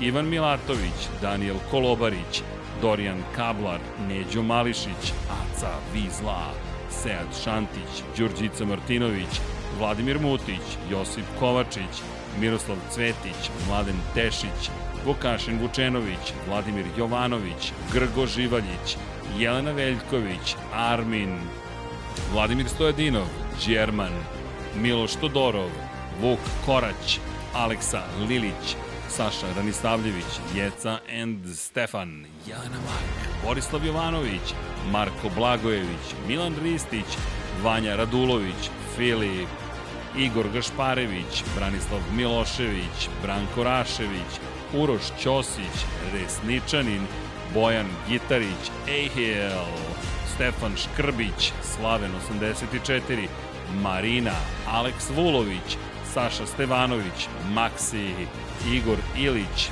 Ivan Hornjak, Future Graciano Rossi, Branislav Dević, Jelena Jeremić, Domagoj Kovač, Krorobi, 00, Bakadu, Alen Jesenović, Ivan Božanić, Nikola Vulović, Zlatko Marić, korespondent, korespondent, Goran Mrđenović, Mađar 007, Vlada Ivanović, Miloš Zed, LFC, Nikola Božović, Nemanja Bračko, Vladimir Subotić, Vladimir Vujičić, Ivan Magdelinić, Nikola Grđan, Škundra, Din Stero, Milan Kamarunić, Ivan Vujasinović, Ljiljana Milutinović, Mateja Nenadović, Marko Bogavac, Dejan Janić, Vladan Miladinović, Tomić Miloš, Uroš Čuturilo, Ivana Vesković, Pavle Lukić, Aleksandar Kockar, Divlji Bučak, Blagoj Ačevski, Đera 7, Marakos, Igor Ninić, Sejdo Mujčić, Nemanja Miloradović, Anonimus Donatorus, Vladan Đurić,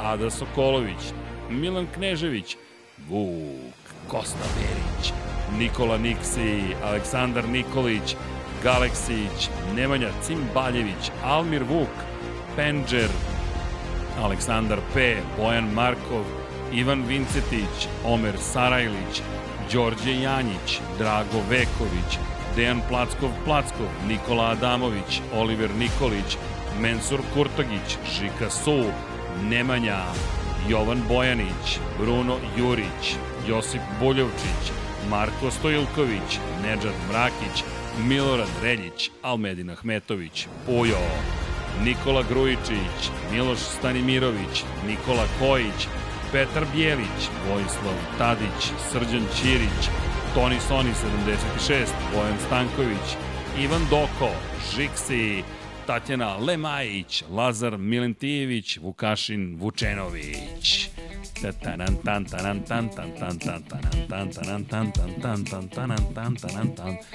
Vlada se vratio, Deki se vratio, malo da vas ofiram. Kakva pauza, to ne hit. Kao, znam, imamo da završimo misiju, ali imam 8 minuta, lagano. Skuvam čaj, popijem kaficu, sredim se, odmorim, pružim noge, odmorim kičmu za neki od nas koji smo preko nekih leta. Tehnički problemi postoje, generalka mora da se radi.